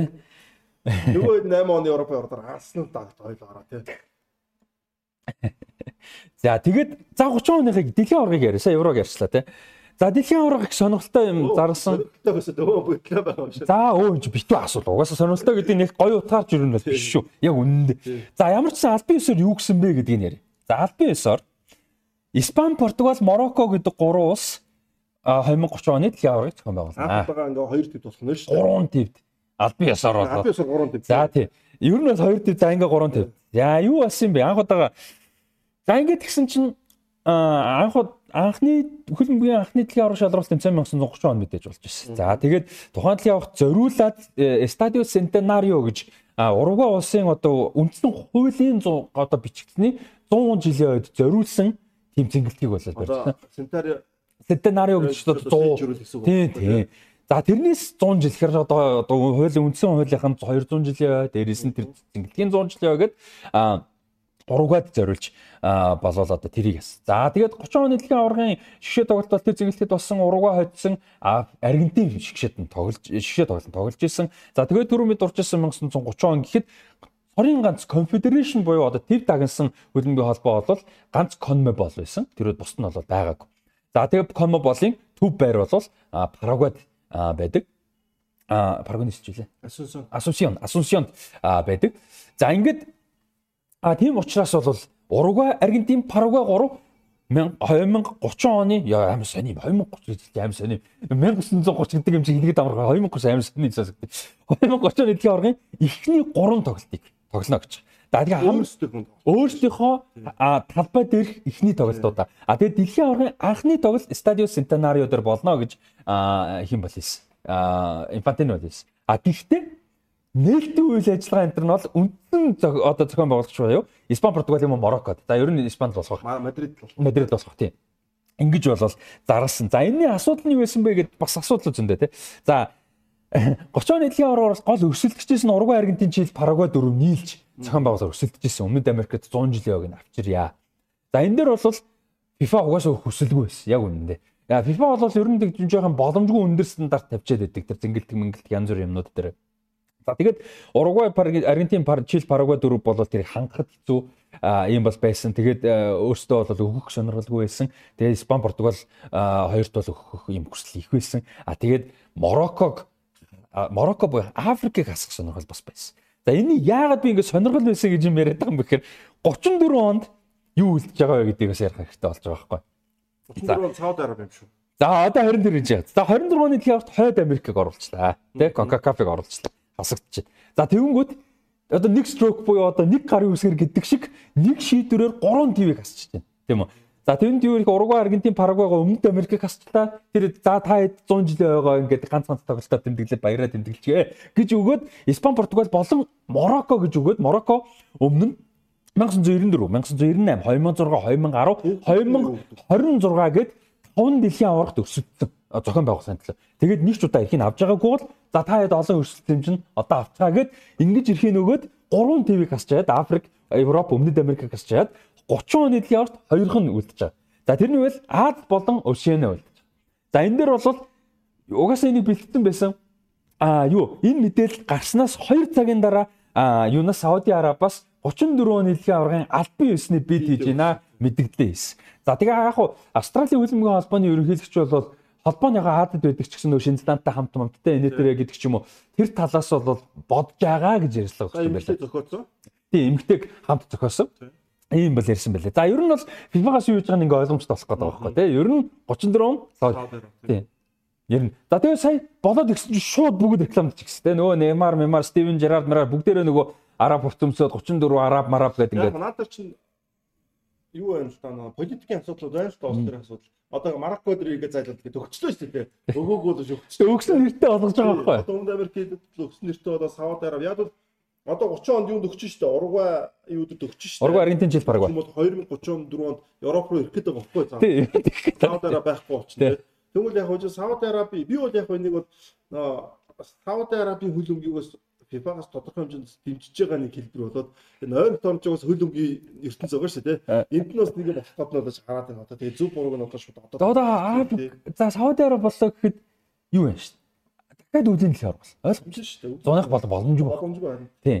Тэгэхээр одоо дахиад нөгөө календар юмнууд ийм. Гэхдээ яг Катараас наа чинь хэдэн жилийн дараа юм бэ? 12 жилийн дараа шүү дээ. Тэгэхээр бас юу юм байна л да. Бас арай бодолж үзэж болох юм. Хэцүү юм те. Одоо тэгээд наад чи би бодож байсан Парагвай дунд нь явж чи Парагвай дунд холбоо юм биш тий. Тийм Парагвай дунд коме болоо холбоо. Тэр холбоо байх нэг чухал биш тий. Тэгээд яг нөгөө хам зохион байгуулагч гэсэн чийлэн дунд нь чирэгтэй байхгүй болчихж байгаа байхгүй. Наа чинь тэгээд FIFA бас гэж байна. Амар амар FIFA угаасаа асуудал. За Испани бол өмнө нь 1980 оны дэлхийн аврал шалгаруулах тэмцээнийг юу яаж исэн? Зохион байгуулж исэн. За тэнцэл Итали тухайн үед 3 дахь төрүүлж байсан. За Дээрээс нь 64 оны еврог төрүүлж зохион байгуулж ирсэн өөрөө төрүүлж ирсэн. За Португалийн хувьд бол анх удаага дэлхийн аварга зохион байгуулах нь 2004 он мэдээж еврог талбай дээр зохион байгуулад финалд Грекэд хожигдчихсэн. За Мароккогийн хувьд бол 5 удаа сая хэлсэн зохион байгуулах юунд бол өрсөлдөд нэгч сонгож байгаагүй. За 88 оны Африкийн твийн аварга шалгаруулах тэмцээнийг бол зохион байгуулаа өөрсдөө тухайн жил дөрөвт орсон. За тэгээ 25 онд бол зохион байгуулах хуваартай байгаа. За Уругвайгийн хувьд бол мэдээж 1930 оны анхны дэлхийн аваргыг зохион байгуулсан. Финалд Аргентиныг буулгаж авч ирсэн. За Аргентины хувьд бол 78 онд талбай дээр зохион байгуулаад өөрсдөө төрүүлж ирсэн. За тэгээд Парагвай хувьд анх удаага албан ёсны дэлхийн аваргын тоглолт нэг тоглолт Асунсьон хотод явах нь байна. Дахиад цааш та авах ч тийм. Парагвай ч Монголтой төссөн шүү дээ. Далаад гацгүй. Нэг том хоттой. Яваас нэг Гуарани гэдэг нөхдөл ч юм бас жоохон хагас нүүдэлчин маягтай амьдарч амьдардаг гэж зөндөө олон үедээ манах дээр. Острын докторгүй байдалтай байгаа сүүлийн хэдэн жил. За тэгээд юуны хувьд болохоор зохион байгуулах одоо боломжит газруудыг бол айгүй олон газар бол яриг. Хоёлаа нэрэлчих юм шүү. За ер нь бол тэгээд юу юм бэ л дээ нээлт бол Испанд болно ойлгомжтой. Шүгийн дөрвийн хоёр тоглолт финал Испанд болно ойлгомжтой байна. Ерөөсөө а тэгээд шүгийн 8 16-г бол Португал нэлийн өгнө. Мороккод хэсгүүдийг бол ихэнхийг Португал юу хоёрт хэсгүүдийг ихэнхдээ өгөх юм байна Мороккод. За одоогийн байдлаар potential venue буюу одоо а боломжит газрууд юу ярьж гинвэ гэдэг. За. За эхлээд нөгөө юу гин нээлтийн 3 те. За Луке буюу одоо юуны одоо дүүрэгч гэх юм уу да Асунсионы одоо метрополитен хэсгийн жоохон захад байдаг хэсэг юм байна. Одоо цэнгэлтгүүч уусаад хахтлаа шүү дээ. Лука дүрэгт нь байдаг. А Estadio Estadio Conmebol гэж цэнгэлт байдаг. Яг Conmebol-ын хажууд юм байна л да. Өмнөд Америк хөлбөмбөг холбооны. Энэ бол 60 мянган үзэгчийн цэнгэлт судалтай ийм цэнгэлт. За энд бол болно. За тэгээ Аргентинд болохоор 83 мянган үзэгчийн судалтай Антонио Vespuccio Liberty гэж цэнгэлтгэд бол Буэнос Айрест. За тэгээ нөгөө Монтевидеод Центенарио цэнгэлт мэдээж ойлгомжтой төрүүлсэн. Тийм. Одоо наач явж тоглох багуудад бол төвөгтэй ус нэг тоглож буцаал хашгаа юм шиг. Бүтэн далаад гаталж очин. За энэ дэр бас нөгөө асуулт ирж байна. За энэ гурван маань өөрсдөө тоглолцоод явнаа. За дээрэс нь энэ гуравтаа тоглосон багууд явнаа. Тэдний ядралтыг яах вэ? Нойрны зөрүүг яах вэ? Азийн баг орчил яах вэ? Йоо юу болох вэ. Тэгээ одоо чинь бэлдэж байгаа баг за зарим нь сар за сар биш махад 7 2 7 хоногийн өмнө очиж газар очоод бэлдээд нойр хоол цаг уур те юмдаа дасаад ингэдэг. Одоо яах юм? Өмнөд Америк чинь маш өөр цаг ууртай өндөр газар одоо жишээ нь өвд очиж штэ Өмнөд Америкт бол. Тийм. Өмнөд Америкийн үйл очин тийм дээрээс нь. Яг өвлөн дулаахан ч гэсэн бас тэгээд бас жоохон. Тэгээ дээрээс нь одоо ялангуяа Парагвай тентэр бол өндөр газар. За нөгөө хоёр нь бас гаагүй. Парагвай ч өндөр газар далайн төвчнөөс нэлээд өндөр. Тэнгүүд чинь нөгөө хүчил төрөгчийн хэмжээ өөр. За яг гоо тэнцээ нэг Монгол шиг. Тий. Тэгээд тэнцээ нэг тэнцээ бол заа дүүрсэн те тэрэндээ бэлтэн. Тэнцээ нэг тоглолцоод бүтэн далаа галтаад 5 6 цагийн зөрөгтэй өөр улсад очиод тоглохоор яаг вэ? Тэр чинь одоо бүр ингээд далаа яриад тоглох маалаа гэдэг. Тий. Энд чинь одоо бүр ингээд тэр баг бол магадгүй ядраад хожигдох юм бол FIFA-д гомдол гарах хэрэгтэй болох гээд шүү дээ. Тийм заваа юм болох гээд байна. Ямар ч баг байсан гэсэн томч бай, жижигч бай тэр нь хамаагүй 48 баг. Тэр нь хамаарлаггүйгээр ямар ч баг байсан гэсэн энд очиж тоглож байгаа гурван баг дараа явхад шудраг босолж байгаа. Наа чи нэг юутай адилхан гэж байна. Анхны дэлхийн ормоор болоход Европын багууд Өмнөд Америкт ч төрүүлж чаддаг, Өмнөд Америкийн багууд Европт ч төрүүлж чаддаг. Тэр чинь нэг логистик асуудал. Тийм, тийм. Тэр шиг юм байна. Яг л тэр шиг тийм. Тэгээ яаж ч ганцхан тоглолт. Маш том асуудал тийм. FIFA ч угаасаа одоо ингээд юу нэ чин дөө. Одоо ингээд хэдийн агунд том холбоотууд нь лавж явж байгаа шүү дээ хөлбөмбөгүүд ийм олон жижиг холбоодууд ингээд бөөнөр ингээд нэг нэг шийдвэр гаргадаг ийм нөхцөл байна.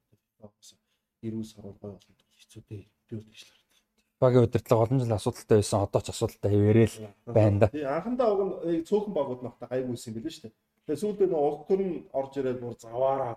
Тэгээ мөн чи дэлхийн хамгийн баян спорт юм байна. Тэгэхээр чи надад чи энэ мөнгнөөс нь өмслөх гэсэн хар мянган лавтай байна л да. Ийм асуудал. Англи Монгол хоёр нэг эрэхтэй гэл Тийм шүү. Англи эчлэн гоё дэлхийн гоё юм ярьдаг манайх дэлхийн биш. Шал хамаагүй өөрсдийнхөө зөвхөн жижиг сажиг юм гэх юм. Ойлгомж. Тэгэхээр жим шиг гарах нь ойлгомжтой шүү дээ. Тэгж л амжиж. Тэгэхээр одоо ийм асуудлууд бол байна. За тэгээ дээрэс нь энэ дэлхийн аварга одоо дэлхийн цагуурын өөрчлөлт бол маш том асуудал болж байна. Надад бол одоо хөл өмгийн мэрэгжлийн бүс бус хүмүүсийн шийдвэр биш.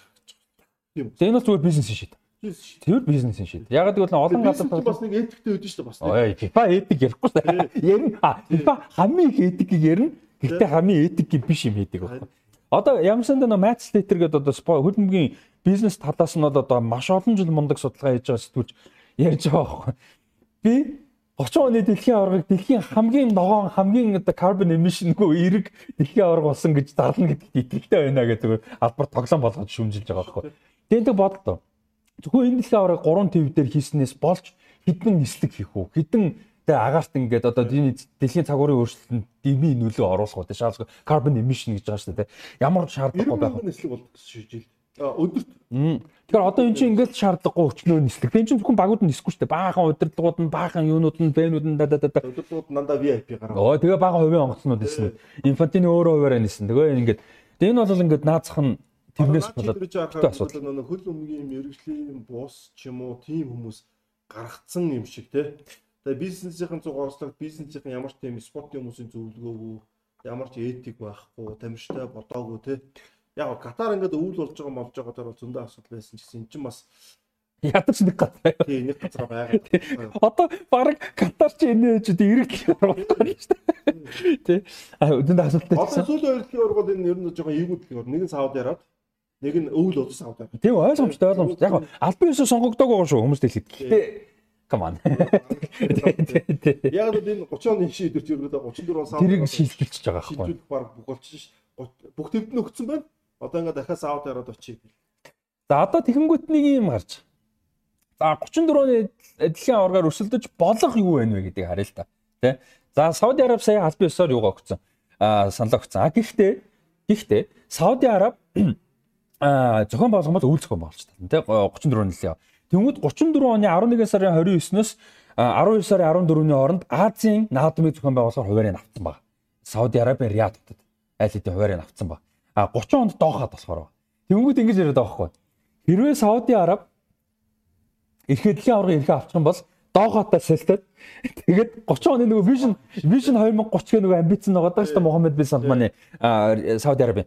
Тэнгүүд тэрнийхээ үеэр сайхан ивент хийх юмтай Азийн наадмыг те 30 ондоо хийгээд хэдэнд энэ 11 сарын 29-ноос 12 сарын 14. Одоо яг л дэлхийн аварга болох бай. Тэр үед Риадад Азийн наадам болох хуваар. Азийн наадам ч заавал болох нь шүү дээ бүр юунд те. Хоёр Доха Риад хоёр дараалж байгаа. 30 34 онд тий. Аа тэгээд 26 онд Aichi Nagoyад байгаа. Японд байгаа. 22 онд мэдээж одоо 22 оны 22 оны Азийн наадамч Наганод юм уу те? А Нагано биш ээ. Aichi Nagoya. Nagoya аа Nagoya. Nagoya тий. Aichi Nagoya хоёрт хоёр газар. А Ханжуу бол яг дөнгөж сая болоод байна. Юу шиг байхгүй таа. Милан Милан юу вэ? Нэг жижиг гот байгаа шүү дээ. Кортино юу вэ? Тэр шиг. Тэ тэ тэрэн шиг тийм. За ийм нэг асуудал бол байна. За тэгээд энэ Сауди Арабч дуусаагүй за дахиад. Азийн санийх бол Азийн зуны наадам тий. Албан ёсоор зуных гэж явж байгаа. Гэтэ нам намар бол а одоо зуны спорт байхгүй да. За өвлийн спортын наадам байгаа Азийн. За тэр бол сайн 17 онд Саппоро Обихирод болсон. За сая бол 19 20 онд болох хэрэгтэй байсан мэдээж болоогүй. За тэгэнгүүт 25 онд харьбинд болох юм байна шүү дээ. Азийн өвлийн спортын наадам 2 сараас 3 сарын хооронд харьбинд болох юм байна. За тэгээ 29 онд бас тодорхой зооцсон юм байна. А Сауди Арабын одоо одоо ингээд цөл байгаа хоёрхан байшин баригдтаа одоо бүтэн цөл байгаа ирээдүйд баригдана гэж байгаа Неом гэдэг хотын өвлийн олимпийн бүтэн бааз барина гэж байгаа хот Троена гэдэг нэртэй. Тэрэнд болно гэд хуваарлцсан. Одоо баригдаг байгаа. Одоо цөл байгаа. Хоёр байшинтай. Сауд Арабч нь улс төрийн юу өстэй FIFA байтгаа Аз руу амар орчихсон. Спортоор спорт вашинг хийн гэдэг бол зүгээр утгааны үзүүлж. За тэгээд энэ ингээд одоо Азийн наадам байж зуных нь өвлийнх нь дэлхийн аваргаан те. За нэмээд e-sports руу баг байгуулсаар бас. Нөгөө Paris Saint-Germain ч одоо цуглуулдаг шүү дээ. Би нарийн ширээ мэдгүй шүү. Гэхдээ Counter Strike-ийн баг байгуулж байгаа. E-sport яг нь өдөр авах юм да. Тийм, тэрийн данч мэдгүй болохоор гэхдээ ямар ч үсэн Counter Strike-ийн баг цуглуулж байгаа юм байна. Од модуудыг аваад чи Neymar Neymar ч баг нөгөө реклам рекламыг хийгээд даалж гин гэсэн. А ямар тасалжуулагч нь авсан чинь би нарийн ширээ мэдгүй байна. За тэгсэн. За тэгээ сая Формула 1-ийн Гран При юунд хийлээ. Сауди Арабид сая хийсэн. За тэгээ ATP-гийн а ихтэйчүүдийн одоо талбайн теннисийн том холбоо байгаа шүү дээ мэржлийн. ATP-гийн том нэлээд том чинь ямар файнал үлээ нийт том тэмцээний Сауди Арабид 26 7 хүртэл хийхээр гэрээ юмсэн. За тэгээд дээрэс нь гольфтэй сая нөгөө лив гольф гэж тусдаа юм байгуулад хоорондоо тэтгэж барыг дайм босгох надад нөгөө том PGA Tour гэж байдаг шүү дээ том. Тэрнтэй өрсөлдөж жагаад болоод нийлсэн. За тэгээ одоо Сауди Араби нэг юу гэхэд нэхэр одоо сагс руу орох гэдэг. Тэгээд юу бол спорт вашинг гэдэг бол тултал нь хийж. Сагс руу юу л орох санаа байгаа гэсэн. нөгөө нэг Европын лиг чинь том штэ. NBA-ийн дараа. Тэгсэн чинь одоо Сауди Араб чинь нөгөө том нөхдүүдийг авчирч нөгөө хөлбөмбөг гэж байгаа шиг лиг байгуулна байгуулна. Араб лиг байгуулна гэж явж байна. За дотор спортуудын хувьд бол яг бас ойлгож байна тий. Тэгээ одоо Сауди Араб яг үгүй гэхдээ дотор гадаад ш нөгөө нэг политикли тэргээр юу хийгээд байна гэдэгт л баг. А тэгсэн чинь ингэж л. Сайн нөгөө Катарт чинь би уухгүй боо юмсан шүү дээ. Budweiser энтер чинь спонсор тэгээд болно гэжсэн чинь өмнө нь үгүйгээ шийдвэр гарсан. Budweiser чинь ямарснаа кола дарсан шүү дээ. Тэгсэн чинь тэгсэн чинь 34 оны дэлхийн аваргаар хэрвээ эрхийн ахын болоод алкогол одоо ууж болдгоо шүү дээ Сауди Араб чинь тий. Тэр зөвшөөр тэрийг туслана гэсэн. Хүмүүсийг алкогол уудгана гэж байна шүү. Үгүй тодлоо да. Тийм. Тэгээ одоо сая Мохаммед бин Салман Fox News-тэй ярьслаа өгсөн байлээ л дээ. Тэгсэн мань хүн одоо та нар sports washing гэж нэрлэмээр sports washing гэж нэрлээ надад хамаахгүй би бол тоохгүй. Манай дотоодын нийт бүтээгдэхүүний нэг sports washing хийгээд нэг хуваар нэмжил байвал би sports washing хийдгээрээ хийнэ гэсэн байлээ шүү. Тэр улсын өнцгөөс бас юм. Үгүй дан эдийн засгийн асуудал биш аахгүй байгаа. Энэ бол эдийн засгийн асуудал биш. Тий. Зүгээр дан эдийн засгийн асуудал хүмүүс дэмжих гээд байгаа байхгүй. Дан эдийн засгийн асуудал биш аахгүй. Энд чинь бүр ингээд геополитикийн дээрээс нь нийгмийн хүний эрхийн ингээд асар том асуудал ярьж байгаа. Одоо юу болчиход байна? Дэлхийн нийтээрээ илүү нөгөө юу л болчих. Юу чинь илүү шудрах илүү хүний эрх хүний эрхтэй дэлхийдээ хайртай гэж би сая Америкт очиод бас нэлээд хүмүүст уулзлаа том компани банажилтан монголч. Тэсний тэдний юм чинь одоо ингээд готлоо шүү дээ пүүзийг тий Пүүцэгт айгүй хязгаарламж бас болсон гэсэн. Яасан гэж чинь. Одоо sustainable ч юм уу recycle ч юм уу тэрүүгээр юм. Одоо ингээд дуртай утсаа гаргаж байгаа тэрүүгээр ингээд юм очтой дуртай ингээд арьсаараа ингээд юм бичдэг байха болсон. Одоо ингээд хийж байгаа хүмүүс нь ингээд юу хязгаар өгчдөг. Тэр хязгаар дотроо багтаж бид нар маш сайн. Одоо энэ юунууд ч бүр амар болцсон шүү дээ том том компаниуд ч уу шаардлага нь шаардлага бүр амар өндөр түвшин болсон байна. Ерөнхийдөө sustainable байх хэрэгтэй Одоо Тэрс нь хөдөлмөрийн мөржлөг явахгүй байх шээ. Хөдөлмөрийн мөржлөг байх. Нэг бол нуудаг тэрийг. Нэг бол 100% одоо юу хэвээр. Одоо recycle руу шилжиж. Тиймэрхүү юм руу очиод байгаа байхгүй. Тэгэхээр одоо нөгөө Сауди Араб яг нөгөө баг эсрэг дахин боловсруулсан. Тий, дахин боловсруулсан яг үнэтэй. Дахин боловсруулсан юмар. Одоо бидний өмсөж байгаа хийг юм дахин боловсруулсан ихгүй дэлхийж огондод. Яг 100% боломжгүй зүгээр тодорхой хэмжээнд. А 100% руу явж байгаа юм бодож. Тэгвэл нөгөө дэлхийж огондод аргачих гэдэг юм шүү дээ. Тий, тэр. Тий. Гэтэ юу л яагаад байгаа юм л да. Одоо жишээ нь Apple сая ингээд шинэ бүтээгдэхүүнүүдэд зарлаа. Тэгсэн чинь Apple-ийн шинэ iWatch-ыг болохоор 100% одоо юм carbon emission-гүй бүтээгдэхүүн гэж нэрлэж байгаа байхгүй.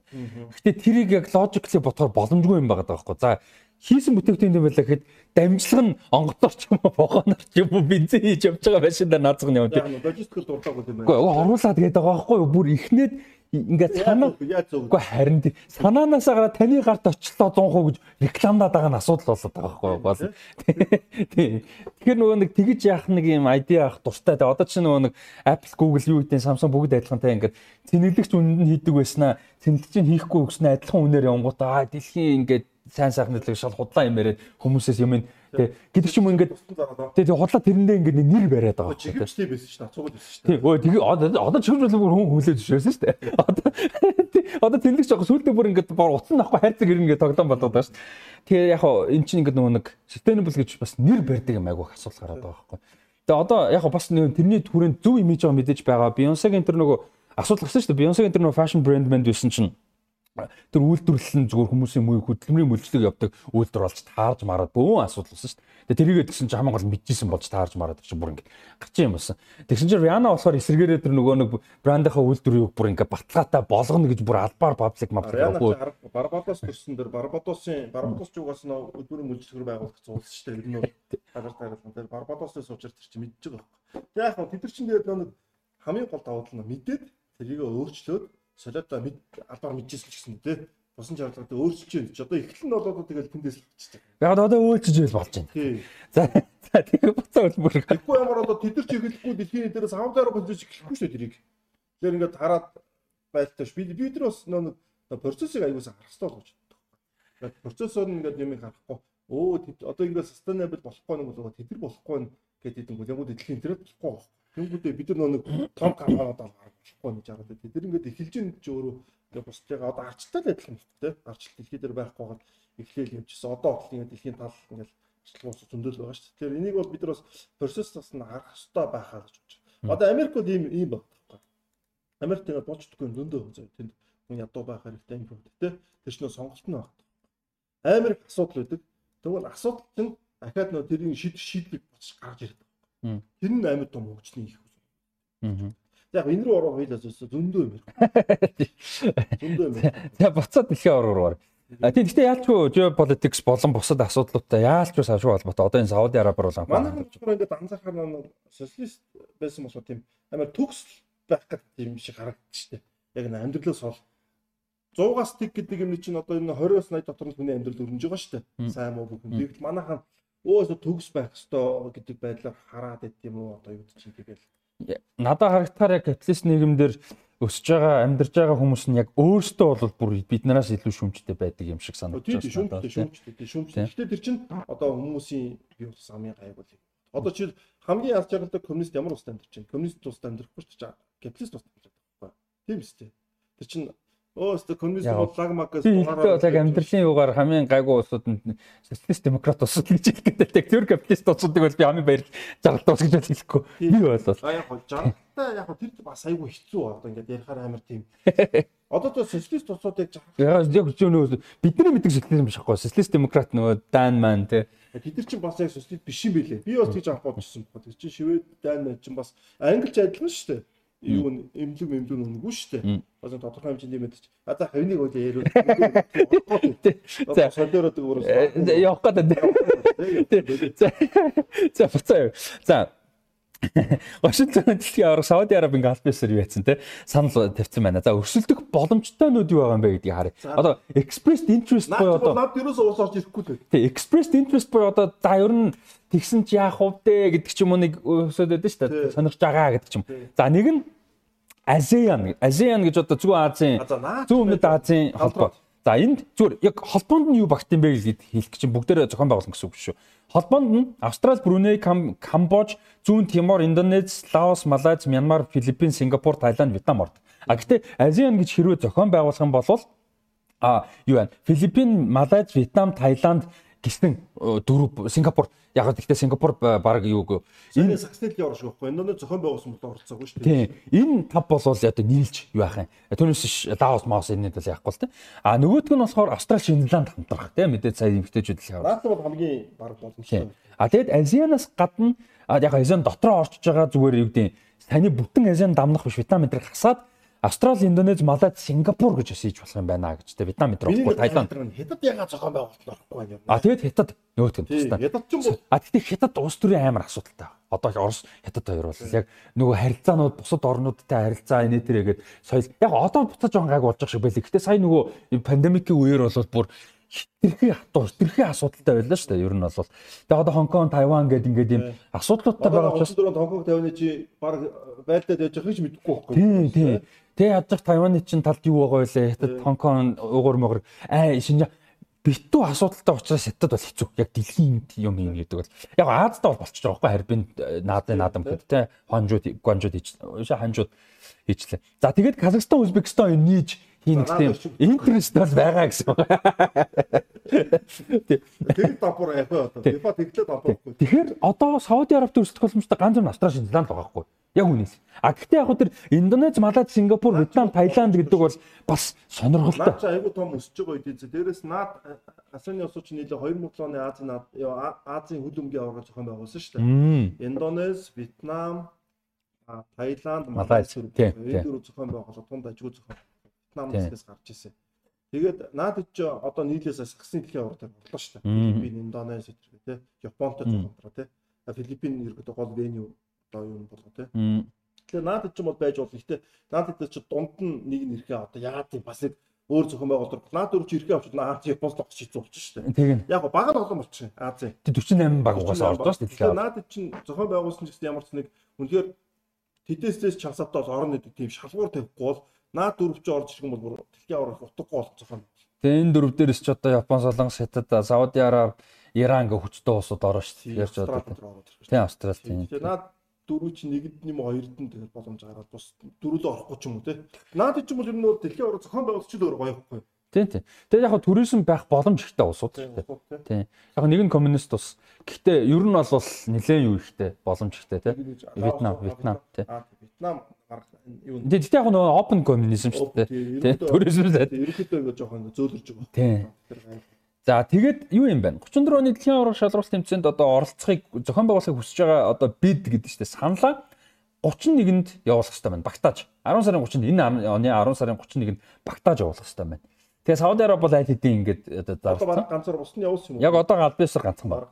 Тэр 31-ээс өмнө хэдүүлээ мэдээ сонсогдоо сонсогдно үгүй бол тэгээ Сауди Араб. Яг тэгэхээр түрүүн хэлсэн чинь одоо Турк Итали дээр гэдэг шиг. Ер нь өсөлдөх яа юу маш бага. Өсөлдөх юм аа FIFA ч өөрөө байх болчих. Аа тий тий Автоматар сонссон. Марокко хөөх юм нь өөртөө хийх гээдсэн хийх гээдсэн хийх гээдсэн тэгээд одоо ингээд өгчлээ шүү дээ. Марокко яг үндэ хийх потенциалтай болсон. Потенциалтай үнэхээр эдийн засгийн том хөлбөмбөгийн дэд бүтэц сайтай хөлбөмбөгийн соёлтой том хотод хотод аягүй чухал. Астар болон том хоттой. Касабланка, Маракеш, Рабат, Танжер гэдэг мэдчих дөрөв том хот очиж байна. Тэгэхээр бол одоо Маракеш фейс байна. Фейс ч бас томоод шүү дээ. Маракеш, Маракеш альмаар алдартай шүү дээ. Маракеш. Тэгээ туризм ихтэй тэгэд а одоо амар сонирхол одоо Египт Түнис энэ төр бол тэгж чаддгүй. Гэхдээ Марокко яаж чаддаг хойд альжирч гэсэн те. Марокко юу чаддаг гэхээр дунд одоо газар дундын тэнгисийн нэг юм соёл уур амьсгалтай. Дээрээс нь муслим орон. Тэгснэ араб Тэгэнгүүтээ Европ соёлтой. Амар гоё байхгүй. Ингээ бүх юм нь а тэгэхээр Алжир ч тийм биш, Түнис ч тийм биш. За Египт арай гайгүй ч гэсэн бас яг тийм биш. Тийм. Тэнгүү чин яг Марокко бас тэр дунд. Европын соёл аягүй их орж ирээд байна. Юу болсон байна. Одоо Испани болохгүй нуудыг Мароккод хийдэг. Мароккоч одоо Касабланка дээр том том кино мань байдаг. Мароккоч нөгөө могоо танд дээр юу Касабланка юутай Касабланкад байгаа юм ч мөхгүй тий. Яг одоо тэр чинь өөрөө том нэр маркет болчих тий. Дээрээс нь юу байгаа Оо а анхаас нь цагуурын хувьд хүмүүс амьдрал хамгийн тохиромжтой. Гадаад дундын тэнгисийн цагаар. Тийм учраас Марокко ч юу бодох та. Алжир түүнээс өөр чи хойд хийсэн төлөө битүү цөөн шүү дээ. Тийм тийм. За одоо э, түрүүн хэлээ цэнгэлдэх гэж ярьжсэн тэрийг нэ тий.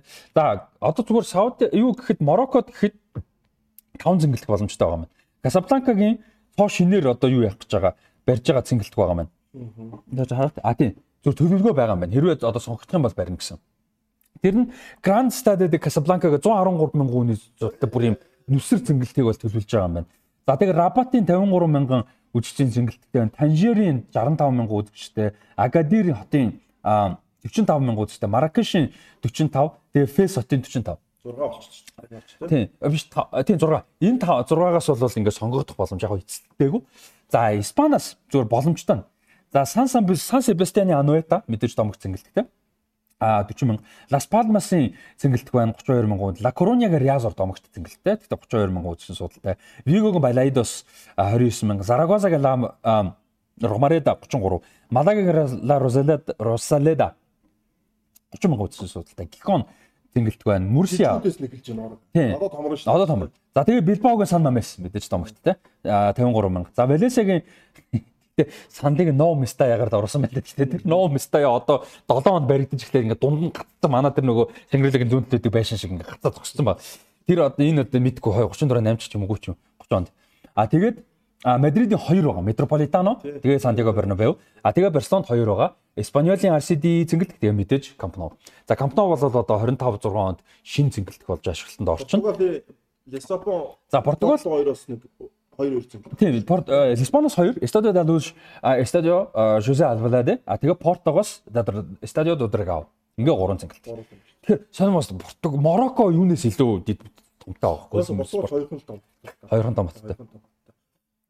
Португалийн яага Прагаг оруулчихсан. Португалийн 3 ч орж ирээд Мароккогоос нэг 3 орж ирээд үлдснээс Испанид наа чи тарах баха. Хойшоо Билбаор өгөөд Барселоноор өгөөд Уршига Малагаар өгөөд Төвдөө Мадрид рүү өгөөд тэр бар уушгаа Виго юм уу Лакрони хоёрын нэг рүү тэгэл салах баг. Тэхэн мусан дээр арайч Виго Лакрони Лакрони энэ байж маа. Лакрони Виго ч угаасаа тэр бүсийн урагшаа Сивил дээр очив л да. Сивил яа Сивил юм Малаг хоёр. Тийм Сивил Малаг хоёр дээр л очив.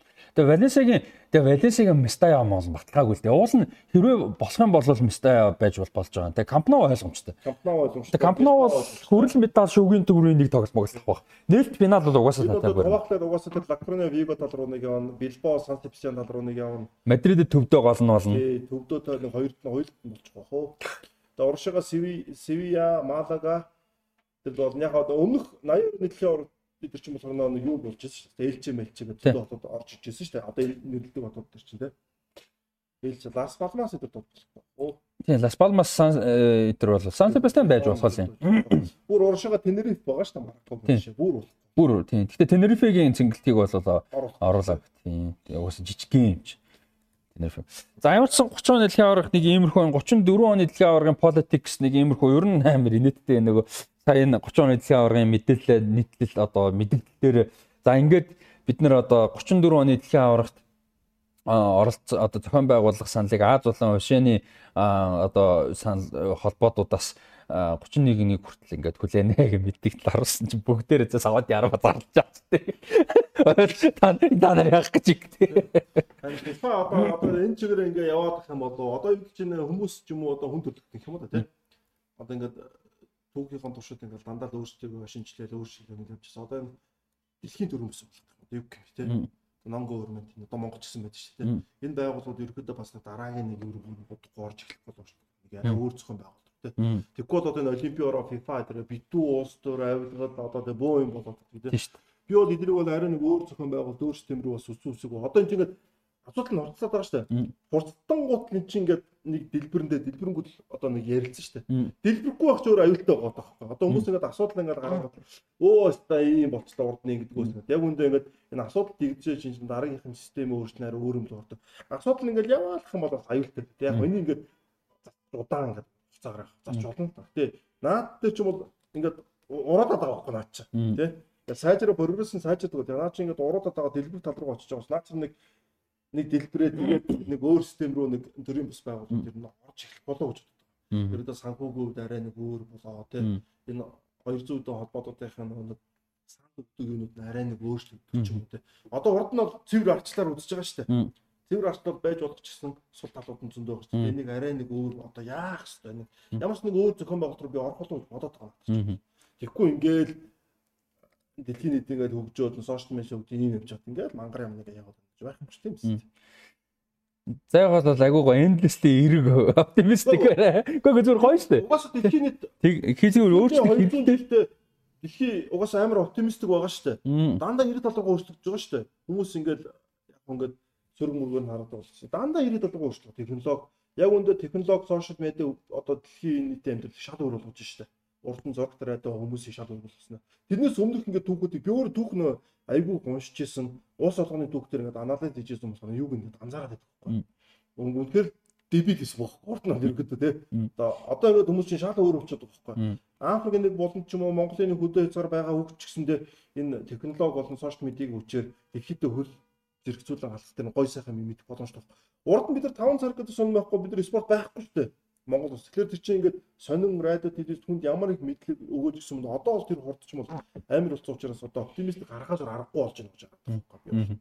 Тэгээс дэлхийн нийт улам ингээд улам муухай болоод улам байлэр болох гэж би ерөөсөө харахгүй байна. Окей.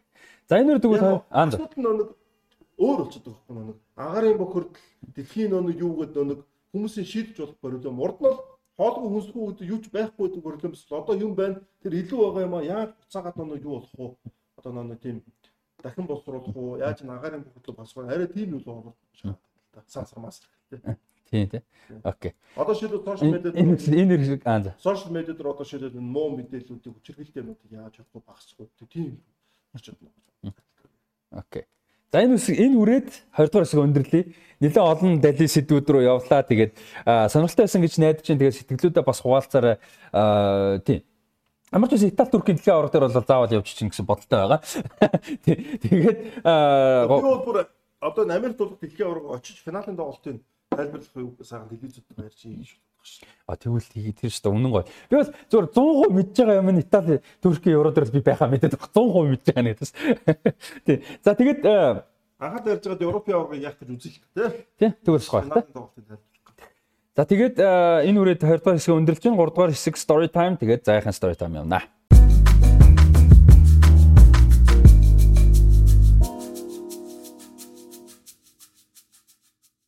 За шоу Бонито шоу подкастын сизон 2 9-р дугаар үргэлжилж байна. Тэг өнөөдрийн дугаарыг өнөөдрийн дугаарыг болон энэ сизон дуустал Тэтэм биш. Яа, тэр бүр. Тэг нойрго би нөө бүтэн нойрго биш. Sorry. Тэтэм спорт бар.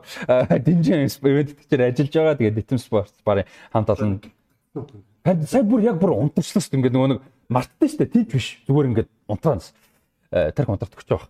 8070 67 дугаараар холбогдож захиалах боломжтой байгаа шүү. За, story time юу вэ?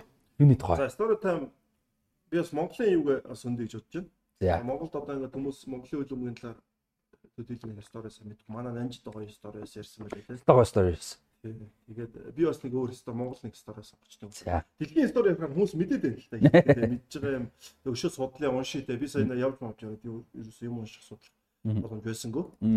Тэгээд Монголтой холбоотой стори бас яаж хийж бодоод байна л да. Энэ ямар стори гэхээр манай Монголын хөлбөмбөгийн бас асар том зүтгэлтэн манай Бендрэгийн ганц багш маань сайхан бас өөдөлсөн байгаа.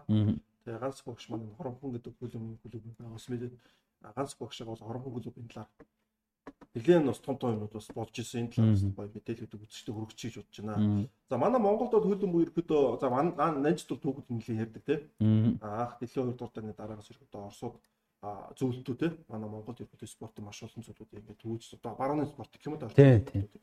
А тэний нэг нь хөлбөмбөгөөс нэ хөлбөмбөгийг бол хаалга гаргах гэдэг нэртэй байж байгаа 60-аад онд социалист улсуудын хооронд тоглолт Монгол гэж явж байгаа. Тэгээд ерөөдөө яг 90 онд явж байгаа. За тэгээд ингээд арчлаас хойш манайх ингээд лигийн тэмцээ 90-ад оны дундууд мундууд гэхэд ингээд явж исэн. Цөөхөн багтай.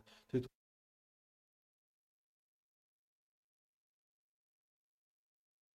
Тэгээд ингээд хүүхдийн клуб айгу багт байгаад аль биесна айгу хэцүү тийм. Тэгээд тэр үед нөгөө Монголд амьдрал хэцүүсэн хүүхдийн клуб ажиллах нь өөр тийм завтай ч юм байхгүйсэн, мөнгөтэй ч юм байхгүйсэн юм байсан.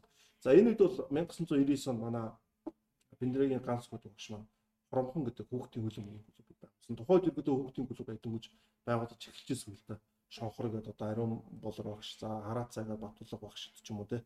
За тэгээд 5 дугаар сургуультай Шархуу багш, Риндо багш, 20 дугаар сургуулиар ингээд багшраа ингээд хийдэг гэснээр Хоромхон гэдэг энэ хөлбөмбөгийн клуб ерөөдөө ямар нэгэн сургууль төр ихээс илүү яг нэг сургууль төр биш гэдэг. Би даас. Би дааж ингэж байгуулж. Тэгээд ганц багш маань 1968 онд одоо Улаанбаатарт төрсэн байдаг. За тэгээд ихнэр 3 охинтой байгаа. Тэгээд өөрөө бол яг хөлөмгийг 99 онд нүүл клубыг байгуулахдаа маш том амбицтай байгуулжсэн. Яг бол тухайн үед Монголд эдийн засаг хүндээсэн тийм одоо эрэгтэй хүүхдүүдэд ингээд одоо юу чи хүүхдүүд чөлөө цагаа өнгөрөх ч юм уу тийм боломж авахгүй. Тэгээд амьдралын боломж усаараа дараач ерөөс тийм хүүхдүүд ч гэсэн туслахыг маш олон зорилготойгоор ганц багш маань за тэгээ манай баадах, болдаах, гамбаах, за тэгээ семка жиг явах гэдэг манай одоо хоёр эрчмийн хоёр манай шгшээг хоёр домгот хоёр юм байгаа. Эдгээр хүмүүс иргэд нийлж бас байгуулж исэн. Яг гол байгуулж исэн хүмүүс нь бол манай ганц багш болдоох гамбах баата гэдэг энэ хүмүүс байгуулад манай хоёр үл өмгөж байгаа юм ерөөдөө бас дараа нь орж ингэж байгуулж ирсэн мөлий. За тэгээд хоргон клуб байгуулагдаад Монголд ямар том өөрчлөлт ирсэн бэхээр энэ клуб анх удаага хүүхдийн хөлбөмбөгийн орон нутгийн одоо манай Эрдэнэт манай өөр тэнтэнд очсон. Тэгээд хоромхон клубын бид нар бол гайхчихсан та бид нар улсын аварга жилдээ нэг удаа ингээд хотод очиж байгаа. Тухай заалны улсын аварга байдгүйсэн юм тоонлолгоор ордог.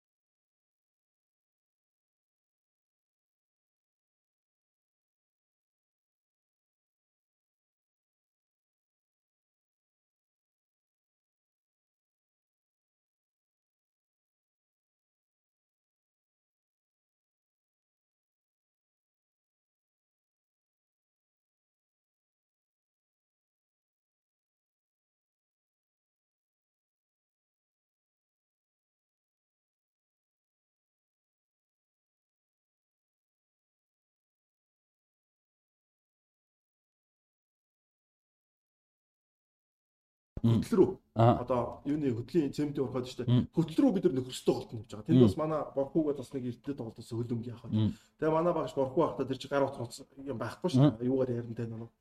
Юуны утсаараа? Нүдний утсаараа. Тий, эргүүлдөө. Тэр чинь хотоороо төлбөр нөндөр. Тэгээд холбоондор очиж ярьд юм бодоо нэг. Шуудан дээр очиж. Тий, шуудан дээр очиж. Тэгээд нөгөө юугаар тохироо. Тэгээд бид нар ингээд хөтөл рүү ингээд бас ингээд аяхан тоглолтод явж байгаа. Хөдөлт очиж нэг юу нэг борхоо ах нэг өрөө байна. Бүгдээрээ байрлаа заа. Эрдэнтийн нэг багаараа шүү дээ. Тэгээд хөтлийн багтаа тоглох хөтлийн багийнхаа наадмын талбай талбайгийнхан баг дунд нь шахав гэртээ гэрээнд тогтож хөдөлгөөний багтаа хүүхдүүд шүү дээ. Яг томчууд ингээд улсын аварч нэг том тэмцээнийг офишл тэмцээнд явж усмал ийм нөхөрсөг тоглолтуудыг томчуудын хооронд баг болдоггүй байсан тэмцээн хот хооронд ялангуяа тийм тэмцээний ганц багшууд ингээд орон нутгад бол ингээд зохион байгуулж исэн. Тэгээ нэлээд том хэмжээнд тэгээ хотын баг ирлээ гэдэг чинь хотын баг иргүүд хотын бүх юм бидэртэй гоё гэсэн. Яг бол хорхон гүлөө бүгд адилхан өсөлттэй.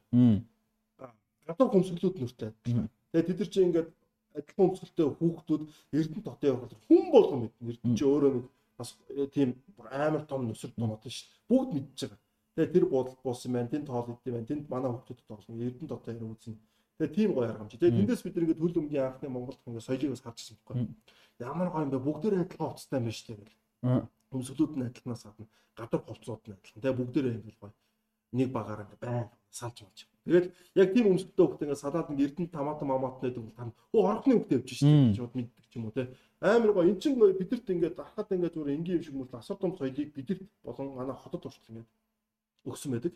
Тэгээ бид нар ингээд эрдэнэтэд э, хотоос эрдэнэт дээрээ тоглож гисэн ингээд орхныхандаа арай илүү ойрхон эрдэнэ дээрээ тохорсон нөхөштэй болсон гэдэг болсон царайчийн хардаг болсон таньдаг болсон. Эний чинь Батбол гэдэг юм байна. Энийг Ленин гэдэг юм байна. Энийг одоо зулаа гэдэг юм нэг нэрийг мэддэг болсон. Одоо дээрээ тоглоулжсэндээ хорогхондоо илүү өөр ганц багш чинь манай эрдэнтийнхэнд айгу гайгүй. Бид нар чинь бас нэг эрдэнэс бид нар чинь санхүүгийн айгу асуудалтай ярина шүү дээ. Хан гар чинь дэмждэггүй юм баггүй. Хан гар чинь ерөөдөө нэг 3 оноос л ерөөдөө дэмжиж гисэн. Тэгээд ер нь бол ганц багш чинь бидний бас бөөнөр нэг хоолнд авч. Тэр бөөнөрөө хоолнд орно гэж.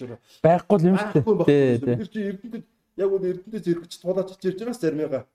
Боломжтойнууд нь бидэдэ төлөө тэр нь хүүхдийн бидэдэр. Боломжгүйнуудаа нэг ёо онгоц онгоц ярьж байна. Интернет дотын суудаг сандал чинийхэн доор 2 мөрөг болчдөг. Билет үгээ. Тэгээ билет өгмөргөл нөгөө өргөө гаргаж ирж байна. Тэгээд тэгж ирдэг гэсэн мөхгүй. Тэгэд бид нар чинь нэгж хоол моолонд оруулна. Бид нар чинь Эрдэнэсээрээ заримдаа мөнгөгүй. За медаль аваа шүү. Мөнгө аваад бүгд рүү хоолнд ороод Эрдэнэ рүү бус билет авцсан байна. Хоолнд аваад явахгүй ямар ч хоолгүй өмдөж шүү. Тийм үед үргэлжлэхгүй.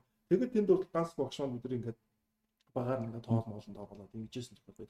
Хөл өмгд бол аим сэтгэлтэй хүмүүс. Эндээс ингээд харахад амар том амбицтай. Тэгээд энэ амбиц нь яг 99 онд энэ хүүхдийн клубыг байгуулсан чинь 2000 онд Хайнекен хоромхуудыг нэр хөл өмгийн дээдл дээдлийг давхад байгаа. Тухайн үед бол ингээд мөнх бадрал лидер ч юм уу хэдхэн цөөхөн ингээд залуучууд ингээд орж исэн. Одооны хүүхдүүд нь тэгэхэд бол Батбол лидер ч юм уу ч жоохон байсан шүү дээ. Тэгээд ингэж явж байгаа дараа нь Black Morgan эдрэгээ дээдлийг мэгт ороод. Тэгээд дээдлийг чи өөрөө цөөхөн багтай, маш цөөхөн багтай. Дээдлийг баг бүрдүүлж оронд чи өөрөө тухайн үед хөлбөмбөг асар том өрөм. Маш том өрөм.